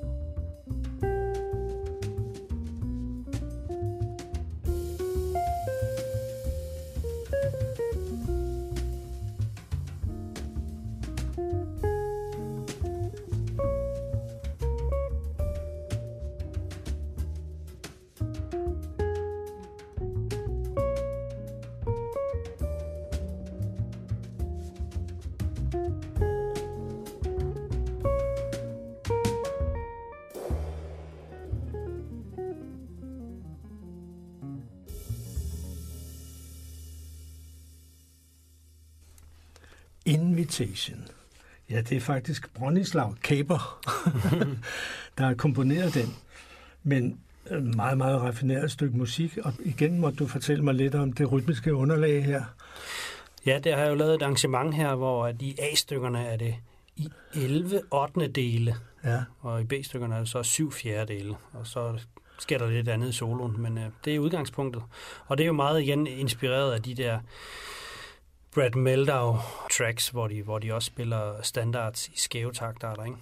ja, og elegant uh, trommespil igen, ikke? Ja. Understøttende Ja, og ja. lydhørt. Og så skal vi da Per Møllehøj på gitaren. Ja. Ham har vi ikke sagt meget om endnu. Nej, men øh, ham har jo spillet rigtig meget med i, jamen altså i de sidste 15 år eller noget, ikke? Øh, off Ja. and on i alle mulige forskellige projekter. Ja. Så det er jo fantastisk at have ham på, ikke? Han er jo en fantastisk guitarist, det må jeg virkelig Hvad er det fantastiske ved ham? Jamen, øh, han har jo et ekstremt stort øh, harmonisk øh, og melodisk øh, overskud, ikke? På de her jazz-harmonier. Ja. Øh, og har jo et ekstremt overskud, kan man høre, men har ikke altid behov for at udbasonere det. Nej, det kan man, Så man kan jo- sige, det er stilfærdigt. Det er jo stilfærdigt, men ja. man kan jo høre, at der ligger mere bagved. Så der er ligesom... Øh, ja. Han vælger at undlade nogle ting nogle gange, ikke for ligesom at, at, at fortælle en historie. Ja, Det, det synes jeg er fantastisk at sp- spille med, med, med en guitarist, der kan det der, og, og lytte på, ikke mindst. Ja. Ja, men det var en vejting, og det er en fantastisk spændende uh, udgivelse, Ja. der kom der. Men vi har været lidt inde på, at uh, du har nogle særlige fysiske forudsætninger, Ja. kunne man sige, ikke? Og dem vil vi nu forfølge lidt. Ja. Du har lavet en uh, udgivelse, der hedder Usynlig. Det er rigtigt, ja. Fortæl, fortæl. Ja, men det er jo en, en soloudgivelse, og når man øh, i, i jazz-sammenhæng skriver en, so- siger, at det er en soloudgivelse, så betyder det altså helt selv. Ja. Hvor man i pop- og rock-sammenhæng, når man havde en soloplade, så har man jo et band med. Ja. Men ja, det er helt selv her, og øh, altså det er et projekt, jeg har lavet, hvor jeg har lavet mig inspirere af øh, visuel kunst. Ja, det er Og jo paradoxalt, ikke? Det må man jo sige, fordi ja. jeg kan jo ikke se den. Men, øh, men derfor har jeg fået folk til at beskrive den her visuelle kunst for mig. Ja. Og så har jeg først improviseret på min kontrabas, øh, inspireret af de her øh, beskrivelser, og så har jeg så senere, i forhold til udgivelsen, lavet det til mere faste kompositioner. Nå. Men, øh, men det er jo så udgangspunkt Baseret på i- den oprindelige improvisation. Ja, lige præcis. Ikke? Ja. Øh, og det er jo også noget, jeg tager rundt på museer og spiller. Ja. Og, og, og så har jeg publikum til at beskrive kunstværkerne, der hænger i øh, de forskellige museer, og så spiller jeg improvisation ud for det. Og det er meget, meget interessant at, at opleve folks øh, reaktioner på det, og det bliver nærmest sådan en form for samtalekoncert mere, Ja. hvor jeg sådan snakker øh, med publikum. Det synes jeg er vældig, Man kan faktisk se noget af det på YouTube. Der ligger, der ligger sådan nogle eksempler Ja, på det er rigtigt. Hvor der er nogen, der forklarer billedet, og du spiller. Lige præcis, ja. Og det er, det er faktisk den umiddelbare improvisation, jeg laver der, som så er udgangspunktet til, til udgivelsen her. Ja. I hvert fald til nogle af numrene, ikke? Og så har jeg lavet nogle, nogle numre efter det. Men, Lad, lad, lad os prøve at høre det første nummer på side A. Ja. Har det, ja, har det et navn? Ja, det er. Det er lavet over et værk øh, af Peter Hansen, Ja. og det hedder ganske enkelt Lejne børn, Inghaveplads. Ja.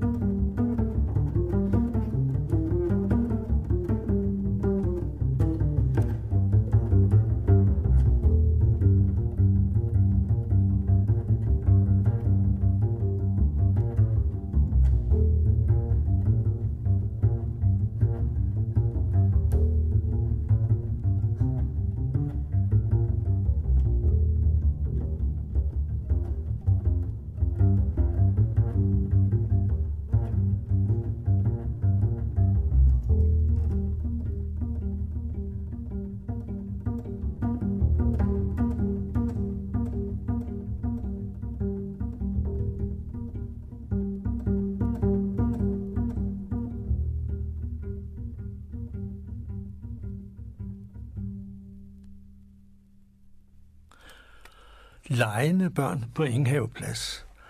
Ja, det er et maleri, jeg godt kan forestille mig. Peter Hansen, det er, det er malet omkring 1908 eller sådan noget, men du fortalte mig lige, at du, du, du har sådan set ikke kendt det, da du var barn, eller før Nej. du, før du blev blind. Det er ikke sådan et indtryk. Nej, og det er jo øh, nærmest en øh, forudsætning for mit projekt, at jeg ikke kender tingene.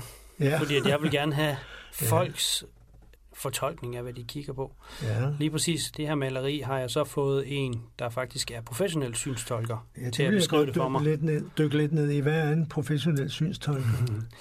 Det er Laura Kammes Vang øh, i det her tilfælde, og, og hun er professionel på den måde, at hun øh, blandt andet jo arbejder på DR øh, til forskellige af deres dramaserier, Mhm. og lægger en øh, beskrivelse ind, som så hedder synstolkning på dansk. På engelsk kalder man det for audio description. Altså beregnet på folk, der ikke kan Lige se. præcis. Ja. Så, og det er jo så at beskrive handlingen imellem, ikke? og hvordan ser folk ud, eller hvad gør de. Ikke? Og Det er jo ikke altid, folk siger noget i en film, vel? Nej, der står en i baggrunden. Ja, lige præcis. Ja. Øh, og måske øh, fortælle om deres ansigtsudtryk, eller andre ting, der er vigtige. Ikke? Så Ja. Det er jo sådan noget, hun sidder og kigger, og hun skal jo så finde ud af, okay, hvor mange sekunder har jeg til at sige noget Ja. imellem her, ikke? Og, og hun må heller ikke forstyrre musikken alt for meget, og så videre. Så hun er på en rigtig svær opgave. Hun skal virkelig finde ud af, hvad er vigtigt at sige her, og jeg skal sige det så hurtigt som muligt. Ja. Så hun er vant til det her, og hun arbejder også meget for at gøre kunst tilgængelig for, for blinde faktisk på øh, museer, og også øh, teaterstykker for eksempel. Hun øh, synes jo, at det er for dårligt, at vi ikke har flere synstolkede teaterstykker i Danmark, Ja. øh, som de for eksempel har i Sverige. Nå. Det er en ting, de, de gør det mere i derovre. Ja. Ja, på den måde er hun professionel øh, fortolker. Ja. Vil det sige, at hun er bedre til at fortolke sådan et maleri, end øh, alle andre ville være? Hun har jo en øh, metodik Ja. til at gøre det, ikke? Jo. Altså, hun skriver det jo ned. Ja. Øh, hun, har, hun har lavet øh, den her lange beskri- og hendes beskrivelse er meget, meget lang og, hvad hedder det, gennemgribende. Ja. Så den er her i bookletten til, til vinyludgivelsen, der har vi, vi klippet i det, for at det kan det kunne passe ned i formatet. Ja. Øh, Så, så i bookletten, der har vi hendes tekst på en eller anden måde. Der har vi et udsnit øh, af hendes øh, tekst, ja, som Ja. hun har lavet, ja. Ja. Og man kan sige, at nogle af de andre beskrivelser, jeg har fået, er jo øh, almindelige folk, der er gået på museum og set et Ja, billede. det var, og, det var det, jeg vil sige. De er jo ikke alle sammen professionelle. Dem, jeg Nej. har set øh, på YouTube, for eksempel, Nej, lige præcis. fortæller om billeder. Lige præcis, altså... Øh, så... Men, men, men det synes jeg for mig egentlig er lige så interessant. Ja. At, at høre øh, mennesker, som måske ikke har nogen forudsætning for at beskrive et kunstværk. At beskrive et kunstværk. Ja. Øh, når jeg har været ude og spille, så er der jo nogle gange øh, nogen, der har sagt, jamen, jeg vil egentlig gerne beskrive noget for dig, men jeg er bange for, at jeg gør det forkert. Ja. Ja. Tænk dig, hvis jeg beskriver det forkert. og så bliver jeg nødt til at sige til dem, hvis du ikke beskriver det for mig, så er der ingenting. Ja. Altså, som udgangspunkt er der sort i det her rum for mig. Så det er kun, når du beskriver et værk for mig, så er det. Så kan jeg, så kan jeg forestille mig det. Mm. Så lige meget hvad du siger, så tænder du lyset på en eller anden måde. Ja. Så, øh, så, så, det, så går der ligesom som en pros op for ja. folk. Ja, ja. Åh, okay, ja. Så kan de fortælle lidt Ja, ja. friere. Ja, lige præcis, ja.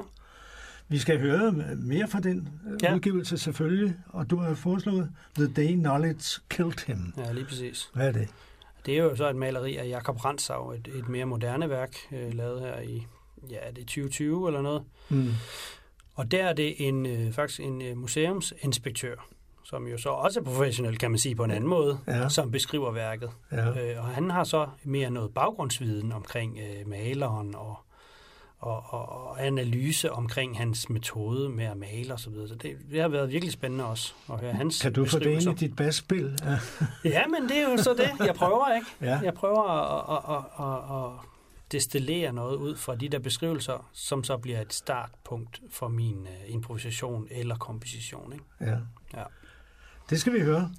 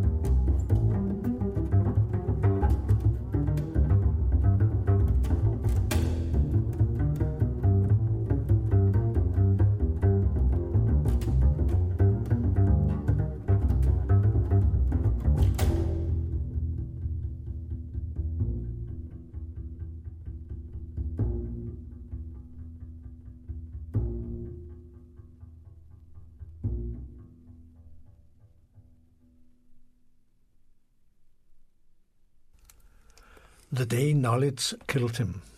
Det var simpelthen det stykke musik der, Det var det. der refererede til et billede, som du har fået beskrevet, men som du ikke har set. Som jeg ikke har set, ja. Ja. Vi skal have lidt mere fra den Ja. øh, meget usædvanlige udgivelse. Det må man sige. En spændende Ja. udgivelse. Og det er jo så øh, lavet baseret på et værk af Jens Søndergaard. Ja. Og øh, det specielle ved det er, at øh, det var faktisk det første museum, jeg nogensinde var op og, og præsentere det her projekt. Det var på Jens Søndergaards museum op i øh, Vestjylland. Ja. Øh, og der hænger to værker, som jeg har brugt til min udgivelse. Sankt Hans Aften, og så den, som vi skal høre nu, Mennesker på Ja. vejen. Ja. Og øh, du så, altså der var nogen, der beskrev billedet. Jeg bliver ved at sige, du Ja. så billedet. Det er, jo, Ja. det er jo gennem nogle andre, du, Ja, ja. du ser de billeder. Men de danner jo billeder i mit hoved, Ja. når jeg får den beskrevet. Ikke? Så på den måde så jeg dem Ja. Ja, igennem andre mennesker. Ikke? Og øh, det kan man faktisk også se på YouTube. Jeg ved ikke, om det er lige den øh, optagelse, øh, Øh, men der er en, den- der, der sidder og beskriver Ja. øh, et Søndergaard-billede. Ikke? Ja, det er rigtigt, ja. Men det er ikke det, er ikke det her menneske. Og, og der improviserer du sådan set. Altså, Ja. Det er ikke sådan, at du får en beskrivelse, og så spiller du. Hun, hun beskriver noget, og ja. Du spiller i, i mindst nærmest. Ja, ja, lige bagefter, så, så prøver jeg at spille Ja, lige bagefter. min musikalske fortolkning Ja. af, Nå det, ja, som det er trods alt ikke? efter, hun har fortalt om bølgerne og, og fiskekutterne og Ja, ja, sådan lige noget, der ligger derude. Ja. Lige præcis. Vi skal høre Mennesker på vejen.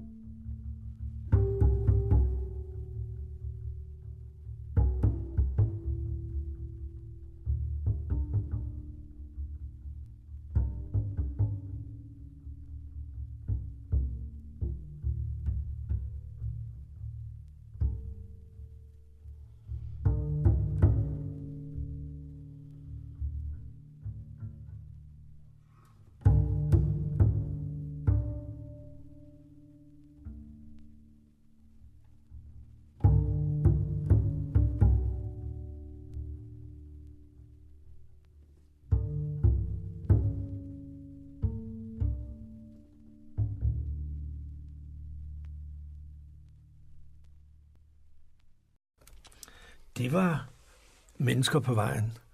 efter min mening rigtig flot basspil.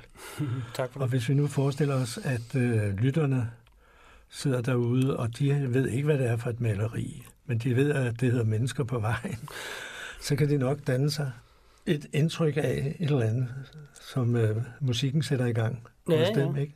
Det kan også gå den vej. Ja, ja, det, det håber jeg, at det gør. Så et indtryk har vi givet af usyn. Vi skal tænke Ja. ja. meget over, hvordan vi formulerer os her.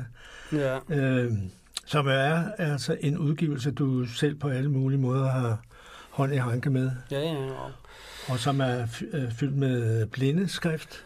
der er også noget blindeskrift i. Jeg synes, det var øh, en, en sjov pointe at have det første, man mødes. Altså, udgivelsen er jo kun kommet øh, på vinyl, ikke? Øh, Ja. Altså, udover at det selvfølgelig også er på streamingtjenesterne, men, men det kom Ja. på vinyl, og det er lavet i en sort boks.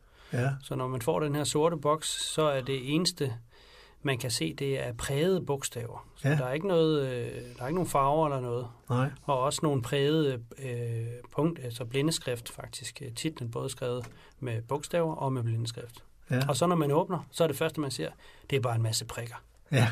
Så på den måde er det jo faktisk usynligt for de For det- seende folk. Ja, for... Det er kun, der er det faktisk kun synligt for mig og de andre, der kan finde ud af at læse Ja. punktskrift. Ikke? Jo, Og så skal man så tage et par ark væk, ja. hvor der er blindeskrift på, og så kommer man så ind til bookletten, hvor øh, alle de her kunstværker er afbildet, men igen ikke, Men ikke i farver. ikke i farver, det er sølv øh, på sort papir. Ja, Så på en eller anden måde, øh, det var sjovt, jeg sendte jo selvfølgelig de her øh, grafik, sendte jeg til de nulevende øh, kunstnere, ikke? blandt andet jo øh, Brandsav. Ja, Jakob ja. Brandsav hedder han. ja, Jeg sendte det til ham, og han sagde, han synes virkelig, det var en, en sjov øh, måde. Det Ja. var næsten ligesom sådan et, øh, øh, en skitse af, af hans maleri. Nå, altså ja. sådan, som han måske har lavet en skitse, Ja. ja. før han har lavet maleriet. Ja. Ja. Så på den måde synes han, det var det, der det fungerede noget. meget godt. Ja, ja. Så hvis man skal have den fulde oplevelse, så skal man købe den her boks her, og sidde og, og kigge i bookletten, mens man hører musikken. Det må, det må vi anbefale. Absolut. Men man kan også øh, anbefale at lytte til musikken, og så da, skabe sine egne billeder. Ja, ja, der, det er rigtigt. der er jo masser af billeder mulige i, Ja. i musikken. Ikke? Ja, ja, og, man- og, og igen læse beskrivelserne, som jeg har fået, og, og måske få nogle billeder Ja, ja. den vej, ikke? ja. Mm. ja, men tak for det. Men Ja, vi vender tilbage til Inviting for at Ja. runde den her udsendelse af. Ikke? Ja. Og, øhm, og der tager vi det andet nummer, du har komponeret på, på den CD, og det hedder Uganda Blues. Det må du da lige forklare. Er du fra Uganda, eller hvad? ja det er jeg jo. Men det er bare HF Uganda, Haveforeningen Uganda, som ligger på Vestamager. Ja, Så det her det er en tribute til det sted, som Ja. jeg nu har boet i øh, over syv år nu. ja. Ja. Kan du huske et eller andet, du ville med melodien? Altså, bygge den op, eller... Jamen altså, når jeg komponerer, jeg, jeg er ikke, jeg ser, jeg ser ikke mig selv som den store komponist. Altså det er mest i øh, projekter, hvor jeg har en deadline. så, Okay, jeg skal have skrevet noget musik. Så endelig kommer jeg til at skrive noget musik. Så det, jeg har altid nogle øh, folk i tankerne, og hvem jeg skal spille det med, og så videre. Mm. Og så øh, kan jeg godt lide at have en skabelon, ikke? Og en blues. Det er Ja, en skabelon. Det er det. Og så ved man, det er 12 takter, og Ja. så kan jeg godt lide, når jeg så endelig kommer i gang, så prøver jeg at starte med en lille melodibid, og, og så ændrer det gerne nogle rytmiske finurligheder, ikke? Ja, Øh, som der også er i den her Uganda Blues. den hører vi. Ja.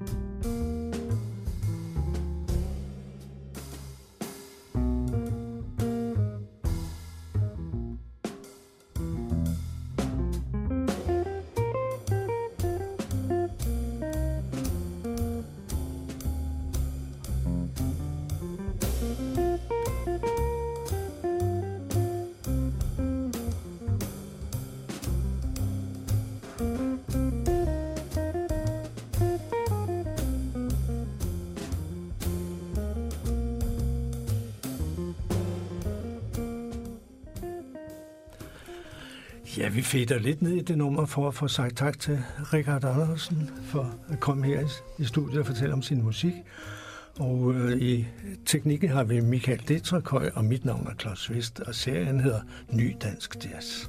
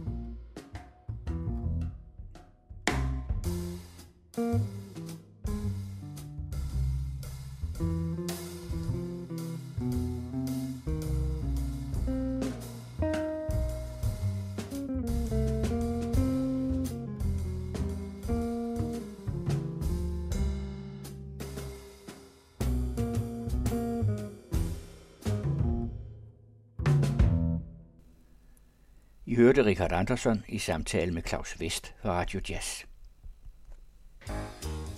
Du lytter til den anden radio.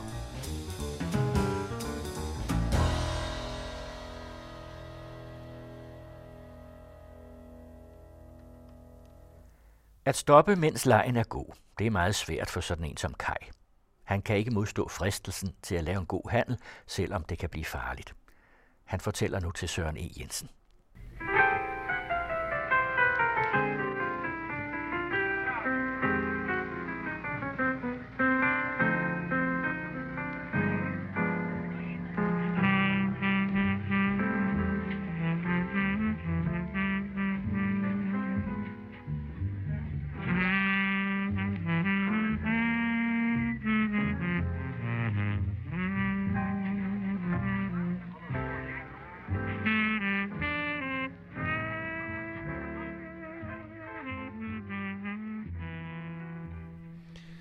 Kai, det går sådan cirka 14 dage, så vil du afsted igen.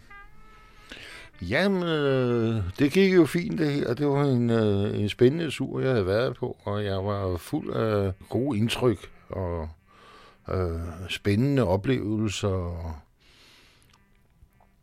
Så jeg tænkte, det vi, jeg, du, jeg må afsted igen. Altså, jeg havde fået den hash hjem, så jeg, jeg havde sendt hjem med postvæsenet. Den har jeg jo fået og været rundt og hente, og den var blevet solgt og for en god skilling, og pengene de var lagt i bankboks, og, og jeg var gået i gang nede i, i min butik igen. Og, Hvad gav den tur egentlig?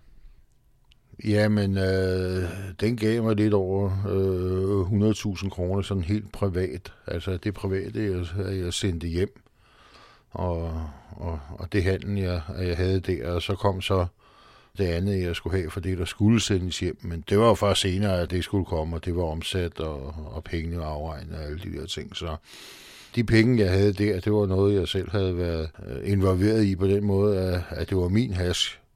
Jeg havde ikke nogen, jeg skulle dele med. Jeg skulle bare øh, pille det ud af, af den papkasse, det var støbt ind i, og så øh, se at få det solgt. Og der står folk og venter på øh, en has i den kvalitet, fordi jeg vidste jo godt, hvad det var for en kvalitet, jeg havde siddet og lavet nede i bjergene. Det var super, super. Jeg har ikke så ingen øh, problemer med at sælge sådan en øh, et øh, kilo for 35.000. Så det gav mig jo de der øh, 100 105.000 eller noget i den stil. Og, ikke, og, og dem smed jeg så ned i min bankboks ned i banken, og, og stillede mig bag disken i, i kiosken igen, og solgte min bajer og min tobak og mine chips og min slik, og det der ellers var og tjene skilling på. Men øh, ja, jeg havde det sådan, at jeg havde lyst til at tage tilbage igen. Jeg havde, jeg havde sgu lyst til at tage turen igen. Det havde været for spændende, og, og jeg tænkte, det, jeg snakkede med min kone om det, og spurgte, om jeg ikke havde lyst til at tage med på en ferie. Ja, jeg giver sgu en ferie. Og jeg ja, men hvor, hvor skal vi hen? Jamen, vi tager til Sydspanien. Vi tager sgu bilen, og så kører vi. Vi lukker her, sagde jeg så. Vi lukker sgu biksen her og skriver ferie i 14 dage, og så tager vi to afsted, ikke? Jamen, det ville hun jo gerne, og det kan jeg da godt forstå. Altså, det, men øh, vi, vi dampede i hvert fald af og, og kørte mod Spanien og skulle ned og, og, og besøge øh, ham i Fugiola igen. Ikke? Det var i hvert fald det, at jeg fortalte, at vi skulle. Ikke? Og, øh, jeg skulle ned og besøge min ven, som sad fængslet i, i Spanien, og jeg skulle sørge for, at han fik øh, de her ting ind. Og jeg, jeg skulle sørge for en masse ting, synes jeg. Og jeg, jeg, jeg vil gerne tilbage til, til, til Sydspanien igen, og, de andre skulle, ville jo ikke med, øh, med igen, så det blev jo så øh, mig selv og, og min kone, og så undskyldningen for at tage ned var jo altså ferien. Og vi kørte ned igennem Europa, og vi havde det skønt uh, turen dernede, og boede på nogle gode hoteller, og spiste på nogle gode restauranter i Frankrig på vej igennem Frankrig, og sådan en rigtig hyggetur med, med fruen. Og I kører i din bil? Vi kørte i, i, i min egen bil, ja. Og øh, det var en, en stor, flot øh, Austin på det øh, tidspunkt, Austin Princess. Så øh, det var jo luksus at ligge og køre det igennem Europa med den. Så øh, vi kommer til, til Spanien, og, og så får jeg overtalt min kone til at, at tage en tur med til Marokko. Nej, men altså, det, lød, det, det var jo, lød jo helt vildt spændende, og ikke, altså, ikke rigtig sige noget, hvad vi skulle dernede, men altså et andet land, et fremmed land igen, ikke? Og, øh, men hensigten, det var jo at, at komme op i bjergene og få købt noget hash. Så øh, vi tog der af og, og jeg kom også til Fugiola og øh, fik sat øh, prinsessen i, i garagen og lukkede den inde der og gik jeg ud og lejede en, en øh, Fiat igen, en Fiat 131. Og den havde øh, gjort det godt igennem turen øh, sidste gang, så jeg tænkte, sådan en leger jeg bare igen. Ikke? Den var jo fin at køre i. Så øh, vi tog den, og så kørte vi videre øh, sydpå, og så øh, helt ned til det sydligste i Spanien. Der skulle vi så over til, eller ned til øh, Cadiz, og var inde og se nogle af deres bodegaer, så inde og, og prøve smage lidt af deres sherry. Og vi var jo på ferie, det var jo det, at vi var, ikke? Og uh, indlogerede os på et øh, uh, splinter nyt uh, hotel, hvor det virkelig var luksus, luksus. Og øh, da vi kommer op på værelset, da vi ankommer til hotellet der, og jeg stiller bilen over, og den bliver sat på plads i deres anlæg, og jeg kommer op på værelset og siger, hvor min taske, siger jeg så til, til min kone. Jeg siger, Jamen, den har jeg ikke, den havde du selv. Hold op. Så havde jeg glemt den nede på disken nede i, i, øh, i receptionen med øh, godt 75.000 kroner i, tror jeg, der lå.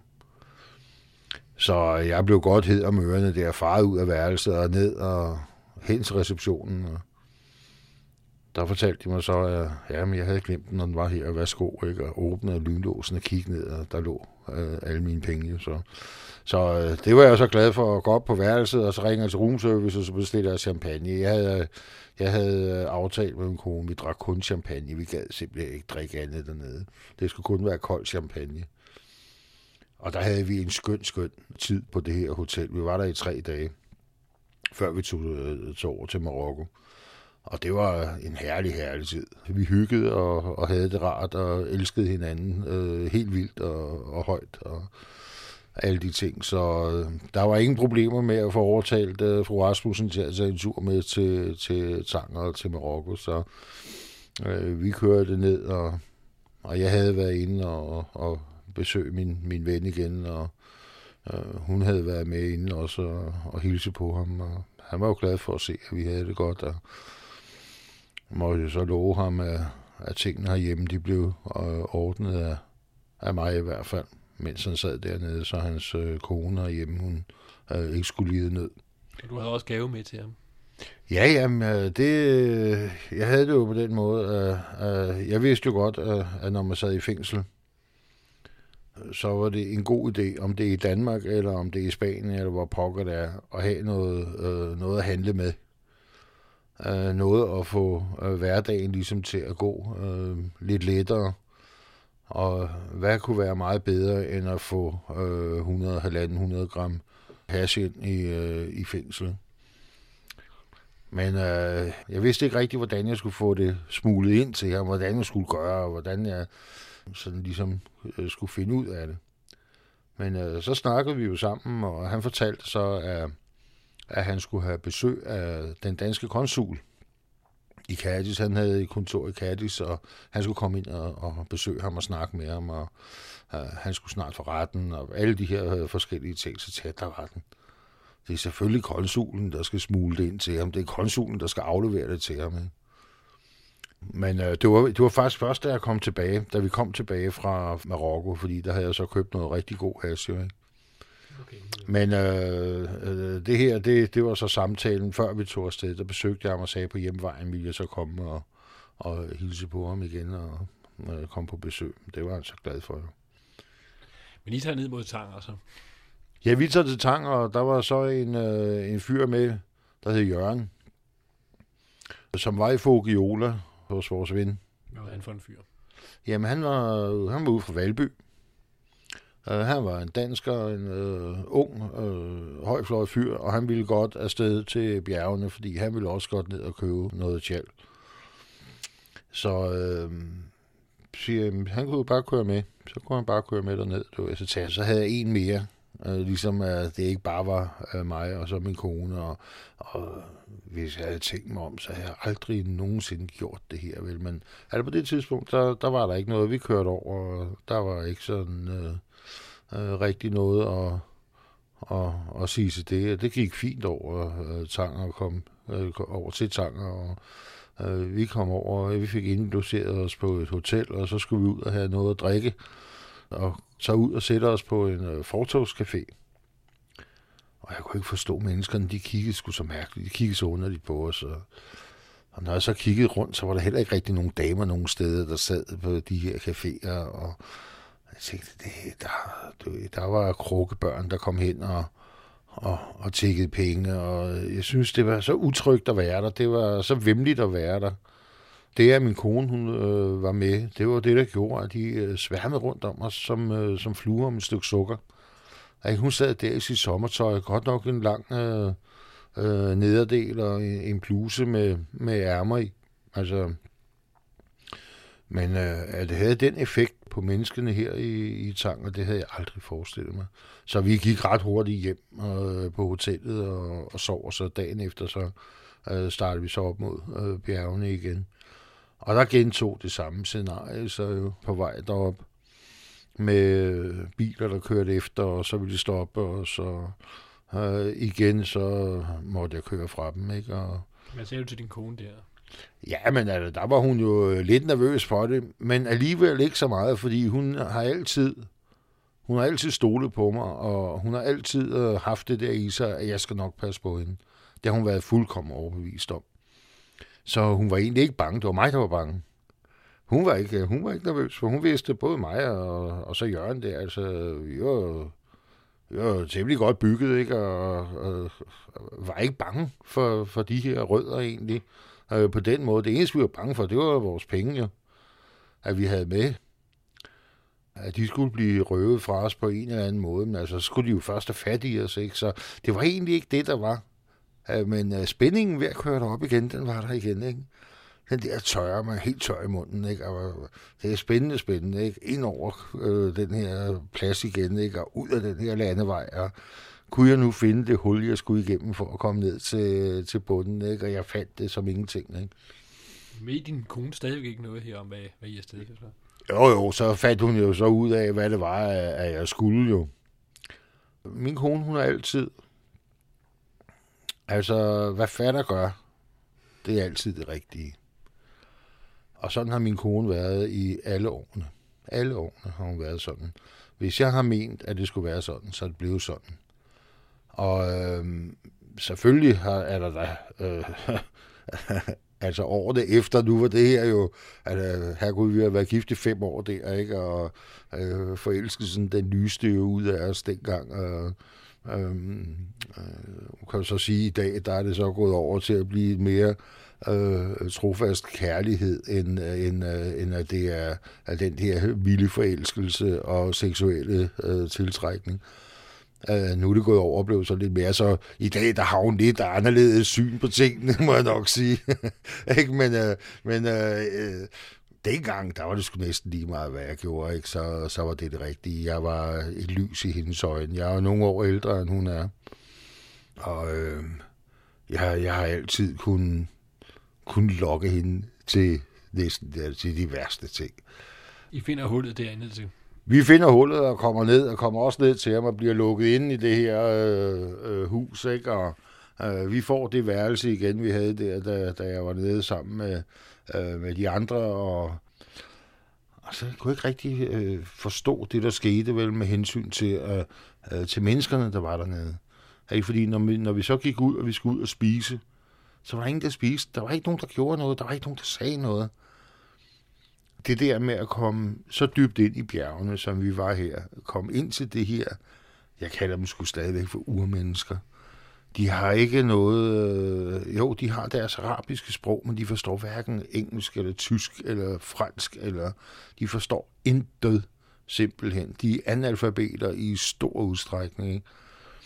Og øh, igen, så kom den her tanke om, at vi kunne komme grueligt galt af sted, fordi at, øh, de regner ikke mennesker, og, og, og især ikke kvinder for, for noget som helst.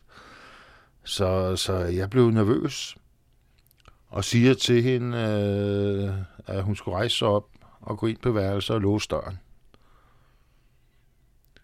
Ja, hvorfor det? Og jeg sagde, nu skal du bare gøre, hvad jeg fortæller dig. Nu skal du gøre, som jeg siger. Du skal rejse dig op her på dansk. Vi sad jo vi sad 10 mennesker vel nok rundt om det her fad. Og ikke nogen gjorde noget. Ikke nogen sagde noget. Ikke nogen spiste. Alle de sad bare ligesom og kiggede ned i, uh, i jorden. Og sagde til hende, det skal du gøre. Så du skal gå ind på værelset og lukke døren. Og hun siger så tak og for, for det der og, og øl eller solvand, hun nu har fået vin. Og øh, rejser sig op og går. Og hun er ikke mere end lige kommet ud af døren. Så begynder snakken. Så, og så griner de, og så kommer det frem, og så fortæller de, så kunne jeg godt se, jeg kunne godt se på nogle af de her rødder, at hvad det var, de snakkede om. Ikke? Det kunne jeg sagtens se. Ikke? Altså, det, altså, der er det sgu internationalt sprog, når liderligheden står ud af øjnene øh, på dem. Ikke? Ikke? Og det kunne jeg se, jeg tænkte, det var fandme godt, hun kom væk. Det var godt, hun kom ind på, på værelset der. Ikke? Og jeg spiste med mad og gik så ind øh, på værelset til hende. Og der fik vi jo så at vide af ham, der var der, vi måtte ikke forlade bygningen. Vi måtte gå på området, på deres område, men ikke gå ud nogen steder. Og alligevel så gik jeg ud med et fotografiapparat. Og der var der to små børn, som jeg ville fotografere. De blev redselslagende for, at jeg ville fotografere dem. Nej, nej, nej, nej, nej, nej, nej, nej, nej, nej, nej, skreg de. Ah, baba, baba, baba. Baba, baba. Hvad, øh, hvad, hvad betyder det? Ikke? Og de pegede på mig, og de var skræmte som bare fan, ikke? Så fandt jeg så ud af, hvad, hvad det var for noget. Det var en historie, øh, som blev fortalt af røverne i øh, Alibaba. De havde skæg alle sammen. Ikke? Og når du er dybt kriminel og tager børnene, så øh, kunne de fortælle historier derude i bjergene, at hvis de ikke sov, og hvis de ikke lagde sig til at sove, så kom Barbara og tog dem. Og Barbara havde jo skæg. Hvis du bliver fotograferet, så tager du deres sjæl. De kommer ind på et billede, så forsvinder de. Så kommer de på et billede og lægger sig ind på et billede. Og det vidste jeg ikke noget om. Den her kultur, jeg anede ikke noget om den. Jeg var dum som et bræt, ikke? Men jeg fandt ud af i hvert fald, at jeg skulle ikke fotografere dem, og jeg skulle ikke prøve på at hverken overtale dem til øh, det ene eller det andet. Så jeg smugfotograferede sådan en lille smule lige rundt om huset, og så øh, hoppede vi ellers op på den. Der var sådan en stor terrasse oven på huset, hvor man kunne kigge ud over dagen, og så øh, gik vi derop og så nød det og kiggede ud over tingene. Og havde jeg, været, havde jeg lyst til at, at, at være skæv, jamen, så gik jeg bare en tur ned igennem deres mark, så var jeg øh, påvirket. Fordi der var simpelthen så meget pollen i luften der. Altså, så så det, det gjorde jeg. Jeg røg ikke en joint dernede. Jeg røg ikke sporhas. Det kunne jeg simpelthen ikke. Jeg var så mættet af det her pollen, øh, så det, det havde jeg slet ikke lyst til. Jeg havde fået rigeligt at snuse ind altså på den her måde. Ikke? Så det gjorde vi ikke, men øh, jeg lavede så øh, 10 kilo. Satte mig ned dagen efter, det, øh, at vi havde spist der, og min kone hun må blive på værelse og låse sig inde. Jeg sagde til hende, du bliver nødt til at låse dig inde. Du er i en celle. Du må ikke færdes i huset. Du låser dig inde på øh, det her rum. Ikke? Jeg kommer ned og kigger til dig, og så må jeg følge dig på toilettet. Jeg tør simpelthen ikke have, at du går løs her i huset. Jeg ved ikke, hvad der kan ske. Du er hermed fængslet på dit rum. Du. Ikke? Og der var ikke, hun måtte låse, måtte låse øh, rummet. Ikke? I nat, der kom de ind, selvom vi havde låst. Så blev døren åbnet, ikke? Og så stod der øh, lige pludselig en derinde. Ikke? Så far jeg op, og så skabte jeg mig. Ikke? Altså, hvad fanden laver du her? Skrub af med dig, ikke? Altså, ikke? Så var han væk igen, ikke? Lomlygten og det der, det var, så var det væk, ikke? Og så fik jeg låst døren rigtigt, og fik sat nøglen i spænd, så, så han ikke kunne få nøgle i, så nøglen ikke kunne skubbes ud fra den anden side. Så, øh, så der blev låst og, og lukket, ikke? og sat ting hen foran døren, så de ikke kunne komme ind. Ikke? Men vi sov sgu ikke roligt. Det var et vemmeligt sted. Det var vemmeligt at være der. Det var utrygt som bare pokker. Men jeg får lavet de her øh, 10 kilo has der, og vi får sprættet de her øh, vandkartoner op. Man kan få sådan nogle øh, store papkartoner, der nærmest var termoforet, hvor der var almindelig vand i, som øh, man så øh, drak af, fordi vandet dernede det var smadret forurenet. Ikke? Så, men dem tog man så og skilte ad skilte på midten, og øh, så ud, ligesom man forestiller sig en bog med et hemmeligt rum, hvor man skal en firkant i, i bladen, og så lægger man noget ned og lukker bogen, så er det hele lukket til. Og det gjorde jeg også der. Ikke? der vi skilte det hele ad der og øh, lagde 250 gram hash i hver side af den her kasse, så der var et kilo i, i, øh, i kassen, og så var den klar til at blive sendt hjem med marokkanske tæpper og jakker og, og ting og sager, som ikke kostede noget som helst derude på markedspladsen. Det kostede ingenting. Men det fyldte godt i kasserne, og så var der et formål med at sende det hjem. Så øh, hvis tollerne tog det, så kunne de jo se, at det var jo øh, marokkanske tæpper og øh, klædningsstoffer og sådan noget. Ikke? Men, men så langt kom det jo aldrig. Altså, så øh, det kom hjem. Jo, jo, det kom hjem. Det kommer jeg til senere så. Men øh, her i hvert fald, der fik vi lavet de her, og vi kører afsted derfra igen og kommer øh, helskinnet hjem til Spanien igen. Hvor lang tid er I på gården? Jamen, jeg, vi er vel dernede i en 7-8 dage, altså omkring en uges tid, øh, hvor jeg så øh, pakker dem her og laver de her kasser og så videre, og så skal de jo sendes fra deres øh, primitive postkontor op på markedspladsen og sådan noget. Ikke? Så jeg tænkte nogle gange, jeg tænkte, hvordan pokker kommer det her nogensinde til Danmark fra det her øh, hul? Altså, når man ser det der, og jeg kommer hele tiden tilbage til den her, hvad pokker var den hed, den film, altså øh, om Nilens juvel, eller sådan noget, når man ser de her arabiske landsbyer, ikke, og, og ser araberne på deres, øh, de her banditter, der er i de her øh, bazargader, sådan, øh, sådan var det jo. Det, øh, det, jeg tænkte, hvordan pokker kommer det nogensinde hjem til Danmark? Altså, det var sådan, jeg tænkte, men jeg tager chancen, altså skider med det, jeg tager chancen. De andre var jo kommet hjem, ikke? Det var ligesom en prøve på, at, selvfølgelig kan det lade sig gøre. Men øh, jeg har så lavet en, øh, en plade på 150 gram af en rigtig, rigtig god has. Og jeg tager med til Spanien. Og der sætter jeg mig så ind på hotellet der.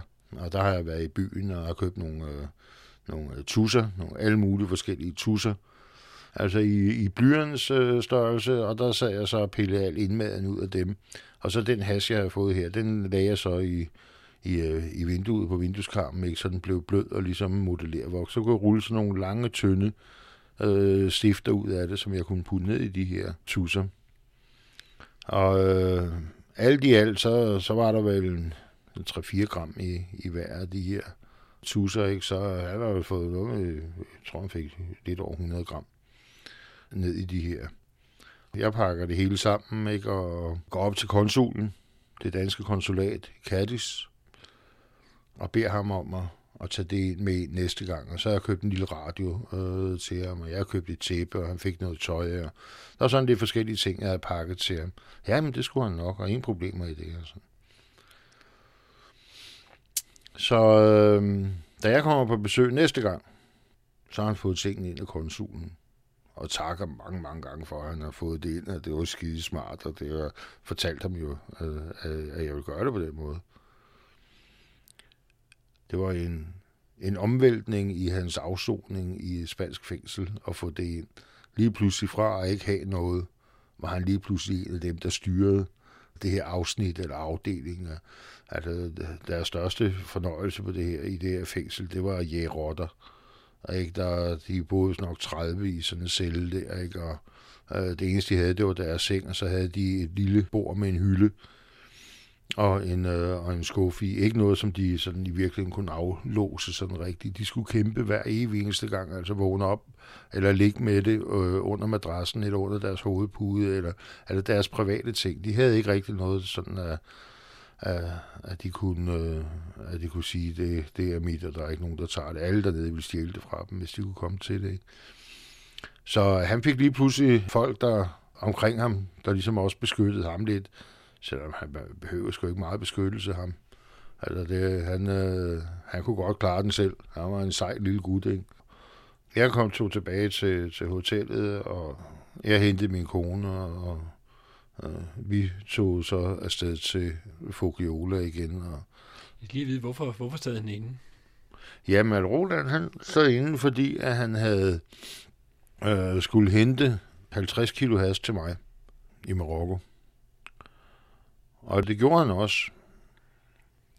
Han havde jo en med over, øh, som viste ham, hvor han skulle hen. Det var så manden i Fogliola. Og han øh, fulgte jo med, øh, sådan at, at, at bilen kom det rigtige sted hen. Bilen havde jeg købt nede på Ingehavevej. Nede hos øh, Citroën nede på Ingehavevej.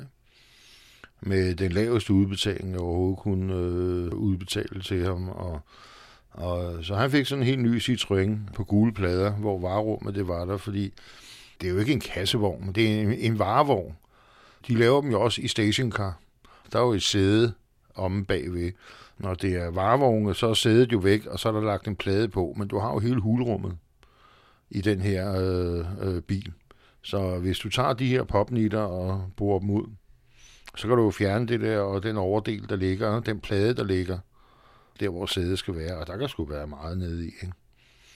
Så øh, det havde de jo gjort, og så popnittede den igen, og så, så kan man ikke se noget. Og han havde sin kone og, og, og sin datter med for øh, som skalkeskjul på, at han ikke smuglede.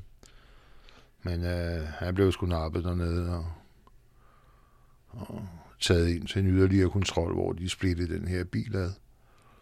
Ikke og fandt de her 52,8 kilo var der i den. Så han røg i spillet, og konen hun blev sendt hjem sammen med barnet. Jamen, det er jo det, der sker, for fanden. Altså, man kan jo ikke hele tiden sidde og sige, ja, men juhu, hvor går det godt, alt det her, ikke?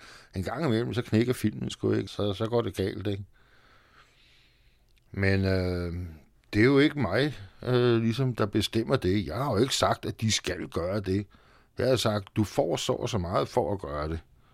Gør du det? Ja, ja, ja, selvfølgelig gør jeg det, men de er, fan, de vil jo godt tjene øh, de øh, halvanden 200.000 øh, for at køre sådan en tur. Det var der ikke noget problem med, og det tænkte jeg heller ikke over sådan. Så nå, jamen, altså, hvis han ville det, jeg kan køre det igennem rent psykisk, så er den jo god nok. Og han havde en stærk psyke, det vidste jeg, han havde. Han tog sgu afsted, men at blev nappet og, og, og sad så øh, dernede i, i lige knap to år. Han fik amnesti, før han overhovedet havde været for en dommer eller noget. Så havde kongen i Spanien fødselsdag, og så øh, fik han amnesti på grund af det. Det var i hvert fald deres begrundelse for at lukke ham ud. Altså, de har så mange siden det fængsel dernede ved Cadiz. Altså, det er jo ikke en hasmuler, de tager, når de kommer fra Marokko, ikke? og så putter de dem ind der, og så sidder de nogle år, og så smider de dem hjem igen. Ikke? Dommene, det er mere for at afskrække, men de siger, at de kan få 20 år i spillet dernede. Det har de slet ikke plads til, og det gør de slet ikke, vel? Men at det er sgu også nok at sidde to år i øh, sådan et sted, altså sidde langt fra familien, ikke? Og puha, vemmelig sted, ikke? Altså, men øh, ham synes jeg ligesom, at jeg må gøre bare lidt for. Jeg er ikke meget for at sige, at jeg var skyld i det. Altså, jeg havde opfordret ham. Jeg havde givet ham tilbuddet. Det var rigtigt. Ikke? Han har fået bilen af mig. Ganske gratis. Den har han ikke givet fem øre for. Så han stod ikke med nogen udgifter i den sag øh, overhovedet. Hans kone øh, fik øh, penge til at klare sig for, for udgifterne betalt og alle de her ting. Og yderligere kan man jo ikke rigtig gøre noget. Så altså, man kan jo godt sige, for fanden var det ærgerligt, og er vi kede af, at, at en af vores venner er, er røget og sidder dernede nu. Men altså, hvis man vil have med sådan noget at gøre, som, som jeg har haft med at gøre i hvert fald, så er der ikke noget at gøre ved det. Så er det det, that's life. Vil det spilles for tid til anden? Ja, altså det, sådan er det. Altså, hvis man ikke kan være indstillet på det, så skal man holde sig langt væk fra det. Altså, hvis du ikke har sig til at se i spjældet, så skal du holde dig langt væk fra det. Så skal du passe dit arbejde fra klokken 8 til klokken 16, og så ellers holde weekend øh, fra fredag eftermiddag, og så øh, køre dit liv på den måde. Men der er altså andre, ligesom mig, der kører deres liv på en lidt øh, skør måde. Og en, en lidt mere udfordrende måde måske. ikke Så, så derfor har jeg, øh, altså, jeg har fortjent hver eneste øh, øh straf, at jeg har fået. Der har ikke noget med, det er samfundets skyld, og gud, ej, det er min skyld. Altså, jeg har altid ville, øh, ville gøre sådan. Jeg har altid været sådan. Men du var afleveret af Hassen der i Tuspindene, og I kører videre til Fuenterola, ikke? Vi kørte så videre til Fogiola og var dernede i et par dage og afleverede den her Fiat i udlejningshalvøjet, og så tog vi vores biler og øh, i garagen, og så kørte vi øh, mod Danmark igen, og så har vi haft 14 dejlige dage. Og ikke, vi har kørt meget bil, det må jeg sige. Men øh, det har sgu været spændende nok. Og, ikke, så jeg kommer hjem, ikke, og, og jeg øh, går i gang med butikken igen, åbner butikken igen, og øh, hverdagen, den starter jo igen. Men øh, det var ligesom om, at jeg havde været lidt for overmodig. Jeg havde været lidt for, ikke, jeg vil ikke sige, at jeg havde været for ubetænksom eller for sløset. Øh, det havde jeg ikke. Men øh, jeg havde alligevel haft næsen så langt fremme, så øh, færden af, af mig og de her mennesker i øh, Fugiola og ham i Hvidovre og øh, nogle af de andre, øh, de var sådan blevet spottet efterhånden. Ikke? Og det opdager jeg jo så meget øh, herhjemme. Jeg har altid kunnet mærke, når der har været nogen efter mig. Ja, så er der en følelse, så er der noget, der... Jeg, jeg, jeg kan mærke det i min krop og baghovedet, at der er nogen, der, der kigger efter mig, der kigger på mig. Så øh, jeg måtte jo aftale med min kone at sige den, at øh, jeg tror sgu ikke, det var så længe det her. Øh, en dag, hvor øh, vi kører til nede omkring øh, Borup. Øh, der havde øh, fyren der fra Hvidovre, om Jes der, der han øh, investeret i en øh, nedlagt øh, landbrug i en gård, hvor der så var heste og hestefolde, og ikke, eller pengene, de, de væltede jo ind. Ikke? Så de skulle bruges til noget fornuftigt, men øh, jeg synes godt det var lige lovligt meget at, at gå ned og investere i sådan noget. Altså, manden han var taxichauffør, ikke? Og jeg, jeg synes, det var lidt dumt, og en lille øh, smule øh, åndssvær måde at, at, at bruge penge på. Men i hvert fald var vi taget derned en tur. Vi skulle ned og se gården, og ned og se hesteboksene og foldene, og der havde vi øh, min ældste datter med. Og hun er på det tidspunkt 8 år. Der siger jeg så, øh, da vi skulle hjem, for Jeste, øh, de havde jo også to børn, øh, en pige og en dreng, hvor drengen var på samme alder som vores datter. Og vi kunne godt tænke os til at, at, at køre hjem alene, og vores datter kunne godt tænke sig til at blive nede på, på gården der, ikke på bundegården. Ikke? Det var jo dejligt, det var et skønt sted, det må jeg sige. Ikke? Så hun ville godt være dernede og, og ligesom at lege med, med ungerne der. Så det fik hun lov til. Så vi kørte der midt om natten mod København. Og øh, da vi kører ud fra gården, og jeg kører ned mod, øh, mod motorvejen der i Borup, så ser jeg en mørk vogn, der kommer hen og faktisk kører op på siden af os, og ruderne de er fuldkommen dukket. Der er simpelthen øh, dukket ruder i den her øh, mørke bil. Ikke? Jeg tænker, dukkede ruder. Hvordan er der dukkede ruder i en bil, der holder ved siden af mig nu? Der er nogen, der har siddet inde i den bil, ikke? og så det der kulden, nattekulden, og så øh, udåndingen og varmen af de her mennesker, det giver så det her duk på ruderne. Så jeg var sikker på, at det var politiet, der holdt der. De havde holdt det her under observation, og jeg havde det, så, jeg havde det simpelthen så... Men det ville jeg, det ville jeg så øh, finde ud af helt sikkert. Så jeg kører bare lader som ingenting. Det har jeg altid gjort, når, når de er efter mig. Jeg lader som ingenting. Lader som om, det ved jeg ikke noget om. Dem kender jeg ikke, dem der, så jeg kører bare. Ikke? Jeg tænker, jeg skal i hvert fald bare afsted. Og så kører jeg nedad. Det jeg tager så mit... Øh, jeg har altid sådan en lille, en lille mappe med, med øh, ting og, og sager i øh, visitkort og lidt penge. Og der er sådan lidt i, så at det ikke ligger løst i lommen. Og den tog jeg så op og gav min kone, så siger jeg, kan du ikke tage, der ligger to telefonnumre. Det må du tage. Rive mine bitte små stykker, så ud af vinduet med dem. Jamen, hvorfor det? Så siger, du skal bare gøre, hvad jeg siger. Altså, det er værd at spørge, hvorfor? Bare gør det, altså, for pokker dig. Jamen, hvad er det for nogen? Og så fandt hun op. Ja, det er den her, og det er den. Og jeg river dem i stykker ud af vinduet med dem. Ikke? Og jeg speeder så op ude på den her øh, motorvej, og så øh, kører der ud af, og så jeg kan godt se lygterne bagud. Så på et tidspunkt, der drejer vejen lidt længere, øh, lidt længere fremme, altså så motorvejen den ikke er helt lige, som den ikke kan følge de her baglygter. Så jeg slukker, øh, jeg slukker lyset på, på bilen, og så træder øh, speederen i bund, og så kører jeg alt, hvad remmer og tøj kan holde, med slukkede lygter. Ikke? Og før jeg ser de her lygter komme frem igen, før de kommer op og har så lige vej, så de kommer frem igen. Der er langt fanden foran, ikke? Så øh, ved det næste kurve, der var, hvor at de her hvide lygter, de forsvinder igen, der kører jeg ind på en øh, resteplads, ligesom en parkering resteplads, med fuld hammer på der, ikke ind og slukker motoren, du, og så lægger jeg mig ned. Sæderne, dem tager jeg så og lægger helt tilbage. Så venter jeg bare. Og så tog det sgu ikke ret lang tid, vel? Altså, så kom den her mørke bil ind og kørte op på siden af os. Og så, ja. Så, vi, så vidste jeg godt, hvad klokken var slået. Og jeg siger, så sagde at jeg bliver sgu anholdt nu. Jeg tror, jeg bliver anholdt, før jeg kommer hjem.